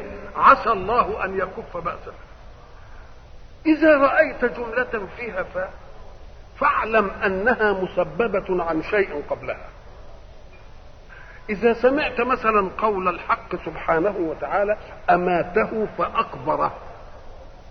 يبقى معنى ذلك أن القبر جاء بعد إيه؟ بعد الموت. يبقى إذا وجدت الفاء اعرف أن ما قبلها سبب فيما إيه؟ فيما بعده. يسموها فاء السببية. طيب ما هو الذي قبل هذه الآية ليترتب عليه السببية بالفاء في قول الله سبحانه لسيدنا رسول الله فقاتل في سبيل الله لا تكلف إلا نفسك. نقول له ما دام فقاتل نبقى نبحث عن آيات القتال المتقدمة. ألم يقل الله قبل هذه الآية فليقاتل في سبيل الله الذين يشرون الحياة الدنيا بالآخرة ومن يقاتل في سبيل الله فيقتل أو يغلب فسوف نؤتيه أجرا عظيما؟ طيب أدي واحدة. وما لكم إيه؟ لا تقاتلون في سبيل الله. أدي ثانية الله. إذا أمر القتال موجود ولا لا؟ طيب أمر القتال موجود من الله؟ لمن؟ لرسول الله. والرسول يبلغه إلى المؤمنين به. الرسول يس يسمعه من الله مرحلة واحدة. إذا فالرسول أول من يصدق أمر الله في قوله فليقاتل في سبيل الله. ثم ينقلها إلى المؤمنين. فمن آمن صدق رسول الله في هذا الأمر. إنما أول منفعل بالقرآن من؟ هو رسول الله. يبقى إذا قال له فليقاتل في سبيل الله الذين يسرون الحياة الدنيا. الرسول صلى الله عليه وسلم هو أول منفعل بأوامر الله. ما دام هو أول منفعل بأوامر الله يبقى إذا جاءه الأمر فعليه أن يلزم نفسه اولا به. وإن لم يستمع إليه أحد وإن لم يؤمن به أحد وإن لم يتبعه أحد. يبقى ده دليل على أنه واثق من مين؟ من الذي قال له فليقاتل. وما لكم إيه؟ لا تقاتلون. يبقى إذا أول منفعل بذلك هو رسول الله. وما دام أول منفعل بذلك رسول الله يبقى ساعة ما يسمع الأمر يبقى عليه مين؟ عليه نفسه. لأنه بإقباله على القتال وحده دل من سمع القرآن على أن الرسول الذي نزل عليه القرآن مصدق وهو لا يغش نفسه. فقبل أن يأمركم بأن تقاتلوا قاتل هو وحده. ولذلك سيدنا أبو بكر الصديق رضوان الله عليه حينما انتقل رسول الله صلى الله عليه وسلم إلى الرفيق الأعلى وحصلت الردة في العرب وبعد ذلك أبو بكر أصر على أن يقاتل.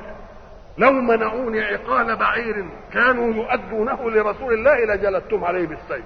خلاص. الناس قعدوا يقولوا تريس اعمل قال والله لو عصت يميني أن تقاتلهم لقاتلتهم بشمالي. الله مش مش أنتم لا ده بعضي. لو عصاني بعضي لخالفت بعضي اذا فقول الله لرسوله صلى الله عليه وسلم فقاتل في سبيل الله؟ فيه فرق بين البلاغ وبين تنفيذ المبلغ الرسول صلى الله عليه وسلم سمع من الله فهو ملزم بتطبيق الفعل اولا منه وبعد ذلك يبلغ. فمن استمع إليه فعل فعله.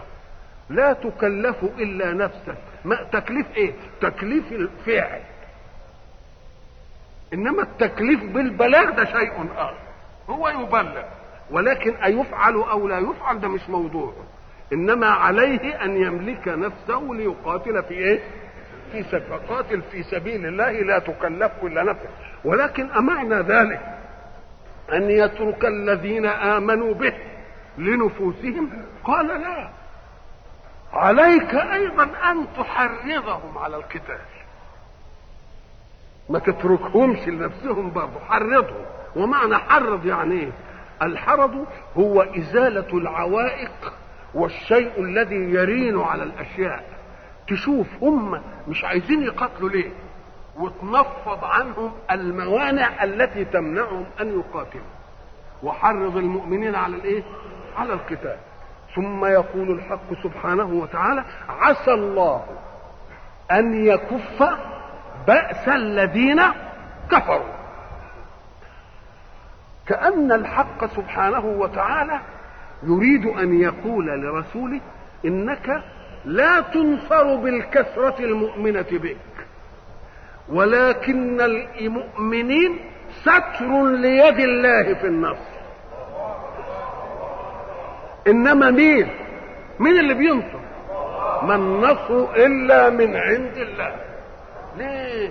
أم قال لك لأن كلمة بأس إذا وردت يراد بها الحرب ويراد بها المكيدة ويراد بها ال ال ال ال هزيمة الأعداء.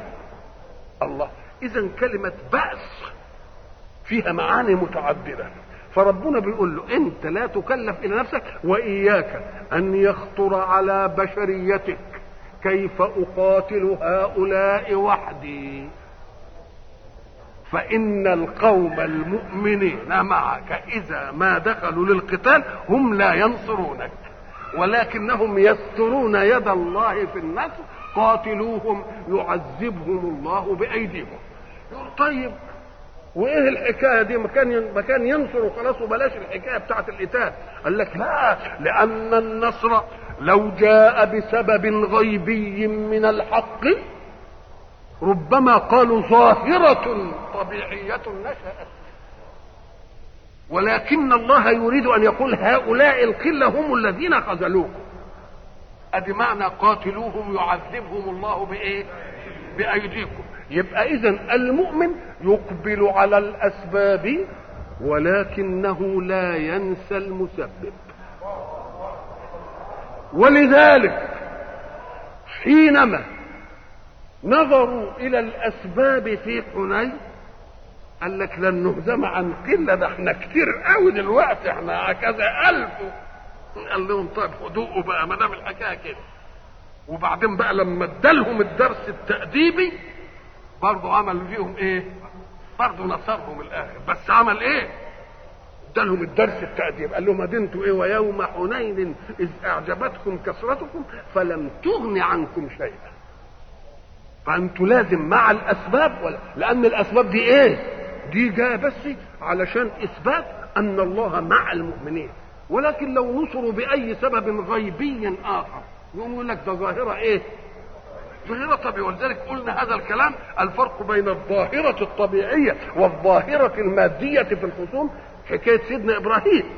هل كان قصد الله أن ينجي إبراهيم من النار؟ لا أبدا لو كان قصده أن ينجي إبراهيم من النار لم يمكن أعداء إبراهيم من القبض عليه. إنما لو مكنهمش من القبض عليه كانوا يقولوا إيه؟ يتركوا إيه؟ لكفرهم فرصة. يقول لك يا سلام لو مسكناه. إنما هو حظه حلو اللي ما مسكناش يقول لهم لا مسكتوه. خلاص؟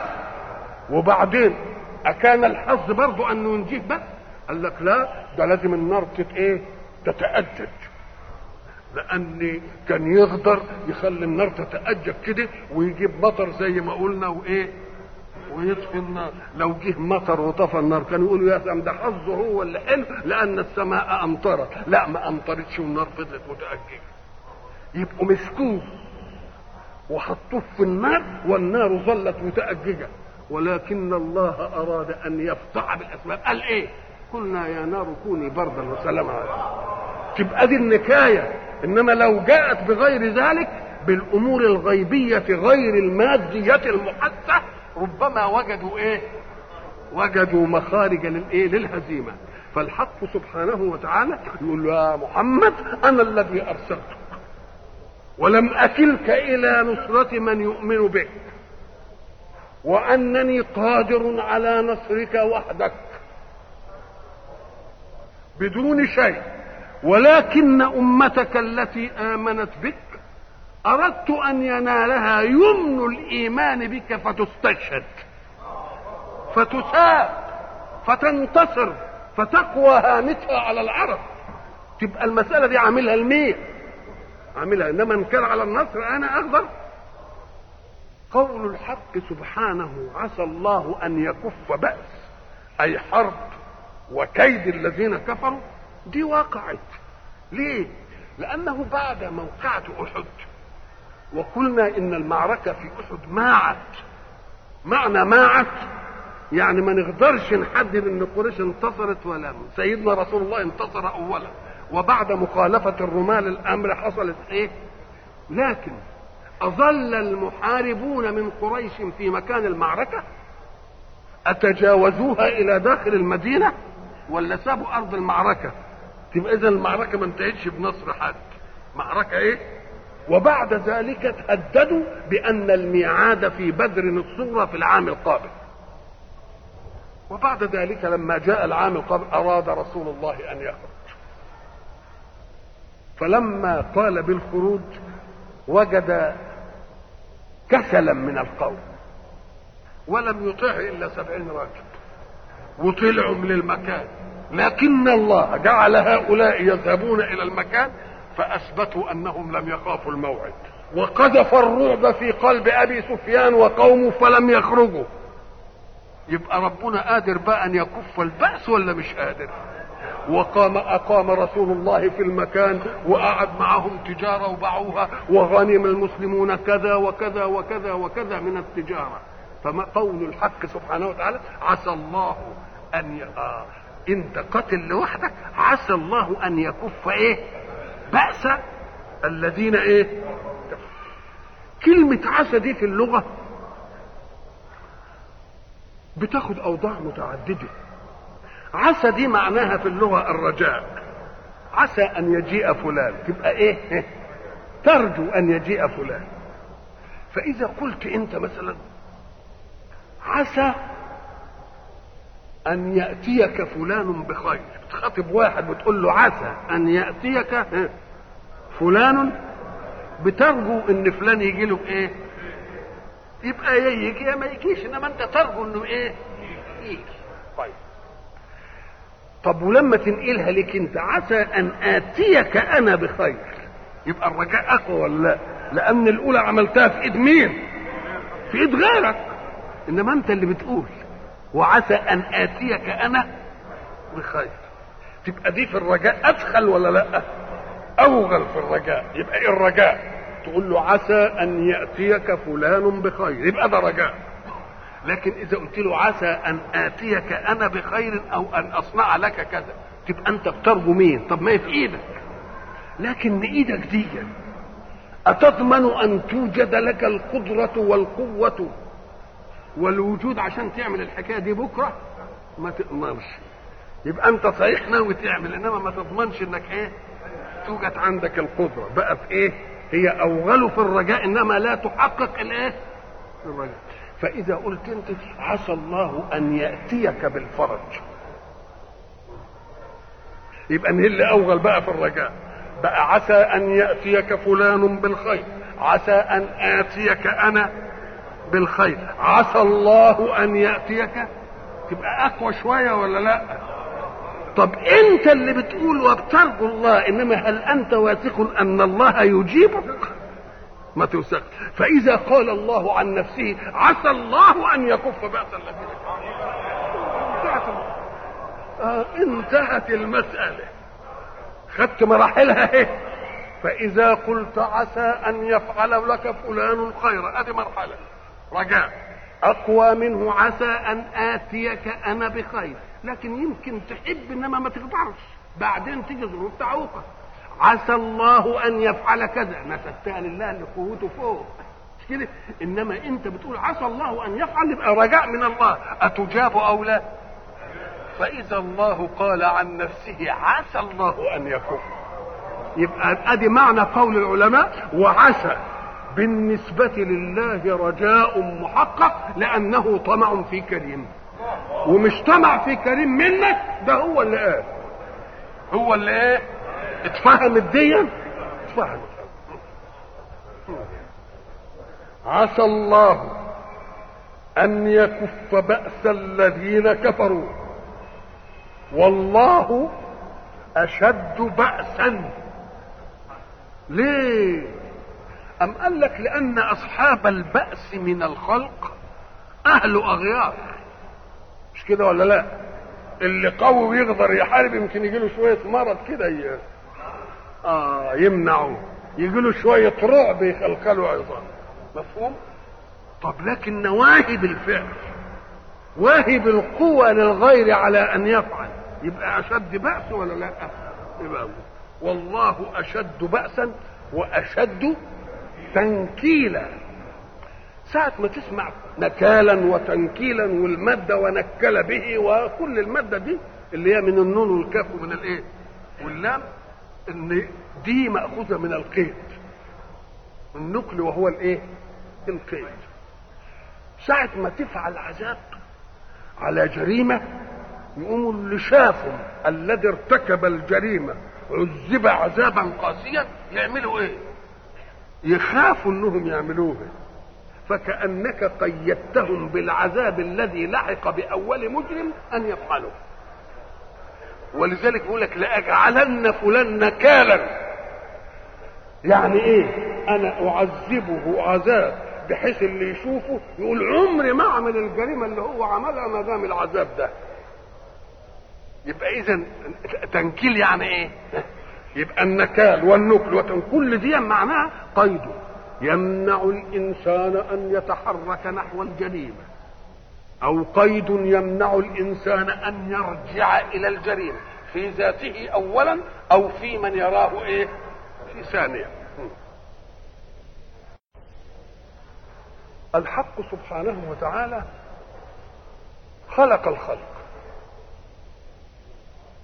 ووزع عليهم فضل المواهب. وقلنا أنه لا يوجد واحد فيه مجمع مواهب. يعني فيه مواهب في كل حاجة مفيش ليه؟ لأن فكر الإنسان وقدرة الإنسان وطاقة الإنسان وزمن الإنسان وظروف الإنسان ما يجعلوش يبقى إيه؟ عنده موهبة في كل حاجة. إنما ربنا يدي ده لحظة من المواهب. ويدي للتاني لحسة من مواهب أخرى. ليه؟ علشان يتكاملوا مع بعض. لأن لو المواهب ده عندي دي نستغنى عن بعض. والله يريد منا مجتمعا إيه؟ متساند متكامل. يقوم اللي أنا فقده أجده عند مين؟ عند الغير. انت مثلا تجد واحد مثلا اشتغل بالهندسة. مش كده ولا لأ؟ إنما لما تجيله شوية مغص ولا شوية حاجة يبقى عايز طبيب ولا لأ؟ والطبيب عايز يبني عيادة ولا عايز يبني مش عارف إيه؟ يعوز الايه المهندس؟ خلاص؟ وبده يعمل مثلا عقد عشان يعمل مقاولة في هندسة بده المحامي ولا مش بده الايه وبعدين بده اللي هيمسك ويبني وبده اللي هيمسك وايه ويغفى وبده اللي هيعمل إيه؟ اللي هيعمل يدهن الزيت وبده اللي يعمل صحي. الله. فيه واحد يقدر يعمل العملية دي كلها؟ مش ممكن. طب على الأول. لو أن فيه واحد يستطيع إنه يعمل كده يقول لك مش هيحتاج لحد ولما ما يحتاجش لحد يحصل تقاطع في المجتمع ولا لأ؟ ولذلك ليتخذ بعضهم بعضا إيه؟ سخريا الناس لما جه إن ربنا فضل بعض الناس على بعض درجات ما خدوهاش إلا في الفلوس. بس نقول له لا يا أخي إن فضلك في القوة والجسم يبقى ده برضه إيه؟ رفعة. مش كده؟ فضلك في التفكير رفعة في الحلم رفعة. في أي حاجة مفضل أنت مفضل ومفضل عليك. يبقى لما يجي يقول ورفع بعضهم فوق بعض درجات نقول نقول له طيب أي بعض مرفوع وأي بعض مرفوع عليه؟ لما ينظروا للمال يقوموا لك فلان بس هم دول الأغنياء والباقي لا. نقول له ما تنظرش للزاوية دي بس. انظر للإيه؟ للزوايا كلها. لما تنظر للزوايا كلها تجد أنت مرفوع في شيء ومرفوع عليك في أشياء. والآخر مرفوع في شيء وأنت في المرفوع فيه مسخر لغيرك. وهو في المرفوع فيه مسخر لك.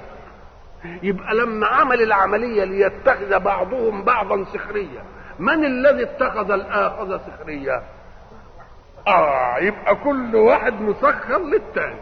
كل واحد مسخر لمين؟ للتاني. الأمر.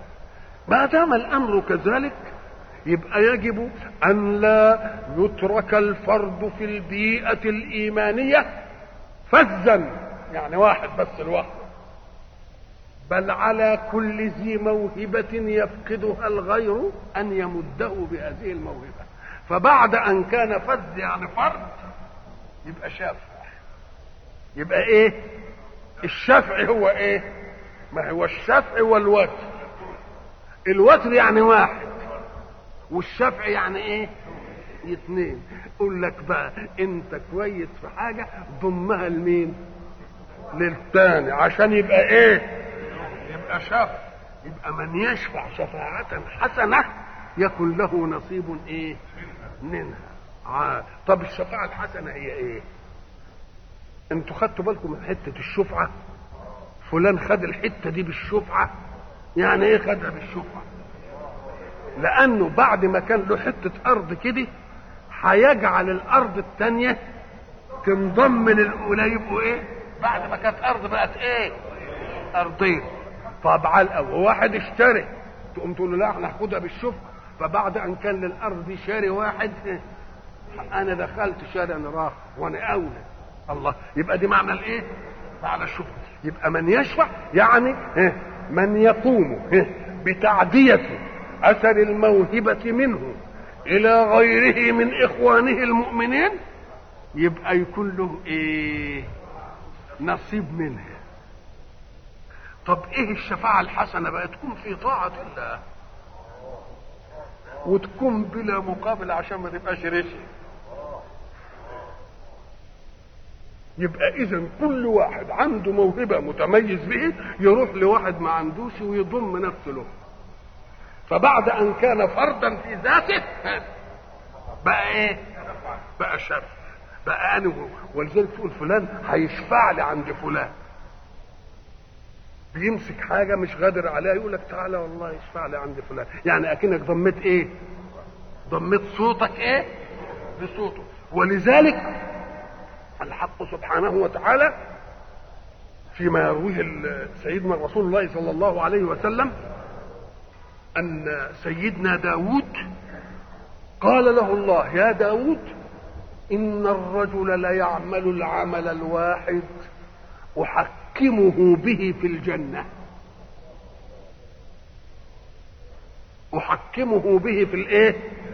يعني إيه؟ أحكمه به في أقول له يعمل النهارده خولي في الجنة. قعد ده هنا وده هنا أقول له تعالى أنت كده ادخل هنا. يعمل خولي يعمل إيه؟ مش ياخد منزله ده هو يتصرف في إعطاء المنازل كمان. إن الرجل ليعمل العمل الواحد أحكمه به في الجنة. قال يا رب وما ذاك؟ قال مؤمن يسعى في حاجة أخيه. شوف بقى الدقة شوف دقة الأداء. يسعى في حاجة أخيه يحب أن يقضيها. قضيت أو لم تقضى. مش بقول لك اقضيه لا انت تحب انها تنقضي ليه؟ أم قال لك؟ لأنك أديت حق نعمة الله عليك فيما تفضل به. ولم تسخط غير الواجد للموهبة على ذي الموهبة. يقول يا سلام ولما يبقى عنده موهبة بتنفعني. لما يبقى عنده موهبة بتنفعني. يقوم يشيل من نفسه إيه؟ الحقد على ذي الموهبة. يقول لك لا ما الموهبة دي عنده بتنفعنني إذا الحق سبحانه وتعالى يقول من يشفع شفاعة حسنة يكون له إيه؟ نصيب منها. والمقابل بقى لأن ما بيشرعش بس للأخيار. ده بيعمل للأخيار ترغيب وبيعمل الأشرار للأشرار ترهيب ومن يشفع شفاعة سيئة يكن له إيه؟ كفل منها. شوف المخالفة. ال- ال- الكلمة النصيب دي لما يقول له أنت لك في مالي نصيب. بالله مش يصلح بخمسة المية وبعشرة المية وبعشرين المية وبتسعين المية. يصلح إنما لما يقول لك في هذا كفل يعني بقى على قد السيئة بس. شوف الفضل بتاع ربنا. شوف الفضل بتاع إيه؟ ولذلك من جاء بالحسنة فله إيه؟ عشر امثالها أهي دي تدخل في النصيب ولا مش تدخل؟ ومن جاء بالسيئة فلا يجزى أدى الكفل يبقى بقى الكفل معناه إيه؟ يعني على قده. على إيه؟ على قده. من يشفع. ال ال ال الآية جاية بعد إيه؟ لقول الله حرض المؤمنين على القتال. يعني انت ضم لك في القتال برضه ناس لأن انت دي, دي شفاعة حسنة. لأن هينالهم منها إيه؟ هينالهم منها نصيب وإيه؟ وسواء. ومن يشفع شفاعة سيئة يكن له كفل إيه؟ دي معناها إيه؟ إشاعة مواهب الناس لكل الناس. إشاعة مواهب الناس لكل الناس. وما دام مواهب الناس مشاعة لكل الناس المجتمع يطلع إيه؟ مجتمع يطلع مجتمع متساند مش متعاند وكان الله على كل شيء مقيتا. الله. جايبها بعد من يشفع إيه؟ ويشفع شفاعة إيه؟ اوعى احد منكم يفتكر ان في حاجة هتفلت لا في دي فلتة ولا في دي إيه؟ مقيتا يعني إيه؟ اهو مقيت دي العلماء عملوا فيها إيه؟ واحد يقول لك حسيب واحد يقول لك شهيد واحد مقيت يعني يديله قوت واحد يقول لك حفيظ واحد يقول لك رقيب. كتير قوي. تقول لهم بلاش إيه؟ خلاف في المسألة. فيه فرق بين تفسير اللفظ بلازم من لوازمه. وقد تتعدد اللوازم. تتعدد إيه؟ اللوازم. يبقى ده لو ذهب إلى إن معناها كده صح وده برضه صح ودي صح ودي. بس المعنى الجامع إيه؟ المعنى الجامع هو اللي يبقى من مادة الكلمة. من مادة الكلمة. وكان الله على كل شيء إيه؟ مقيت. طب مقيت دي من إيه؟ مقيت من أ- من من من من, من أقاته يعني اداله قوت. مش كده؟ مقوت يعني. بلاش مك- مقوت يعني. مديلهم إيه؟ القوت. طب والقوت ده بيديه ليه؟ عشان يحافظ على حياته. مش كده؟ يبقى اللي يقول مقيت يعني يعطيهم ما يقيتهم صح ولا لأ؟ واخدها من مين؟ من نفس الكلمة. طب ومقيت يعني؟ بيحافظوا عليهم. ما هو لأنه بده يديله القوت عشان يظل صاحي يبقى بيحافظ عليه ولا لا؟ الله. طيب وما دام بيديله القوت عشان يفضل صاحي وحي يبقى بيلاحظه ولا مش ملاحظه مش هاخده ما بيغيبش عنه. طيب ويديله القوت اللي قد إيه؟ اللي يقضي يبقى حسيب. وبعدين لما يعمل العملية يجازي. الله. تبقى اذا كلها داخلة في مادة واحدة ولا لا؟ يبقى إياك أن تقول اختلف العلماء فيها. لا لاحظ كل عالم من العلماء ملحظا في الكلمة. وكان الله على كل شيء مقيتا. الله كل شيء بقى مش بس اللي إحنا شايفينه قوت ده بقول كل شيء. كل إيه؟ الله. يبقى برضو ال- ال- الجمادات. مش كده ولا لأ؟ النباتات الحيوانات الله. ولذلك انت تجد مثلا علماء النبات لما يجوا طب النبات بنزرعه وبعدين بيقول بيمتص الإيه؟ بجذوره العناصر الغذائية من الأرض. ده اللي وصلنا له. طب طب قول لي بقى بالله وقبله قبل ما يبقى له جذور. طب ده الجذور دي فرع التغذية يعني جذره يطلع فرع إنه إيه؟ طب اتغذى ده لسه الجذر اللي هياخد من الايه؟ من الأرض لسه ما طلعش. إيه اللي هيطلع الجذر؟ يقول له لا ده هو قبل ما يرميها في الأرض عامل الحبة فلقتين. اهي الفلقتين دول غذاء هذا إلى أن ينبت لها إيه جذر. ولما ينبت لها جذر ويلزق في الأرض ويبتدي ياخد الغذاء تقوم الفلقتين يبقوا ورقتين.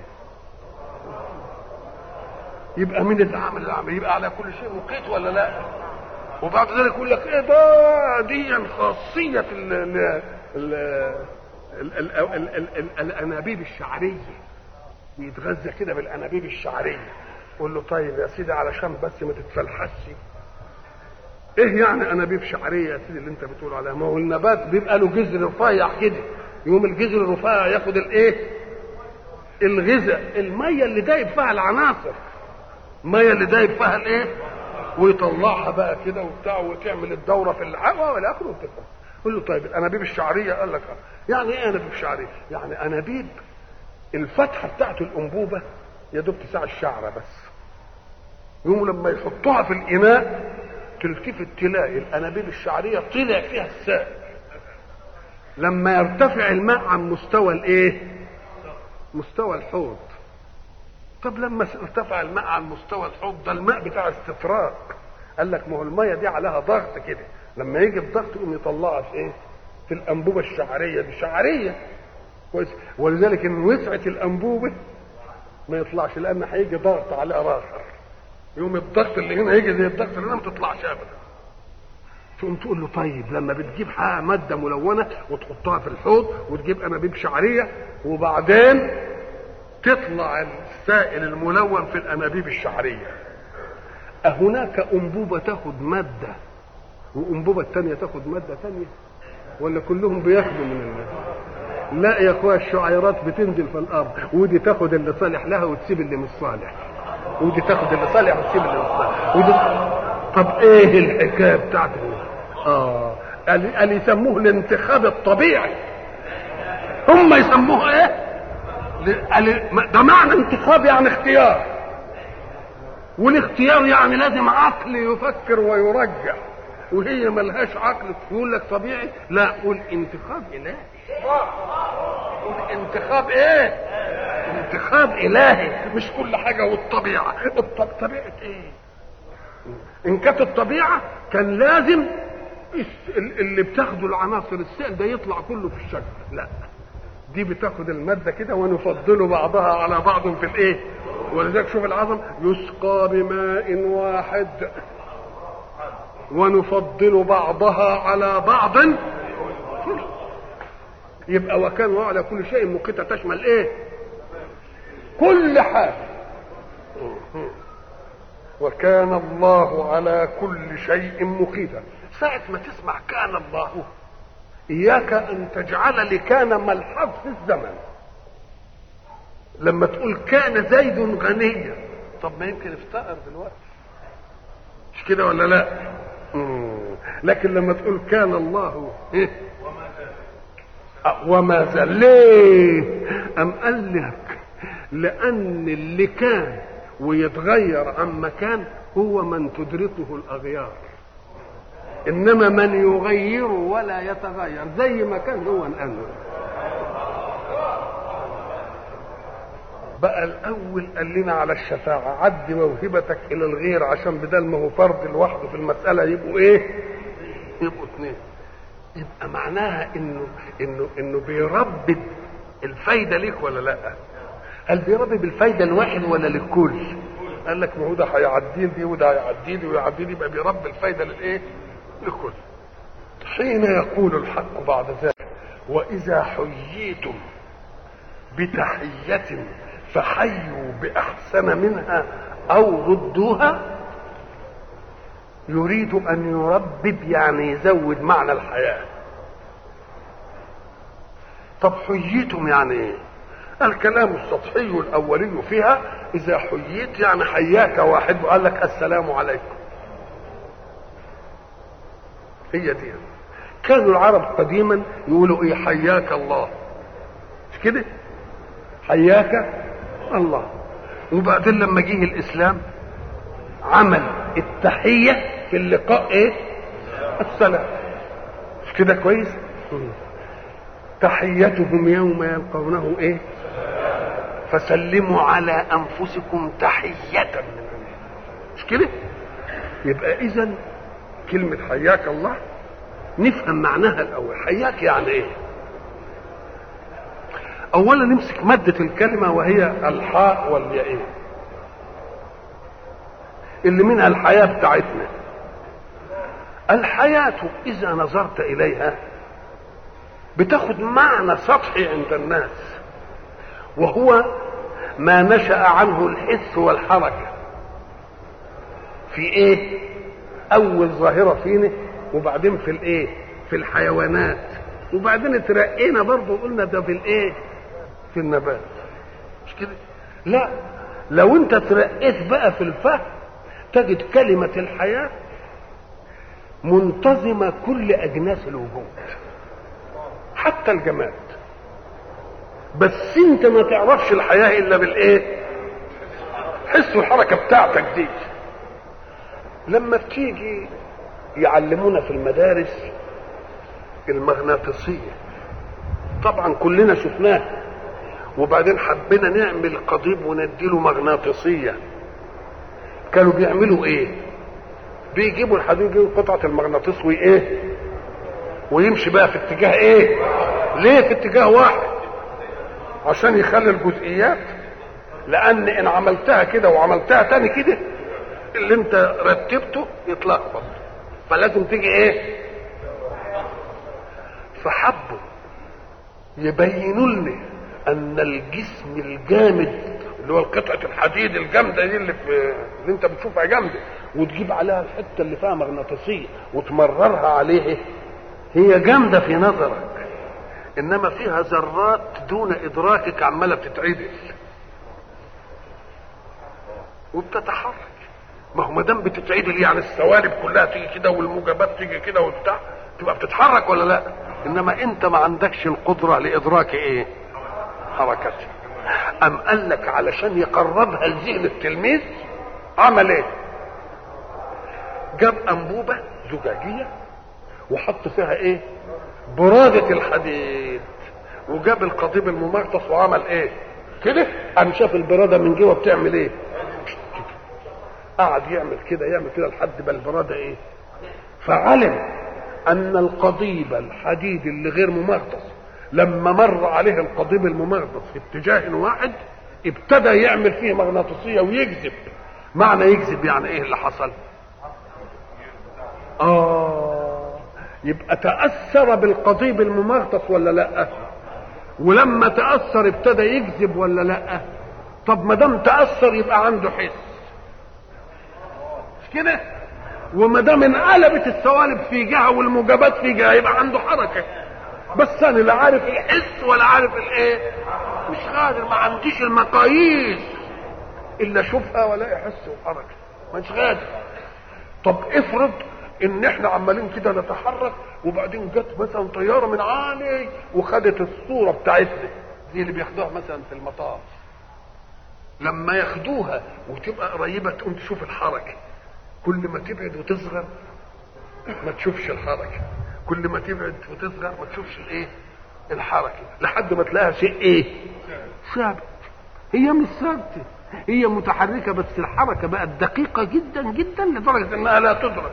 كذلك عود الحديد الله. يبقى اذا العود الحديد ده الجماد ده ابتدى يتأثر ولا ما يتأثرش؟ لأنه لو لم يتأثر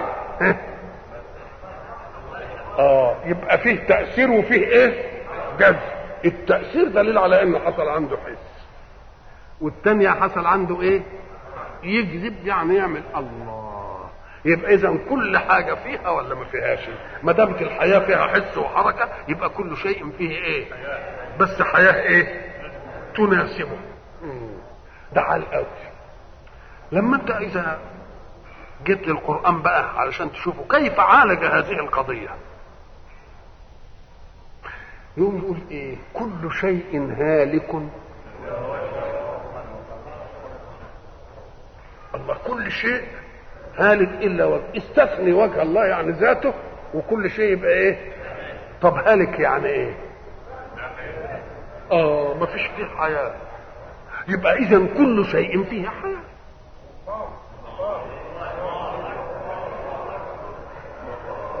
يبقى كل شيء فيه حياة.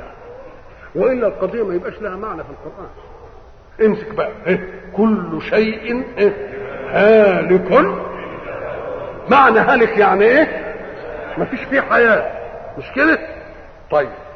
وما دام كل شيء هالك إلا وجهه يبقى كل شيء فيه حياة.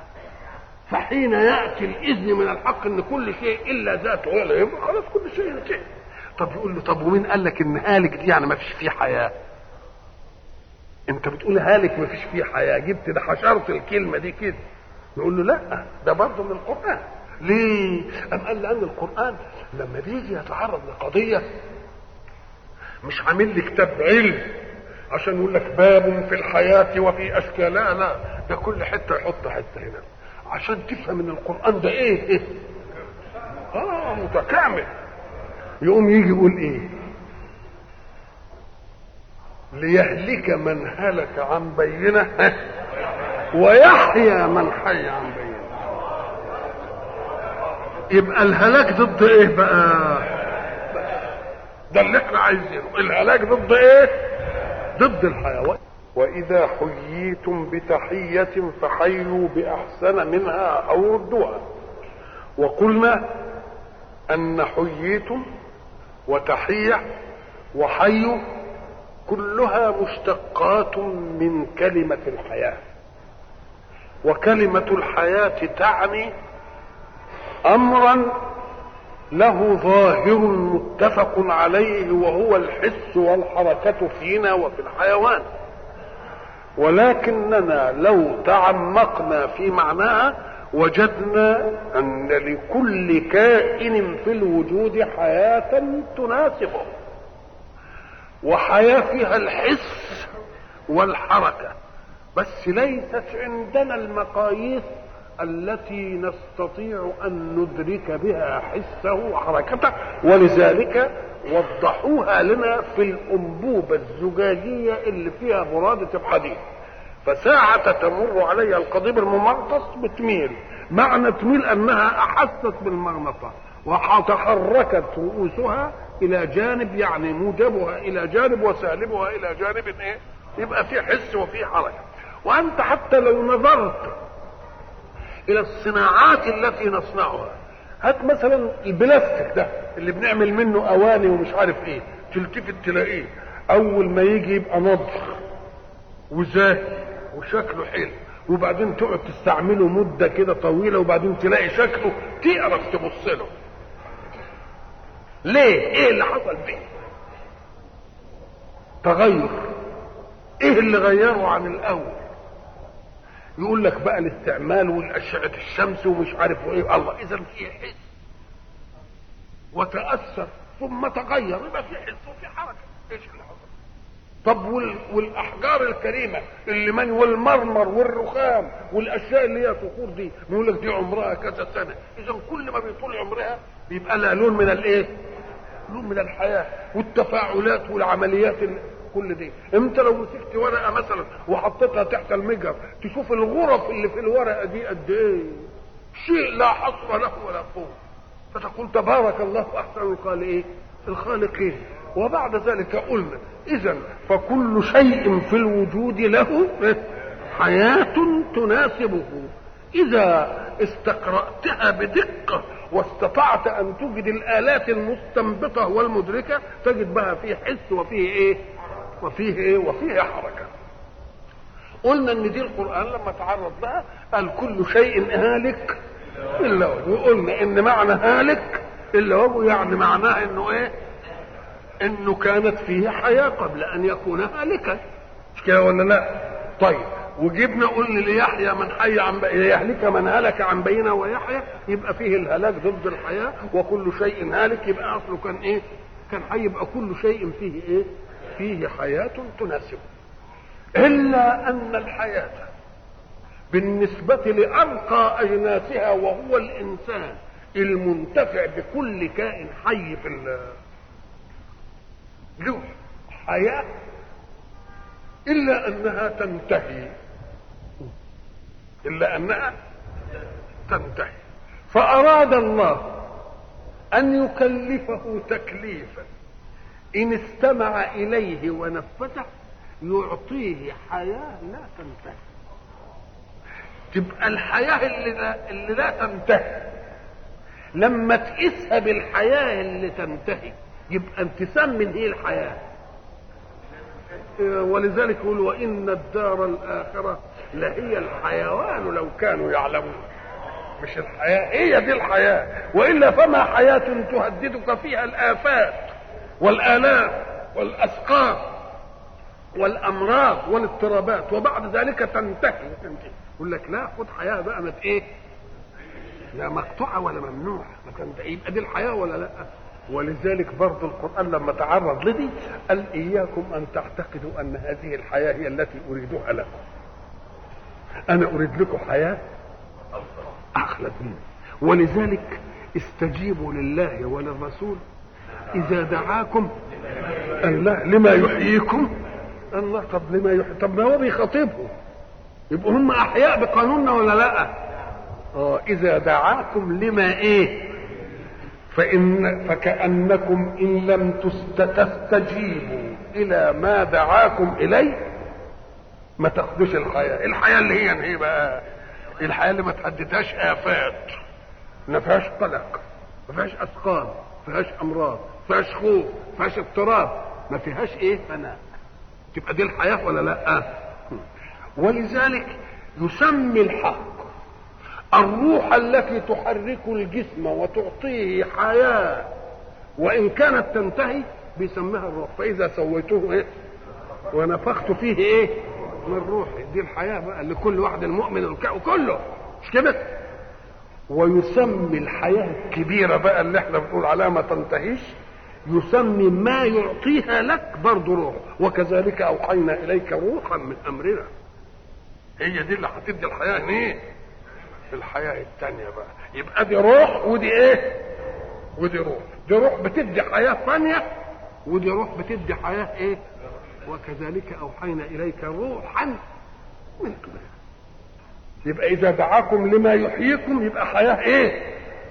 الحياة الخالدة الثانية وتبقى برضه روح ولا لأ؟ وتبقى إيه؟ وتبقى روح. طيب حل قوي الحياة اللي إحنا بنحياها خلينا بقى الحياة الآخرة دي إذا استجبنا لمنهج الله في الإيمان. طب خلينا هنا. قال لك الحياة اللي هنا دي وإن كانت منتهية قبل ما تنتهي فيها أغيار ولا ما فيهاش أغيار؟ فيها أسقام فيها مخيفات ومهيجات ولا لأ؟ آه. فكأن الإنسان إذا جاء له من يطمئنه ومن ينفي عنه القلق والخوف يبقى كأنه بيحسن حياته ولا لأ؟ فكلمة حياك الله أو السلام عليك يعني كن آمنا مطمئنا تبقى حياتك إيه؟ وإلا ما قيمة الحياة بدون أمن وبدون اطمئنان. يبقى إذا كلمة حياك الله أو تحيتهم تقول له السلام عليكم يعني الأمان والاطمئنان لأن كل قادم كده ساعة ما يجي قادم أنت ما تعرفش جاي بخير ولا جاي بإيه ولا بشر. ساعة يقول لك السلام عليكم يبقى زدت له إيه؟ يبقى خليت حياته لها قيمة ولا لأ؟ يبقى إيه؟ إذا حييتم يعني ربيت. أو رببت حياتكم بالتحية التي هي السلام. لأن فيه أمن وفيه إيه؟ وفيه اطمئنان. كأنها ادتني قيمة الحياة ولا لأ؟ أدي معنى كلمة إيه؟ تحية. وكلمة إيه؟ حي. حي يعني يعني اديله شيء من الإيه؟ من الحياة. الحياة إيه المستقرة.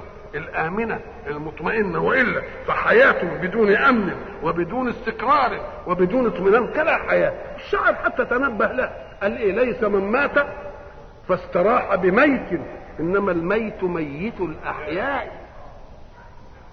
مش كده؟ إنما الميت ميت الأحياء. اذا فقول الحق وإذا حييتم حييتم يعني إيه؟ رببت حياتكم وبوركت بالأمن والاطمئنان بلفظ السلام. تعملوا إيه أنتم؟ تحيوا بقى. ما دام هو اداك دي اديله إيه؟ اديله دي وزيادة. فحيوا بأحسن منها أو إيه؟ أو ردوها. العلماء لما جم يتكلموا قصروا المسألة على تحيات اللقاء. من قال لك السلام عليكم فقل وعليكم السلام وزود ورحمة الله. ما هو أحسن منها بقى. فإن قال السلام عليكم ورحمة الله فقل السلام عليكم ورحمة الله وبركاته. مش كده؟ النبي عليه الصلاة والسلام قال له السلام عليكم فقال له وعليكم السلام ورحمة الله. واحد قال له السلام عليكم ورحمة الله قال له إيه؟ وبركاته. أم جه واحد قال له السلام عليكم ورحمة الله وبركاته يا رسول الله. أم قال له وعليكم السلام ورحمة الله وبركاته. قال لي إشمعنى زدت إخواني؟ وما زدتنيش. قالوا لم تدع لي زيادة. أنت قلت لم تدع لي إيه؟ لم تدع لي إيه؟ لم تدع بزياده وأما جاء بعد الناس أم قال لك طب ما تقول ومغفرته مثلا إيه إيه المعنى؟ علشان إيه؟ تعطي. من بدأك بالسلام أن عمله الخير يأتي له بخير أكثر. إن عمل الخير يأتي له بإيه؟ بخير تقوم تشجعه على إنه يعمل إيه؟ على إنه يعمل الخير. ولذلك تجد لما تكلم العلماء في مسألة السلام قعدوا بقى يصنفوا لها أم قال لك الماشي يسلم على مين؟ على القاعد. مش كده ولا لا؟ والراكب يسلم على مين؟ على الماشي اللي قال يعرف والصغير يسلم على مين؟ على الكبير والقليل يسلم على مين؟ على الكثير كده وإذا حييتم بتحية فعلوا أحسن منها أم قال لك كل خطاب موجه للمؤمنين ينتظم ذكورهم وإناثهم إلا أن يكون الحكم مما يخص النساء لأن يكون الحكم مما يخص الإيه؟ من النساء هنا لما يقول إيه؟ إذا حييتم بتحية يبقى معنى ذلك. قال النساء تحية؟ أما قال لك آه لهم تحية. برضه يحيوا بعض. المرأة تحيي الإيه؟ تحيي المرأة. طيب آه المرأة تحيي زوجها. المرأة تحيي محارمها. مش كده ولا لا؟ طب وال آه وال وال وال والمرأة العجوز تحيي كل دي ما ما فيهاش آه ما فيهاش قربة ها؟ تبدأ وترد. مش كده ولا لا؟ آه وإن كان ده يمكن يخلي بقى ما حدش يقول لك لا أنا مش عجوز أنا أبدأ. آه. فيجي آه طب والشابة اللي يقول لك لا الشابة دي لا تبدأ أحدا بالسلام ولا ترد السلام. لا تبدأ بالسلام إلا إذا كان معها مثلها. لأنه يقول لك المرأة على المرأة عين أكثر من ألف رجل. يعني المرأة تحرس المرأة أكثر. آه. ولذلك لما تكون معاها واحدة زيها هي دي كفاية يعني ما يحصلش. ولذلك يقول لك إيه؟ إذا بدأت بالسلام أو ردت السلام يبقى حرام. وإذا بدأها واحد بالسلام أو رد عليها السلام يبقى مكروه. الله طب اشمعنى بقى إيه الحكاية دي؟ ليه؟ إشمعنى هي لما تبدأ أو ترد يبقى حرام واشمعنى هو قال لك لا؟ لأن بدءها له إيه؟ آه هي اللي يعني آه لكن هو لما يبدأ آه مش ضروري يعني تكون هي مستجيبة أو إنما هي لما تبدأ تبقى إيه؟ قال لك دي يحرم عليها. فإن كان معها حد أو جماعة يؤمن يبقى ما فيش إيه؟ حتى إنهم جابوا من المسائل في الأحوط. أم قال لك طب افرض ان واحد خنثي أم قال لك الخنثى مع الرجل اعتبروا امرأة؟ والخنثى مع المرأة يعتبره؟ شوف الاحتياط قد إيه؟ الخنثى مع الرجل إيه؟ تعتبر امرأة. والخنثى مع المرأة يعتبر إيه؟ بده يحتاط ولا ما يحتاطش؟ عايزين إيه؟ يحتاطوا. فلما وضعوا السلام بهذا الشكل قال لك فإذا كان مش مؤمن. أم قال لك النبي عليه الصلاة والسلام قال هم يقعدوا يلوا في الكلام فإذا قالوا لكم السلام قولوا وعليكم. يعني إن كنت قلتها كلمة طيبة لها معنى طيب يبقى عليكم قلت كلمة كانوا يقولوا السام عليكم. السام والسام معناه الإيه؟ الموت. فعلشان يعني ما يضحكوش عليكم إيه؟ بيعلمنا يعني الفطنة. يقولوا إيه؟ وعليكم. يبقى إيه؟ وعليكم. أبعضهم قال فحيوا بأحسن منها أي بالنسبة للمؤمن أو ردوها أي بالنسبة لمين؟ للكافر. لكن أتلك هي التحية. بس. طب إذا كان الذي حياك بقول وأمنك بقول وقد يؤمن واحد واحدا بالقول نفاقا ويضمر له. يعني برضه يدخل يقول له السلام عليكم. مش كده يقول له؟ ويمكن معاه بتاع كده زي ما بنشوف. يبقى إذا كان اللي بيقول بالقول ربنا علمنا كيف نرد عليه. يبقى اللي اللي يحييني بالفعل ما أردش عليه يبقى أكتر. ليه؟ لأن نقل القضايا من قولية إلى فعلية هي دي محكم. فإذا حياك بخير عنده تقوم تقول له إيه؟ حييه وما قدرتش ترد له على الأقل مثله. لما ترد له مثله يقوم التكارم بين الناس لا ينقص. التكارم بين الناس إن لم يزد ده بيحيي واحد بعمل يديله خير من عنده يوم التاني هيديله خير أكتر. يبقى ده نامي ولا رابي نامي. طب افرض إنه هيديله قد إيه؟ يبقى إيه؟ منقص يبقى خير كل إنسان يبقى محجوز على إيه؟ على نفسه لأنه ما دام هيدي وهياخد قد اللي اداه يبقى نقص حاجة يبقى يبقى زاد التكارم. زاد الإيه؟ أو يزيد ما يأتي به الخير وبعد ذلك هو إيه؟ يدي الإيه الخير. الحق سبحانه وتعالى حين يسخي النفوس في أن تعطي أكثر مما حييت به بده يبين إن المؤمن في البيئة الإيمانية يعني يتكاثر خيره. وكل ما يعمل خصلة خير تعود عليه بالإيه؟ بالخير. ولذلك فيه ناس كتير إذا أرادت خيرا من أحد أعطته خيرا يناسب قدرها. ليعطيه هو خيرا يناسب قدره. وبتحصل كده كتير. يعني يجي يعمل له ابدا أي حاجة كده علشان إيه؟ ودي كانت بتحصل وخصوصا مع الملوك. إحنا كنا نعرف مثلا من الملوك اللي يعوز خير كبير قوي يوم كان يقول لطويل العمر عبد العزيز آل سعود أنا عايزك تتقهوج عندي تشرب قهوة عندي. طب يروح يشرب قهوة عندي وبعدين يروح عامل له شرها قد القهوة كام؟ مليون مرة. يوم كل اللي يعوز حاجة إيه؟ آه يبقى يحيي علشان إيه؟ علشان يرد عليه الإيه؟ إذا فقول الحق سبحانه وتعالى وإذا حييتم إيه بتحية فحيوا بأحسن منها أو إيه؟ أو ردوها. كلمة أو ردوها علشان اللي بيعمل تحية يقول لك إن ما جابتليش أحسن منها هتجيب لي زيها مش هنقص حاجة. يبقى ده يبقى استفدنا التكارم مع الناس ولا لأ؟ إن الله كان على كل شيء حسيبا. الله ده المسألة خرجت من دائرة حسابنا البعض.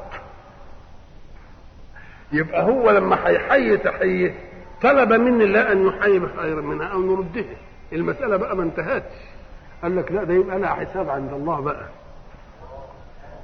الله يبقى هو لما يشوف عباده أو خلقه المؤمنين بيه عمالين بيتكرموا يقوم يعمل إيه؟ آه يعملها في الحساب. يبقى الحساب ما انتهاش بإنك انت هتأدي خيرا منها أو تردها. لا ده في حاجة إيه؟ دخلت الإيه؟ في الحساب الأعلى بقى. إن الله كان على كل شيء إيه؟ حسيبا. إحنا لما قلنا في موضوع الحياة علمنا إن كلمة التحية وهي السلام عليكم أمان؟ واطمئنان والإيمان والاطمئنان دي هو اللي بيعطي للحياة القيمة لأن الحياة بدون أمن واطمئنان تبقى ملهاش إيه؟ ملهاش قيمة فكأن إشاعة السلام السلام عليكم والسلام عليكم ورحمة الله والسلام عليكم ورحمة الله وإيه؟ وبركاته بتعمل إيه في المجتمع؟ بتخلي المجتمع مجتمع صفائي. وما دام المجتمع كله مجتمع صفائي يبقى إذا خير أي واحد عند عند الآخر. ما دام خيرك عندي وخيري عندك وأنا بقول لك أنا مش بس اللي عندي ده أنا عايز اللي عندي مين؟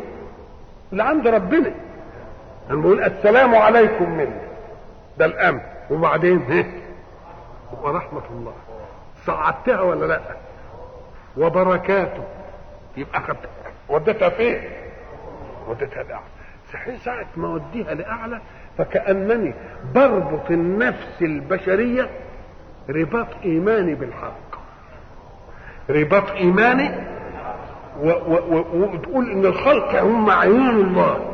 يحب إنهم يكونوا كلهم كويسين ويا بعض. لما يبقوا كويسين ويا بعض يعمل إيه كمان؟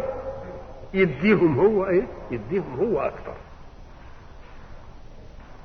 وإذا حييتم بتحية فحيوا بأحسن منها أو ردوها.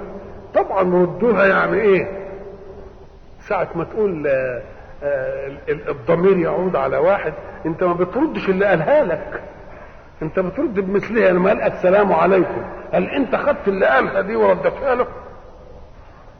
ولا ولا بتقول له زيها يعني. إحنا زمان قلنا أن الضمير حين يعود في حاجة اسمها مرجع الإيه؟ مرجع الضمير. الضمير ده من المبهمات. هو معرفة بس مبهم يفسره مرجعه. لقيت رجلا فأكرمته. أكرمت مين؟ هو ده الرجل. خلاص كده؟ أكرمته. طيب تصدقت بدرهم ونصف إيه الله. هو أنا تصدقت بالدرهم وبعدين خدت الدرهم قسمته تاني وصدقت بنصه؟ لا أنا تصدقت بدرهم ونصف مثل الدرهم. يعني يعني يعني فرض إيه؟ فرض تاني من الإيه؟ من الدرهم. فإذا قال فحيوا بأحسن منها صدقة. أو ردوها. ردوا إيه؟ ردوا مثلها بالضبط. اللي يقول السلام عليكم يقول له وعليكم السلام. ولا تظنوا أيها المؤمنون بي أني بخلقي لكم وإعطائي لكم حرية الاختيار في الإيمان أو في عدم الإيمان أو في الفعل أو في الترك. فحين أعوذكم بفعل يبقى معناه أنني خلقتكم صالحين أن لا تفعلوا.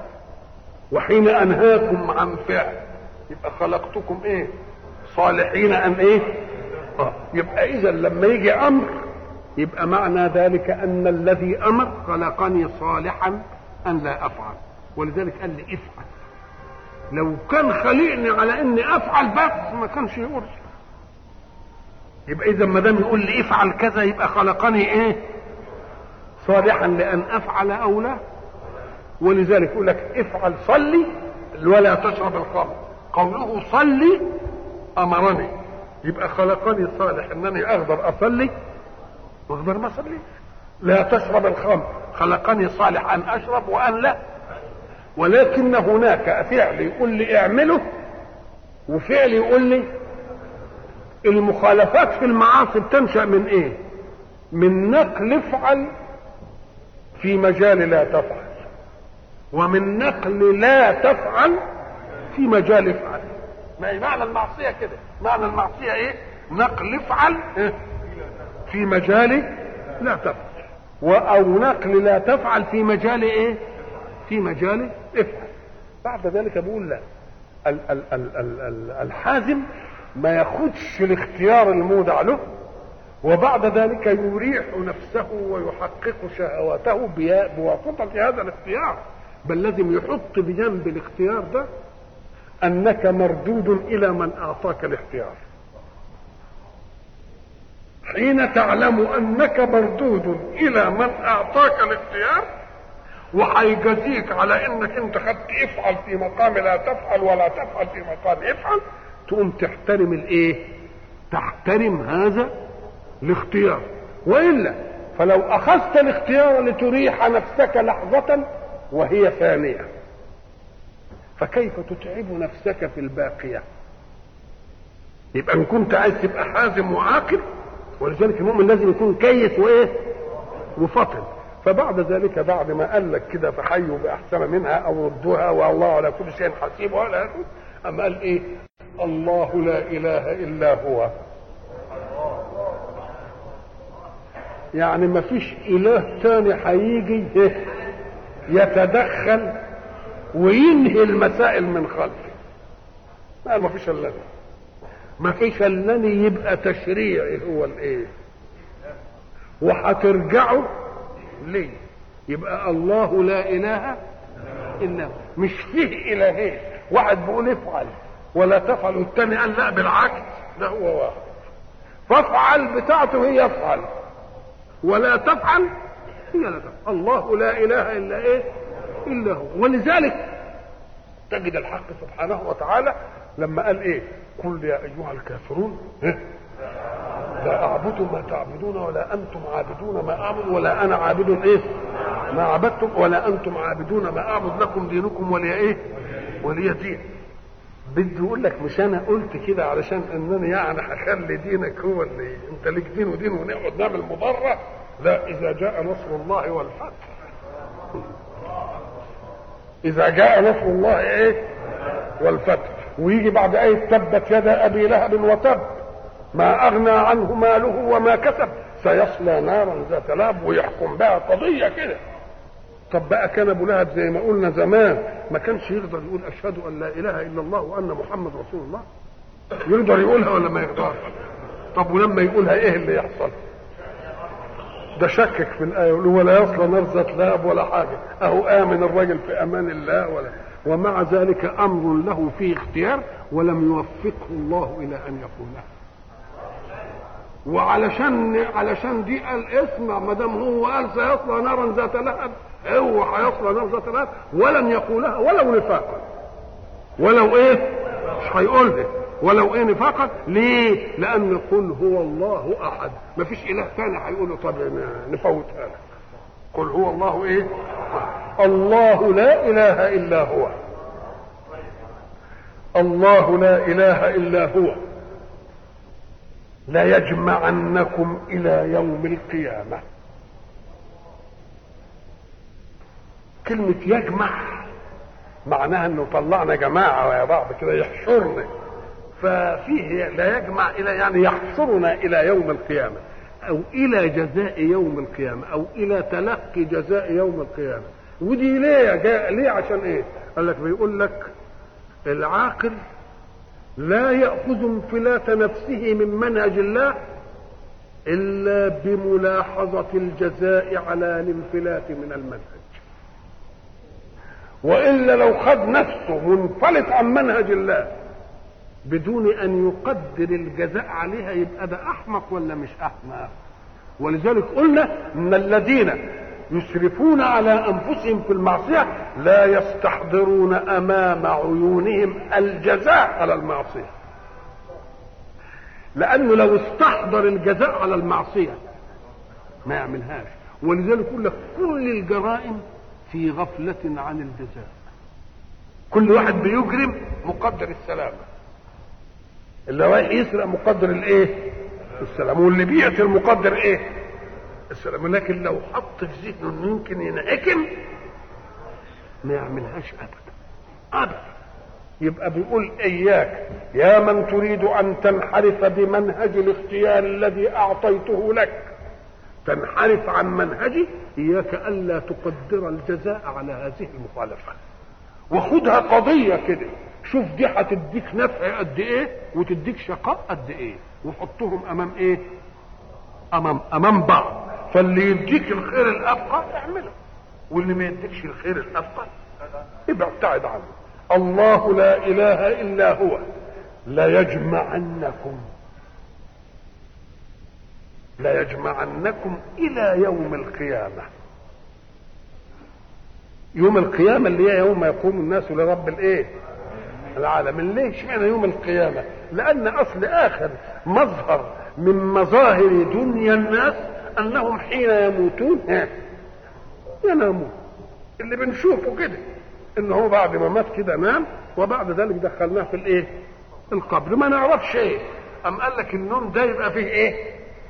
يجيبوا القيام يوم يقوم الناس لإيه؟ لرب العالمين.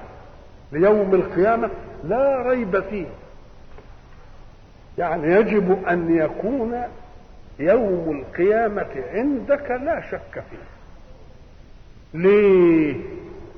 أم قال لك لأنك أنت لو قدرت أن العالم الذي خلقه الله مختارا. يعني إن شاء فعل الخير وإن شاء فعل الشر. وسيزوده بالمنهج ولكن ترك له اختيار. ساعة ما ترك اللي اللي اللي يجعلك مختار يبقى هو اللي عامل كل حاجة. اللي يطلب له جنيه ويقول له انزل السوق وأنا اديتك الحرية في إنك أنت تشتري به أي حاجة. لكن لاحظ أنك لو اشتريت شيئا نافعا سأكافئك بكذا وكذا وكذا. وإن اشتريت كوتشينة ولا بتاع ولا حاجات من الحاجات دي الله. يبقى هو ساعة اداله القوة الشرائية وقال له انزل ده. يبقى لما يروح يشتري كوتشينة. اشترى كوتشينه غصب عن عن أبوه. ده هو اللي اداله الاختيار. بس فعل غير محبوب لأبيه. شوف الفرق. فعل غير محبوب لأبيه. وإلا لو أراد الله الناس جميعا لجعلهم كالملائكة. ولا واحد يستجر يعمل معصية. اذا لما أنت عملت المعصية أنت عملتها كده بفتوانه ولا ببحبحة الاختيار من خالقك؟ انت عاملها ببحبحه الاختيار خلقك. يبقى اللي بيقول كل فعل من الله صادق ولا مش صادق؟ صادق. خلاص طب أمال بنتعذب ليه؟ قال لك لأنك أنت وجهت آلة الاختيار إلى ما تصلح له ولكنها مخالفة لأمر الله. السكينة مش بتذبح؟ طب ما نذبح بها فرخ فيها حاجة؟ ونذبح بها واحد. مش كده بتعمل أو يبقى اللي جاب السكينة دي في البيت. نقول له ده أنت جبت أداة جريمة؟ لا أنا ما جبتش أداة جريمة. أنا جبت أداة صالحة لأن تكون. أداة جريمة وأداة عزيمه يعمل عزومة به مش كده ولا لا؟ يبقى اذا الذي يقول إن كل فعل نقول طبعا حتى المختار لم يفعل اختياره إلا من باطن مين؟ من باطن خلق الله له مختارا. مش كده ولا لا؟ لكن هل الحق سبحانه وتعالى. آه، آه، آه، ألزمه بأن يفعل هذا؟ قال لك ده ما احبوش وده احبه وما دام قال دي ما احبوش وده احبه يبقى لازم الاختيار له مجال. تقوم أنت لما تيجي تختار تقوم تختار الشيء اللي يديك النفع ولا يجيبش لك الايه ال- الضر الله لا إله إلا هو. ليجمعنكم إلى يوم القيامة.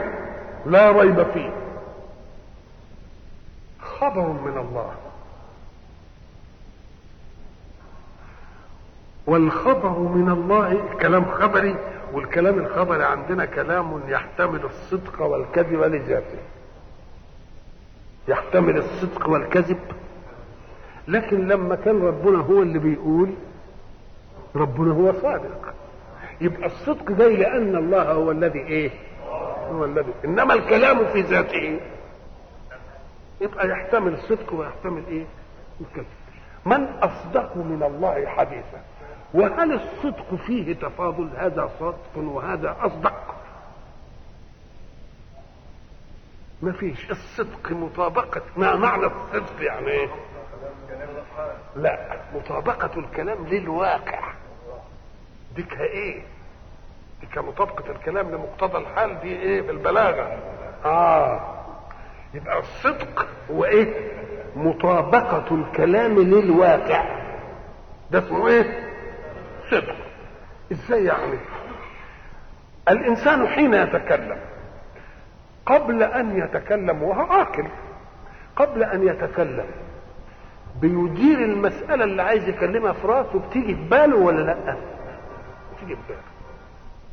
وبعدين ينطق إيه؟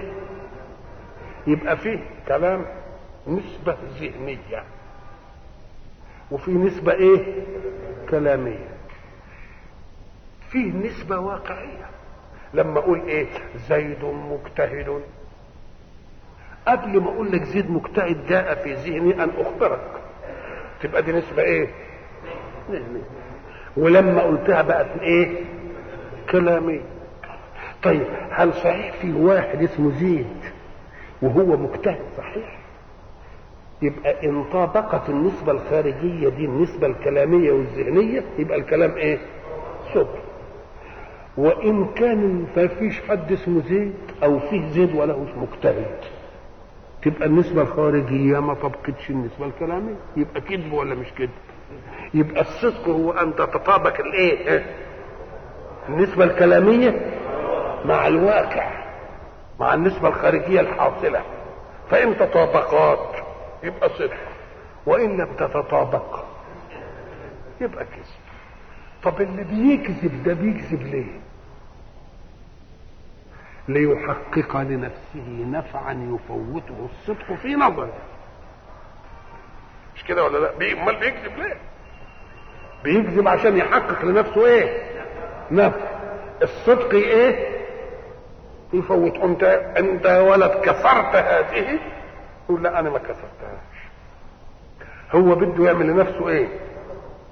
الصدق هيخليه يجازى على ال... مش كده؟ يبقى اذا الكذب ما لا يحمل على الكذب إلا إيه؟ إلا. ها؟ تفويت إيه؟ تفويت مضره هتصيبني بالصدق. أقوم أنا ألجأ إلى مين؟ الكذب. الكذب ده هيقول كلام يخالف الايه؟ الواقع. ما دام ده هيخالف به الواقع يبقى بده يحقق لنفسه نفع أو يدفع عنه ضرر.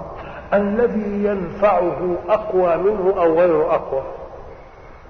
والذي يضره ما دام خايف. آه يفوت عليا نفع ويجيب لي ضرر. يبقى فيه إيه؟ اللي يعمل لي نفع ويعمل لي ضرر. طب بالنسبة لله بقى.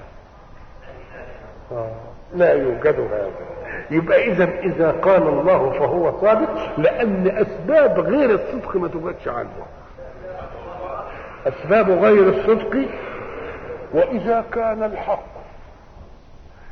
يعطينا الكلام اللي يدينا واقع الحياة ويعطينا الكلام اللي هو مش داخل في واقع حياتنا الغيبيات كلها. يبقى بيكلمنا كتير ولا لأ؟ يبقى اذا كلمة ومن أصدق من الله حديثا أفعل التفضيل هنا مش جاي علشان الخلاف في إن كلام صادق وكلام أصدق. لا ده لأنه كلام كتير. لأنه إيه؟ يبقى التكسير جاي من ناحية إيه؟ من ناحية كثرة الكلام مش من ناحية إن فيه صادق وفيه إيه؟ في أصدق. قال لك وقد يوجد التفاوت في الصدق أيضا. إزاي يوجد التفاوت في الصدق؟ قال لك افرض ان واحد؟ شاف حادثه فذكر إن ده شفت ده قتله أيوه أنا شفت ده قتله وشفت ال- الدم. القضية في ذاتها موضوع إنما جه واحد جاب لي إيه؟ تفاصيل. ده قال له كذا وقال له كذا وبعدين ضربه كذا وحصل كذا وبعدين كذا نقوم نقول هل ده أصدق؟ منه لا ده أشمل في الصدق منه. إنما دوكها مش قال قضية واتخلفت لا. القضية اللي قالها صدق ولا مش صدق؟ صدق في إيه؟ صدق في ذاته. بيزود الكلام ده موضوع تاني. يبقى ده أشمل في الإيه؟ أشمل في الصدق. يبقى ومن أصدق من الله إيه؟ حديثا يبقى الحق سبحانه الصدق لا تفاوت فيه لأن الصدق مطابقة النسبة الكلامية للإيه؟ للواقع. وما دام مطابقة النسبة الكلاميه للواقع يبقى ما فيش صادق وما فيه إيه؟ أصدق. ولكن الأصدق باعتبار كمية الصدق الصادرة إيه؟ كمية الصدق الصادرة منه. وخلقه إن حصل صدق منهم في شيء فقد يحدث إيه؟ كذب منهم في إيه؟ في شيء. وأيضا فلأن الحق سبحانه وتعالى يعلم الأشياء على وفق ما هي. ولكنك قد تقول قضية أنت تعتقد أنها صدق إنما الواقع مش صدق الواقع انت قلت مثلا آه، ده فلان الفلاني زاره آه، فلان بالأمس. انت اعتقدت كده لانك انت شفت مثلا الحجره من ادى قلت مين اللي هنا؟ فواحد نتاش لك كلمة كده وقال لك ده فلان عنده. فانت جيت قلت فلان عنده. على وقت ما تعتقد ولا لا؟ هل يقال أنك كذبت؟ ولذلك يجب أن نفرق بين شيئين. بين الخبر والمخبر. الخبر والمخبر. إزاي؟ إحنا إذا قلنا زيد مجتهد. أفيه واحد اسمه زيد ومجتهد صحيح؟ يبقى ده اسمه الإيه؟ الواقع. وهل أنت تعتقد هذا؟ يبقى أنا عايز حاجتين اثنين حاجتين اثنين وجودها واعتقادها. يبقى الخ- الخبر صادق والمخبر صادق. مفهوم؟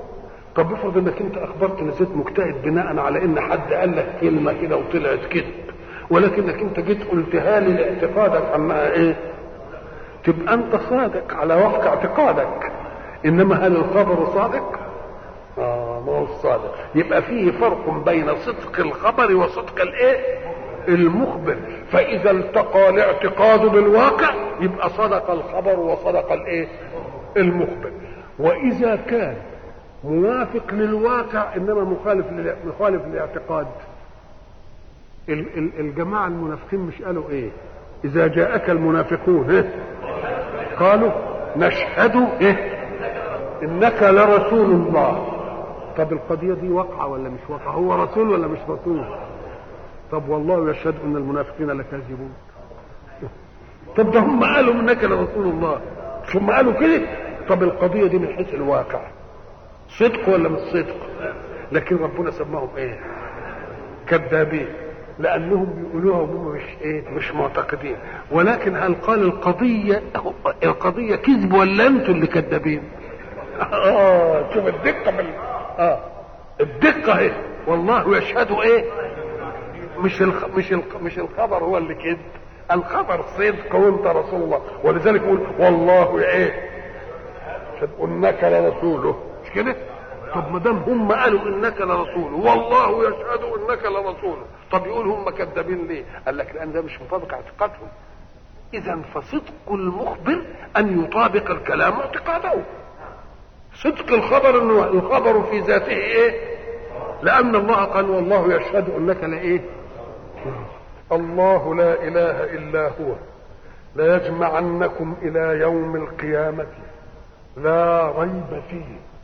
يعني يجب منطقيا إن ما يكونش فيه شك. ليه؟ يبقى أنت يا ملحد لازم أنت اللي تقول كده. لأنك أنت ما دام قننت لمن خالف تقنينك عقوبة نقول هذا ما وقعت عليه عينك وقبضت عليه يدك. فما قولك في من لم تقع عليه عينك ولم تقبض عليه يدك.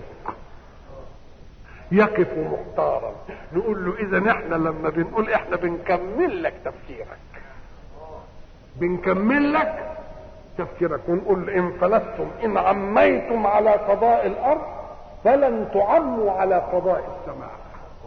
عشان المجتمع يمكن إيه؟ يمكن إيه؟ ينحرس. يبقى اذا اللي مش مؤمن بمنهج الدليل منه كمان. يبقى هو يجب إنه يشكرنا لأننا أكملنا له نقصا في تقنين البشر. وأكملنا له نقص في تقنين البشر علشان يحمي المجتمع ده من إيه؟ من الكيد بالجريمة والستر بالمخالفة. ومن أصدق من الله حديثا. يعني لا أحد أصدق من الله في الحديث. وأصدق قلنا إنها جاءت أفعل تفضيل لا لأن الصدق مقولة بالتشبيك ففيه صدق وفيه صدق أصدق بل الصدق واحد لأنه مطابقة النسبة الكلامية للواقع. ولكن أصدق هنا لكثرة الحديث الذي حدثنا الله به عما نشهد من عالم الملك وعما لا نشهد من عالم الملكوت. فإن تحدث الناس فإنما يتحدثون في عالم الملك الذي يدركونه بحواسهم. ولكن الله إذا حدثنا حدثنا عن عالم الملكوت فكأن الله أصدق حديث لأنه أكثر من حدث. بعد ذلك يقول الحق سبحانه أعوذ بالله من الشيطان الرجيم فما لكم في المنافقين فئتين. فما لكم؟ إحنا قلنا كل جملة سبقتها فاء يبقى لازم فيه سبب وفيه مسبب. فيه علة وفيه معلول فيه مقدمة وفيه نتيجة. كل الأشياء التي تكلم الحق عنها سبحانه وتعالى فيما يتعلق بمشروعية القتال للمؤمنين ليحملوا المنهج إلى الناس ويكون الناس بعد سماعهم المنهج أحرار فيما يختارون. اذا فالقتال لم يشرع لفرض منهج وإنما شرع ليفرض حرية اختيار المنهج. بدليل أن الله يقول لا إكراه في الدين. وما دام لا إكراه في الدين يبقى ما بنفرضش دين. إنما فقط الإسلام جاء ليفرض حرية الاختيار في الدين. فالقوى التي تعوق حرية اختيار الفرد لدينه يقف الإسلام أمامها ويترك الناس أحرارا يعتنقون من الدين ما يشاءون بدليل أن البلاد التي فتحها الإسلام بالسيف ظل فيها بعض القوم على ديانتهم. فلو أن القتال شرع لفرض دين لما وجد في بلد مفتوح بالسيف واحد على غير دين الإسلام. بعد أن تكلم الحق عن القتال وهو إلى آخره قال وقاتل وحدك في سبيل الله ولا تكلف إلا نفسك وإلى آخره. شرع الحق سبحانه وتعالى قضية استفهامية هنا فيها معنى الإنكار وفيها معنى التوبيخ وذلك شائع في كل الأساليب التي تتفق معها في القرآن الكريم. فإذا سمعت كلمة فما لك لا تفعل كذا ما لك لا تفعل كذا. فكأن قياس العقل يقتضي أن تفعل. العجيب إنك ما فعلتش. يبقى لا يمكن أن يأتي هذا الأسلوب إلا إذا كان الأسلوب يستنكر أنك لم تأت بشيء. ما لك لا تذاكر وقد قرب الامتحان. فكأن منطق العقل يفرض عليك إن كنت قد أهملت في بقية العام فما كان يصح لك أن تكمل الآن. إذا في قياس عقل. فكأن التشريع والقرآن يخاطب المؤمنين. بأن لا يقبلوا على أي فعل إلا بعد ترجيح الاختيار فيه بالحجة القائمة عليه. إنما تعمل أي عمل كده بدون ما تفكر فيه. ليه عملته؟ وتترك أي عمل دون أن تفكر لماذا لم تعمل؟ فكأن أسلوب فما لكم وفما له. يجي مثلا أولاد سيدنا يعقوب قالوا إيه؟ ما لك لا تأمنا على يوسف. يعني إيه؟ ما لك لا تأمن على يوسف. يعني أي حجة لك يا أبانا في أن تحرمنا من أننا نكون مأمونين على يوسف نستصحبه في خروجنا. فكأن القياس عندهم إيه؟ إنهم هم إخوة وإنهم عصبة وما يصحش أبوهم يخاف على يوسف من مين. لا منهم ولا من شيء آخر يأتي ليعمل في يوسف أي عمل يكرهه لأنهم عصبة. يعني جماعة كتير. يبقى اذا كلمة فما لك. فما لهم لا يؤمنون. كأن القياس يقتضي أن يؤمنوا. فما لهم عن التذكرة معرضين. كأنهم حمر مستنفرة فرت من قسورة. الله كأن القياس أنهم يعملوا إيه؟ أنهم ما يعرضوش عن التذكرة. إذا فأسلوب فما له وفما لك وفما لهم وفما لكم كله يدل على أن عمل المؤمن يجب أن يستقبل اولا بترجيح ما يصنع أو بترجيح ما لا يصنع. أما أن يفعل الأفعال كده جزافا بدون تفكير في حيثيات فعلها أو في حيثيات عدم فعلها يقول له دي مش شغلة العاقلين. يبقى عمل العاقل إيه؟ أنه قبل أن يقبل على الفعل يشوف البديلات اللي العقل يختار ده. انت هتلعب وبعد ما تلعب تسقط وبعد ما تسقط تبقى صعلوك طيب انت تجتهد لانك بعد ما تجتهد تنجح وبعد ما تنجح تبقى انسان مرموق في الدولة. الله إذا يوازن إيه؟ أنا بريح نفسي الآن عشان مصبح لا أصبح الصباح وأنا مجد في دروسي وعايز أنام. نقول له لا أنا بتعب علشان كذا الله يبقى اذا كل عمل من الأعمال إيه؟ يجب أن يقارن اولا بالنتيجة التي يأتي بها وبترجيح الفعل على الترك هنا بقى الآية بيقول إيه؟ فما لكم في المنافقين فئتين. على هذا القياس كأن القياس كان يقتضي إيه؟ أن لا نكون في المنافقين فئتين. بل يجب أن نكون إيه؟ فئة واحدة. فكأن منطق العقل إن كنتم تعرضوا المسألة فتجدوها ما يصحش إلا أنكم تكونوا فئة إيه؟ فئة واحدة. نقول له فئة واحدة. ده كلمة فئة دي يعني جماعة. وجماعة يبقى إيه؟ أفراد انضموا إلى بعضهم. وما دام الأفراد انضموا إلى بعضهم وهم أفراد مختلفين كل واحد يبقى له هوى. وكل واحد يبقى له إيه؟ رأي. فكيف نجمعهم على أن يكونوا فئة واحدة؟ نقول له ما يبقوش على فئة واحدة إلا إن كان هؤلاء المتفرقين كأفراد يجمعهم هوى واحد. هو هوى الإيه؟ هو هوى الدين. ولذلك حتى يكون هواه تبعا لما جئت به. اذا اللي بيخليهم يختلفوا إيه؟ إن كل واحد يبقى له إيه؟ يبقى له هوى. طب هم إيه حكاية المنافقين وفئتين؟ وكلمة فئة يجب أن يعرف أنها الجماعة. بس مش مطلق جماعة. يعني ما تقولش على جماعة ماشيين في الشارع. يجمعهم مكان وزمان. ولكن لا يجمعهم هدف ولا غاية ما تقولش عليهم فئة. ده ناس كده ماشيين في الشارع. هم طائف كتير وهو ماشيين كلهم. إنما ما يجمعهمش إيه؟ ما يجمعش همش هدف. إنما جماعة مجتمعين لهدف نقوم نقول عليهم إيه؟ فئة. ليه؟ إشمعنى خصت بفئة؟ وبطائفة. فئة وطائفة. قال لك لأن معنى فئة يفيئون إلى بعض. يفيئون إلى إيه؟ إلى بعض. في الأمر الواحد اللي جميعهم وطائفة يطوفون حول شيء إيه؟ وشيء واحد. مفهوم الكلام كده؟ عن الأول. أدي فئة.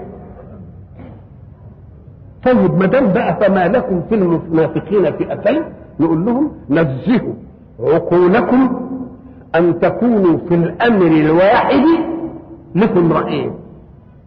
وخصوصا إذا كنتم مجتمعين على الإيمان بإله واحد ومنهج واحد.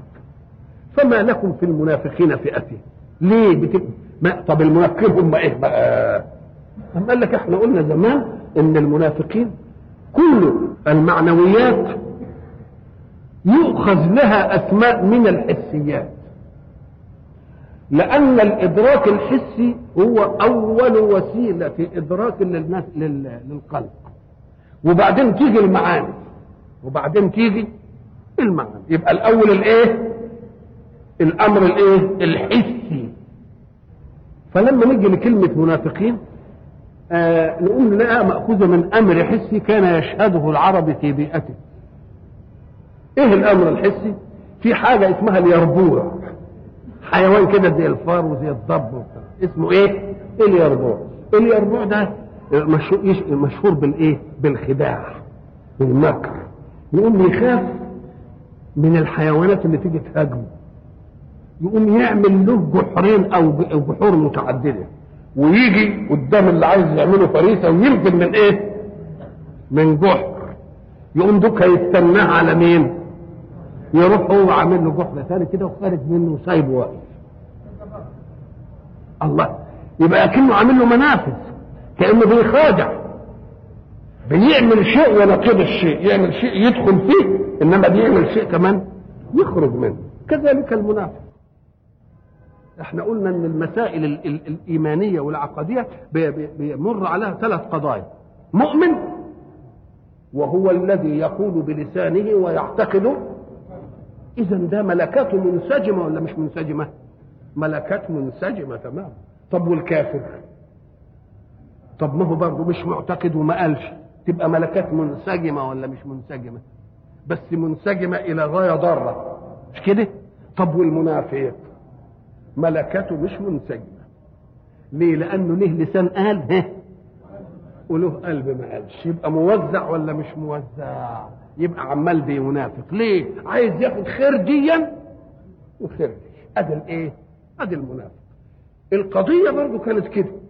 في جماعة حينما رأوا انتصار المسلمين في غزوة بدر قال لك الريح في جانب المسلمين. ولا نأمن بقى أنهم بعد انتصار بدر ده وقتل صناديد قريش وسلب مش عارف إيه والغلاء. ده دول يمكن يجوا لنا. ففيه جماعة نافقوا نفاقا من نوع آخر وعملوا مهم في مكة أنهم إيه؟ مسلمين. علشان لما يجي اللي مفكرين فيه وإن المسلمين يدخلوا يبقى عندهم إيه؟ أدي واحدة. أو هم جماعة كانوا راحوا المدينة مهاجرين. وبعدين ما صبروش على مرارة الهجرة عن الوطن والأهل والمال. ففكروا في المسائل طبعا حمية الإيمان أخذتهم وخلتهم هاجروا الإيه؟ للمدينة. وبعدين قعدوا كده اللي له مرض الشوق لها اللي له ولاد اللي له مال اللي له مش عارف إيه. فقعدوا يفكروا قال لك الله إحنا بقى إيه نرجع عن الدين ده ونرجع نروح إيه؟ بلادنا. ونقعد ننافقهم لحد ما نقول لهم ده إحنا لنا أموال وهنرجع نجيبها من مين؟ من مكة. وبعدين بعد ما نخرج نعمل اللي إحنا عايزينه. فبلغ المسلمين الخبر من هنا ومن هنا فانقسم المسلمون قسمين. قسم يقول نقاتلهم وقسم يقول لا لا نقاتلهم. اللي بيقول نقاتلهم هي حمية إيمان. مش كده؟ واللي بنقول لا نقاتلهم. يعني ليه؟